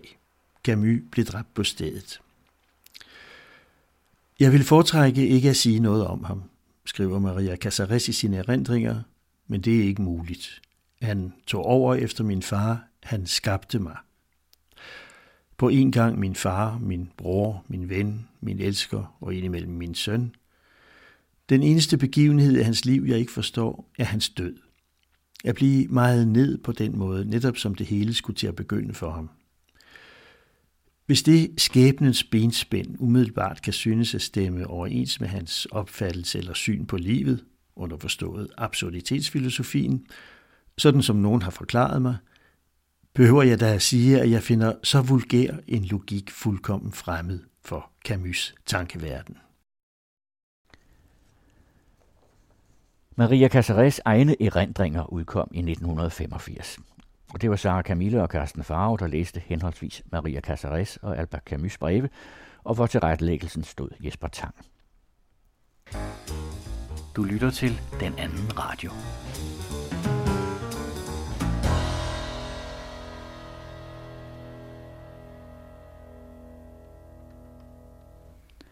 Og nu fortæller Christian Brød Thomsen om jazzens historie, denne gang om Miles Davis og John Coltrane. Trompetisten Miles Davis var fra midten af 50'erne jazzens store unge solist og et indiskutabelt centrum. Det vagte derfor opsigt, for ikke at sige forarvelse, da han engagerede tenorsaxofonisten John Coltrane til sin kvintet. Hvor Davis' spil var modent og velovervejet, strittede Coltrane's i alle retninger. Davis og Coltrane var faktisk jævnaldrende, da de indledte deres samarbejde. Begge var 29 år. Men hvor Davis havde en 10 år lang solistkarriere bag sig, var Coltrane et ubeskrevet blad. Han havde været ensemblemusiker i altsaxofonisten Johnny Hodges Big Band og fremhævede livet igennem Hodges klassisk smukke saxofonspil som sit ideal, hvad der ærligt talt var svært at forstå, når man hørte Coltrane. De fleste korsede sig over ham og fandt hans spil retningsløst og jappende. Det blev kaldt anti-jazz, og mange mente, det varslede jazzens død snarere end dens fremtid. Men Miles Davis hørte rigtigt. Coltrane udviklede sig de næste år til at blive jazzens betydeligste tenorsaxofonist, og hørt i dag med bagklogskabens skarpe ører, er hans første indspilninger med Davis måske ikke så tossede endda. Her for eksempel Sonny Rollins lejende komposition Oleo, hvor Davis og Coltrane akkompagneres af det, der blev kaldt 50'ernes bedste rytmegruppe, pianisten Red Garland, bassisten Paul Chambers og ikke mindst trommeslageren Philly Joe Jones.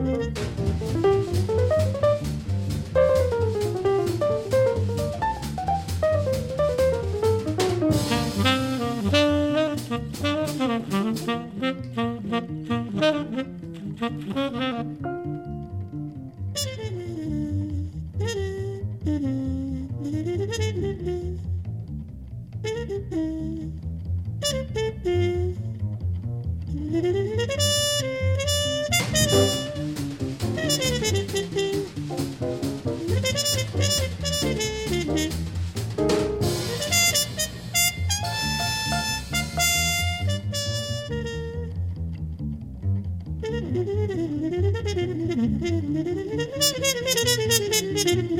you.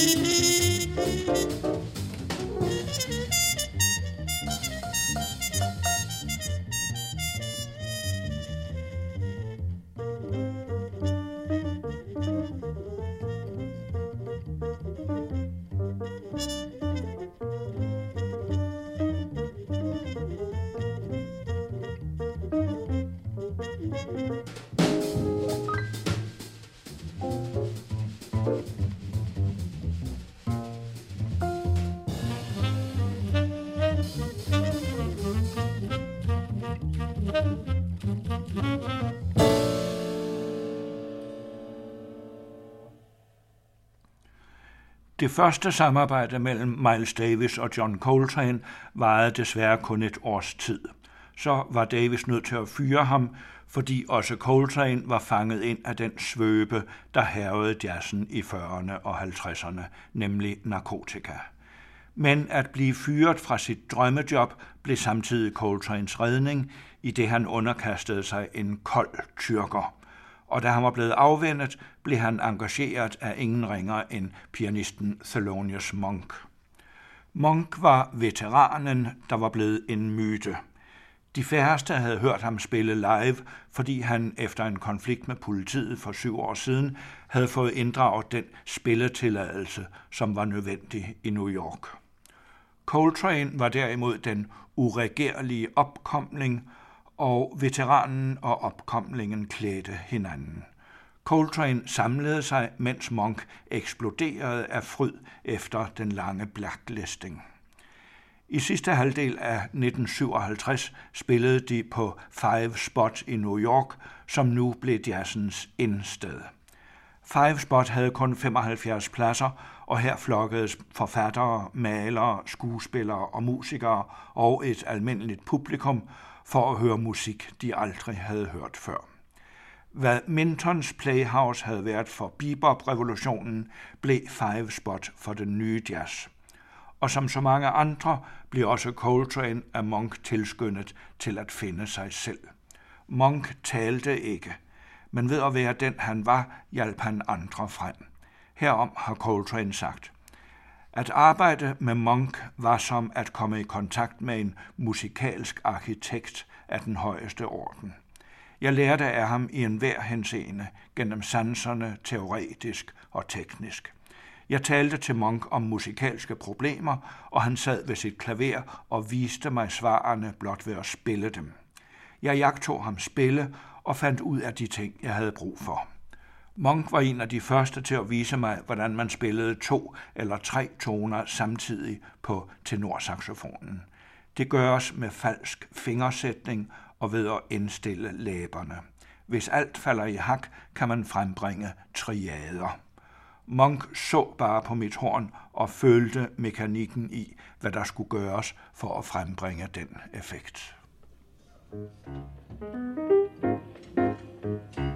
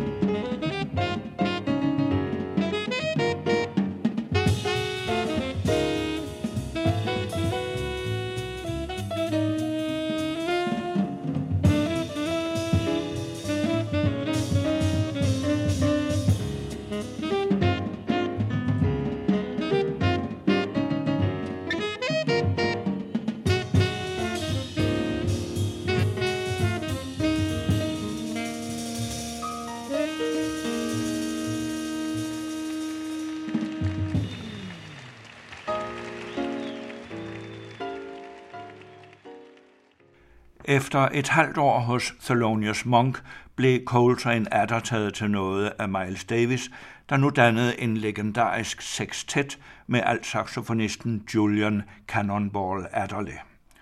Kombinationen af netop disse tre blæsere er genial.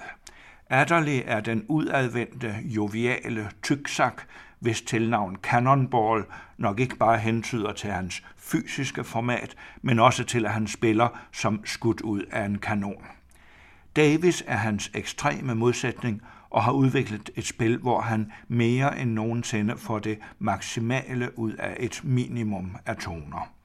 Han spiller med en nøgenhed, hvor han dyrker den enkelte tones skønhed, og hvor han foretrækker den eftertænksomme pause frem for den hurtige figur. Og Coltrane er hans diametrale modsætning. Han forsøger at spille så mange toner som muligt på kortest mulig tid. Hvor Davis tænker i den enkelte tones klang, tænker Coltrane i grupper af toner og forsøger at spille alle de toner, der hører til i en akkord.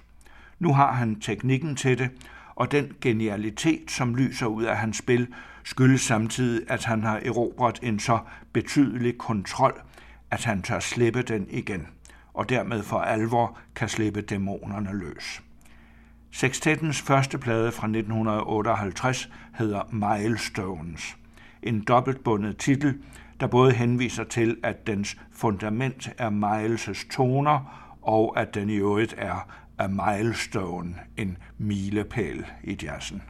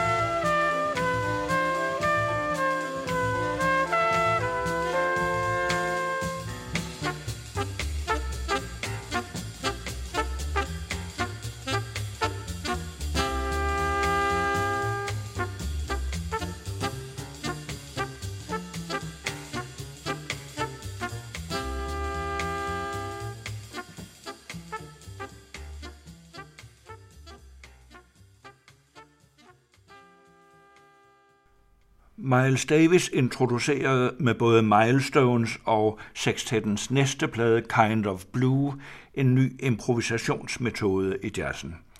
I stedet for at improvisere over temaet akkordskift, var udgangspunktet nu et par skalaer, som tillod en større melodisk frihed. På Kind of Blue havde Davis, Coltrane og Cannonball Adderley fået en ny trio med den fremragende pianist Bill Evans i spidsen. Evans har fortalt, at Davis mødte op i studiet med noget materiale, som musikerne ikke kendte i forvejen. De fik heller ikke lov til at øve sig eller at gøre en optagelse om. Det første færdige take var det definitive. I sine berømte bagsidenoter til Kind of Blue associerer Bill Evans til en japansk malerteknik og skriver. Der er en japansk malerkunst, hvor kunstneren tvinges til at være spontan. Han skal male på et tyndt udspændt pergamentpapir med en særlig pensel og sort vandfarve. På en måde, så et unaturligt eller afbrudt strøg vil ødelægge linjen eller bryde gennem pergamentet. Udraderinger eller rettelser er umulige. Disse kunstnere må udøve en ganske særlig disciplin, nemlig at tillade ideen at udtrykke sig i kommunikation med deres hænder på en så direkte måde, at overvejelser ikke kan gribe ind. De billeder, der kommer ud af det, savner det almindelige maleris komplekse komposition og konsistens, men det siges, at de, der har øje for det, finder noget fastholdt, som unddrager sig forklaring. Denne overbevisning, at direkte handling er den mest meningsfulde eftertanke, tror jeg har fremmet udviklingen af den ekstremt hårde og unikke disciplin hos jazzmusikeren eller den improviserende musiker.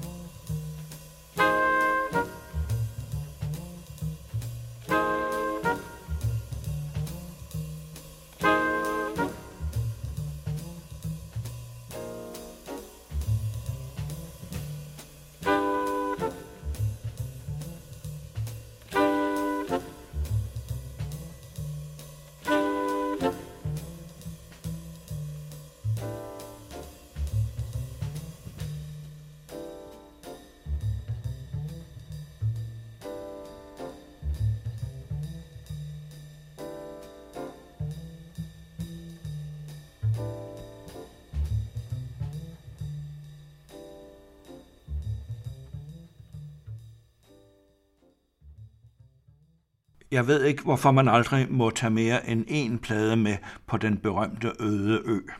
Men jeg ved, at hvis man kun må tage én jazzplade med, så skal det være Miles Davis' Kind of Blue. Den var avanceret, da den kom frem, men har i dag sprængt alle grænser og er nærmest blevet værmands eje. Vi skal høre endnu et nummer fra den, nemlig den dybt bevægende Flamenco Sketches. Her har også Coltrane fundet den enkle vej gennem sine tonekaskader og spiller så lyrisk indtrængende og med et sådan minimum af toner, at man fristes til at kalde dette for den arketypiske ballade i jazzhistorien. En amerikansk jazzskribent, som har gennemlyttet alle studieoptagelserne, sporede en lidt højtidelig tavshed i studiet, da sextetten havde indspillet flamenco sketches. Så brydes tavsheden af Davis, der havde det med at udtrykke sig i underdrivelser. Han visker til produceren Irving Townsend. That was terrible, Irving. Og produceren trøster ham, Don't worry about it, Miles. Sådan taler jazzmusikere, når det virkelig er alvor. Men hvordan kan man også reagere anderledes på kunst af dette format?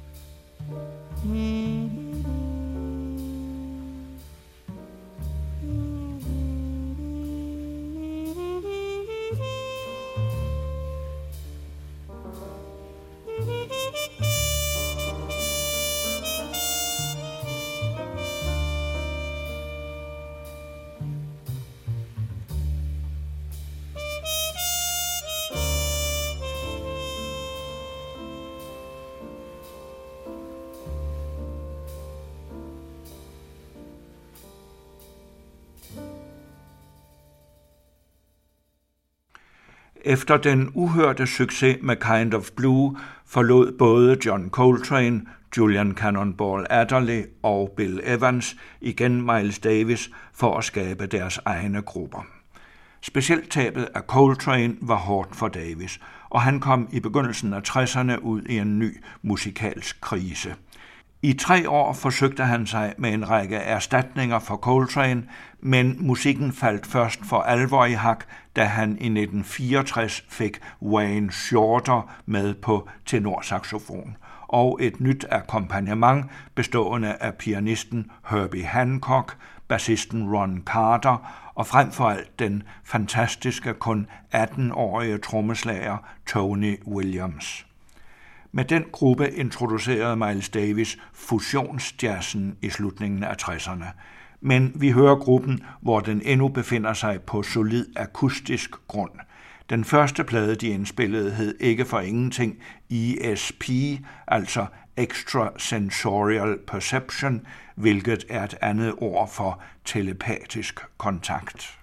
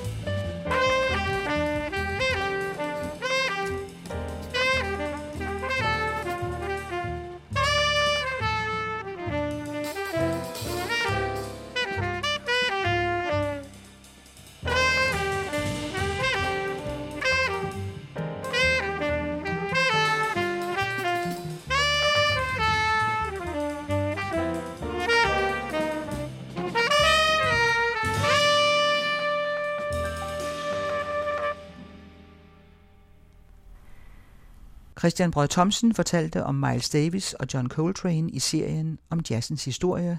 Tidligere historier kan findes i vores arkiv.